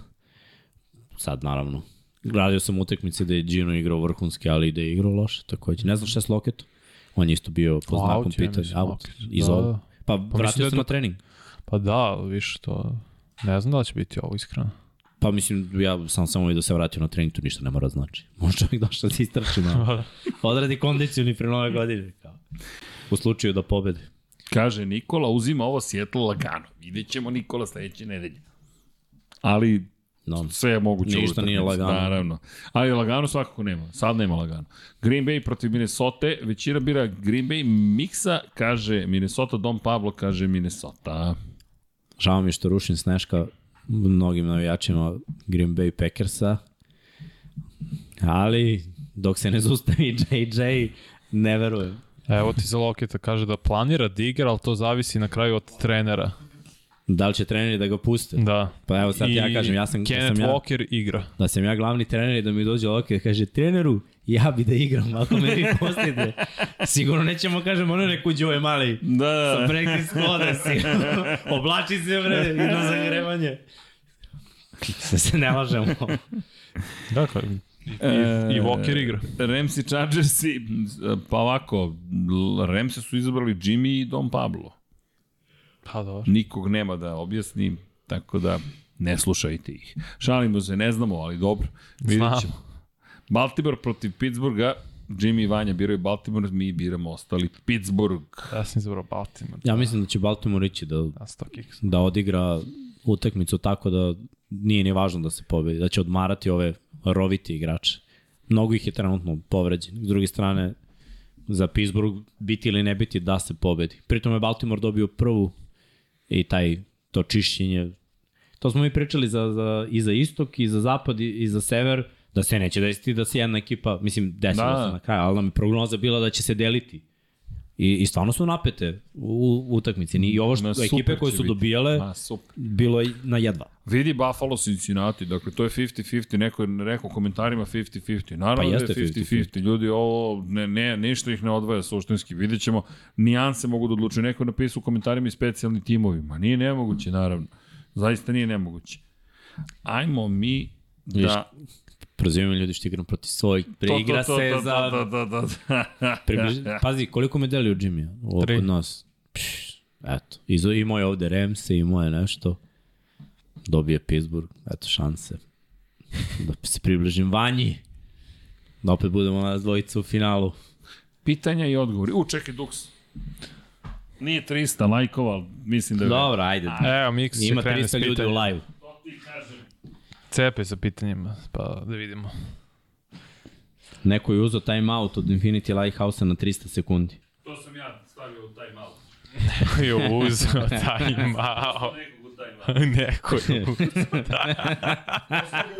E, ja sam poslao... Pa nije ovo hokej. Ja sam Marka poslao na timeout, pošto znamo se sa Instagrama, Marko ima te provokativne metode, a ja...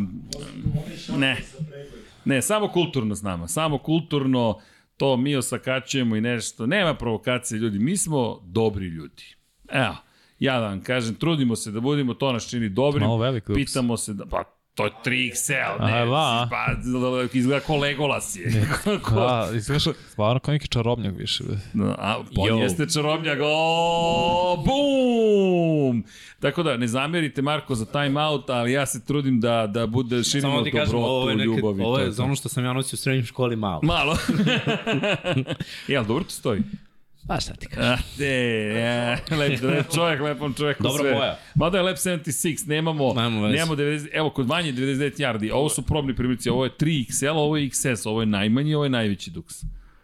Dobro to izgleda. Uh, čekaj da vidimo. Imamo neka pitanja. Kaže Miksa, ovde je neka prozivka pala Miksa ko Kermit the Frog. Ali boja je vrh. Ali boja je, tako je. Ej, ljudi, to je Aston Martin Lab 76, šta vam je? Skupo. Baš je dobro. Skupo, tako je, bit će, ej da, i to će biti za 99 yardi za Lab 76, 99 yardi, Vanja, ako možeš da pokažeš ovo XS crni, 99 yardi, tako da znate, stižu duksevi. Eto, vrlo Da, brzo. dobro, ima džep, ima materijale. Kaže. Vanja je jedini obučen kako treba za vreme koje je trenutno na polju. Slažemo se, ali beauty must suffer. Dobro, valit ćemo i njemu nešto da obuče. XS, XS. Ajmo, da. Color Rush, džep. to je to, to je to. Ajde, Vanja, college playoff je sutra, kaže nešto. Ko dobija? Mislim da će biti finale Georgia i Michigan.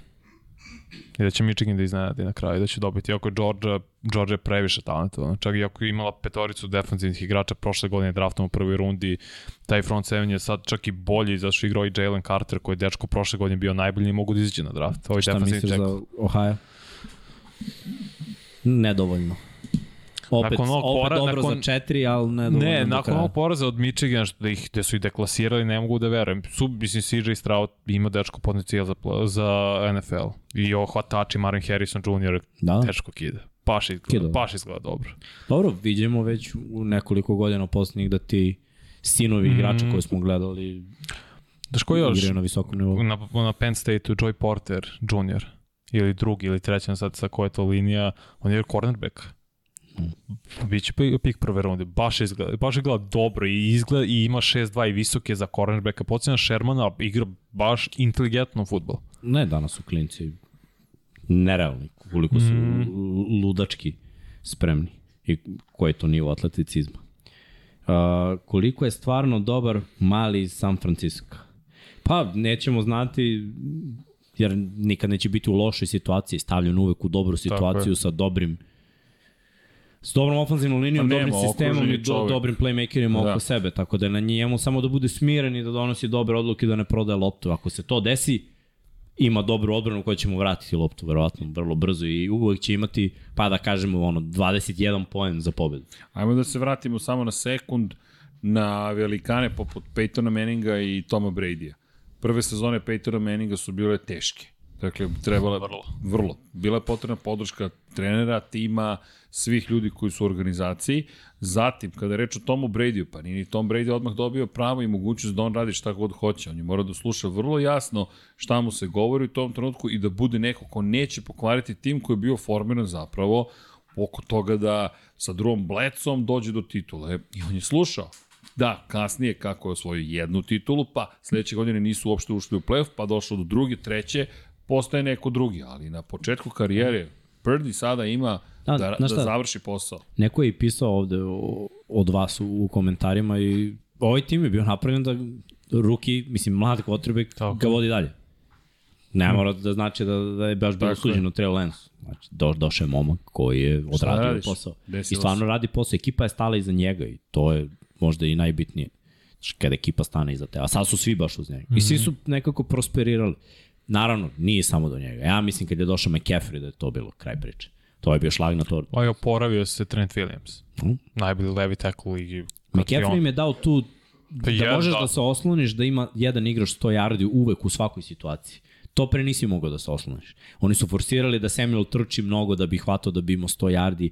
Ti možeš da dobiješ od Kitla i 200, ali možda dobiješ sledeću utakmicu 30 od Ajuka. Znaš, a sad McCaffrey uvek ima 100 yardi skrimidža. I to je sad jedna konstanta.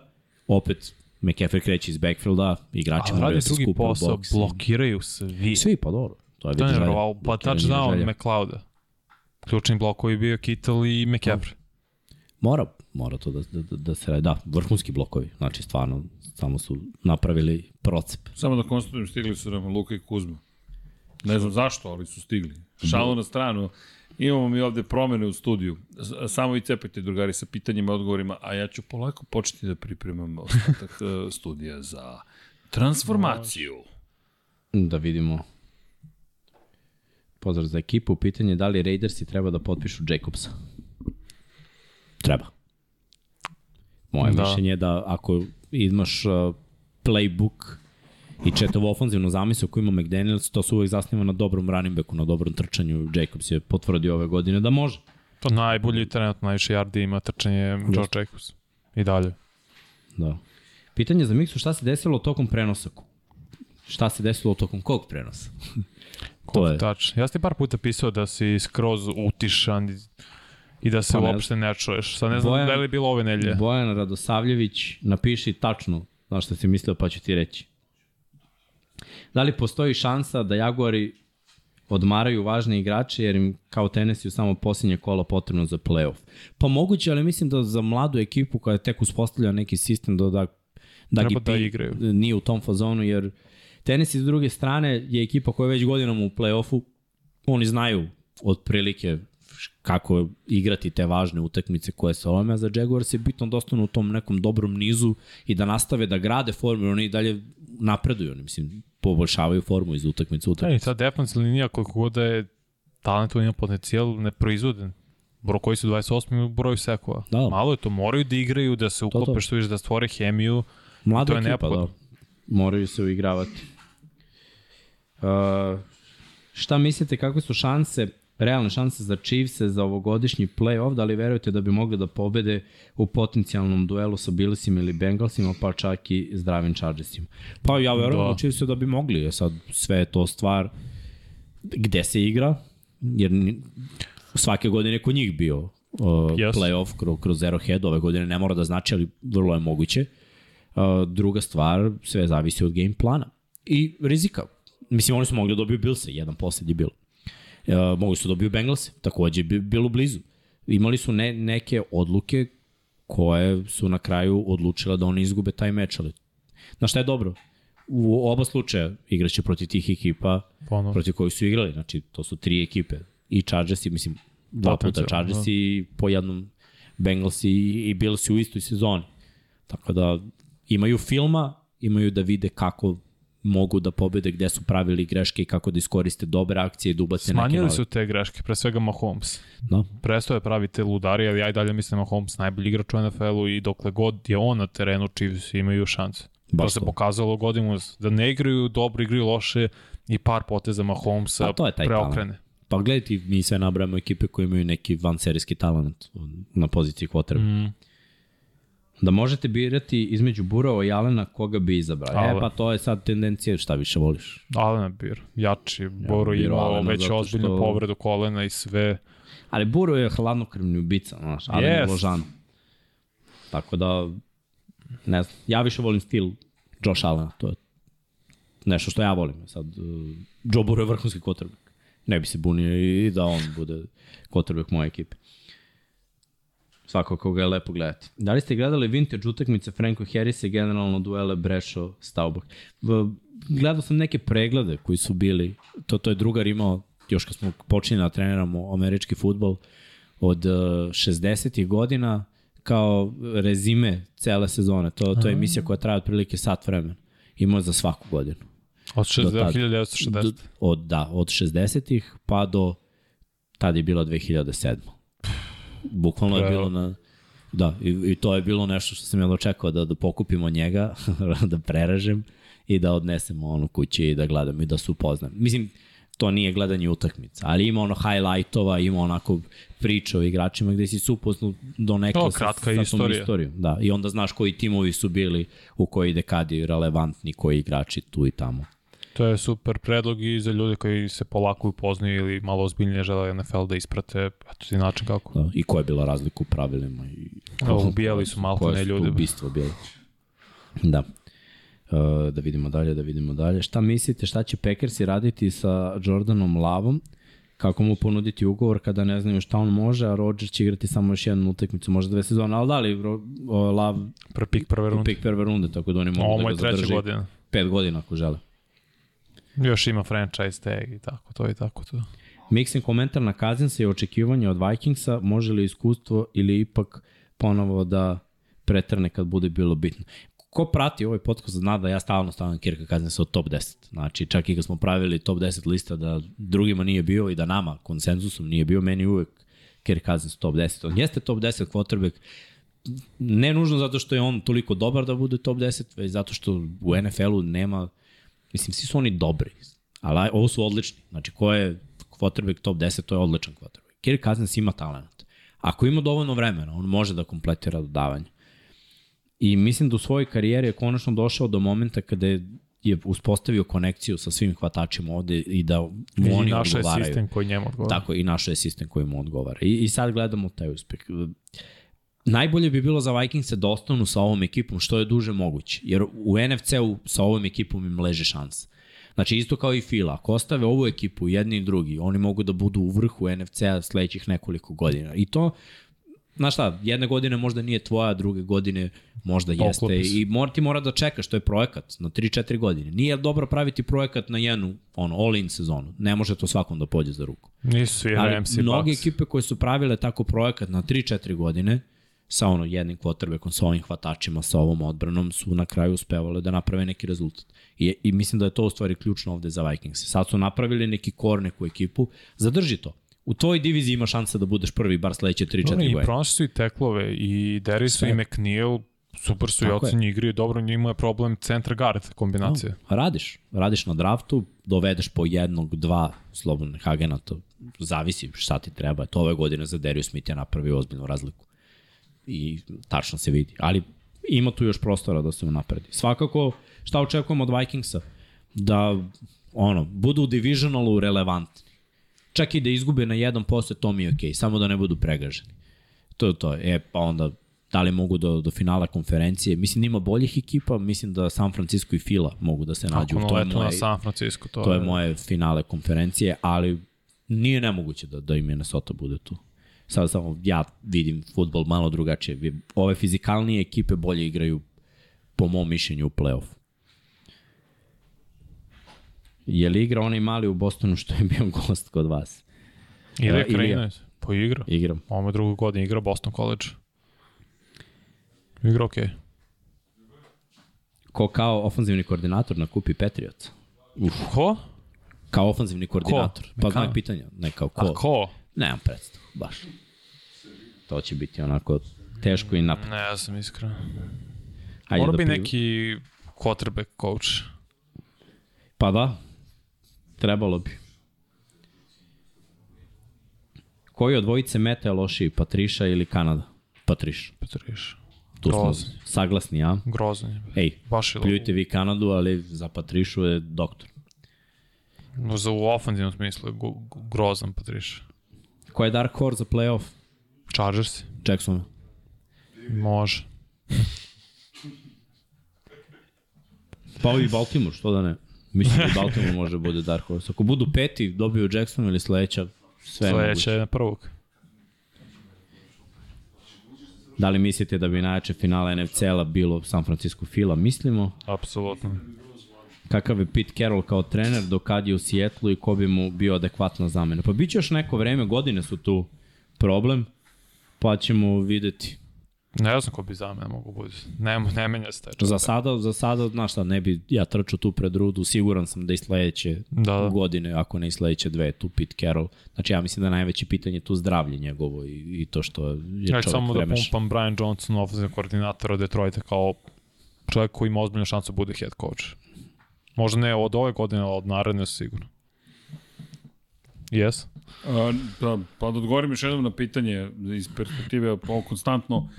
Probudite Srke, ma budan sam ljudi, nego pripremamo Luku i Kuzmu, oni nastavljaju odmah da snimaju posle nas, pa onda da Miksa i Vanja odgovore na pitanja, evo među vremenu sam dono frižider, trančeve i sve ostalo. Ovde je ljudi ekipa, pa ovde nema, ovde da. svi radimo. Da, tako da budan sam, nego samo apropo da gde ide NFL sledeće godine u kontekstu prenosa. Nemamo pojma, ljudi. Ali, evo, Srki lepo kaže, u 99 yardi će sigurno biti. Tako je. Tako, Tako da, je. na pravom ste mestu u pravo vreme. Dobro, ajde, E. ajde da kažemo da, da je to to što se tiče pitanja i odgovora, da, da ne dužimo previše Tako je. I, i da iskoristimo priliku. Mislim, ovo je poslednji, poslednji kažem, ej. podcast o, ove godine. Izgurali ste još jednu godinu s nama i mi s vama i to nam mnogo znači. Tako je. Ovo je, znači, ove godine su se desili ne, neki pomaci za nas. Imali smo yes. svakakve uspehe, konačno je izašao neki naš merch. Znači imat ćemo i dukseve i majice i da šolje i da kape, ubrza. tako je i sve. Uh, prvi, prvi sponsor. Tako je. Uh, takođe, bilo je to pitanje da tu, tu čekamo neko finaliziranje što Pa, se tiče toga, ali da kažemo da je test. testiranje bilo dobro. Pa, sve to prošlo. Nadam se da ste vi odigrali nešto i da ste dobili, to je stvari Is- najbitnije. Tako je, sad idemo sledeći nivo i javili su se još neki sponzori. Da. Pa sad, ali ja, ja, ja želim ponovo to da kažem, ljudi, vi ste najvažniji u celoj priči. Dakle, gledat ću četvorku, pošto e, tu su Luka i Kuzma kao izbacivači da nas istiraju iz studija i sredit ćemo to odmah, ali ljudi, vi ste glavni sponzori, ja se ne šalim.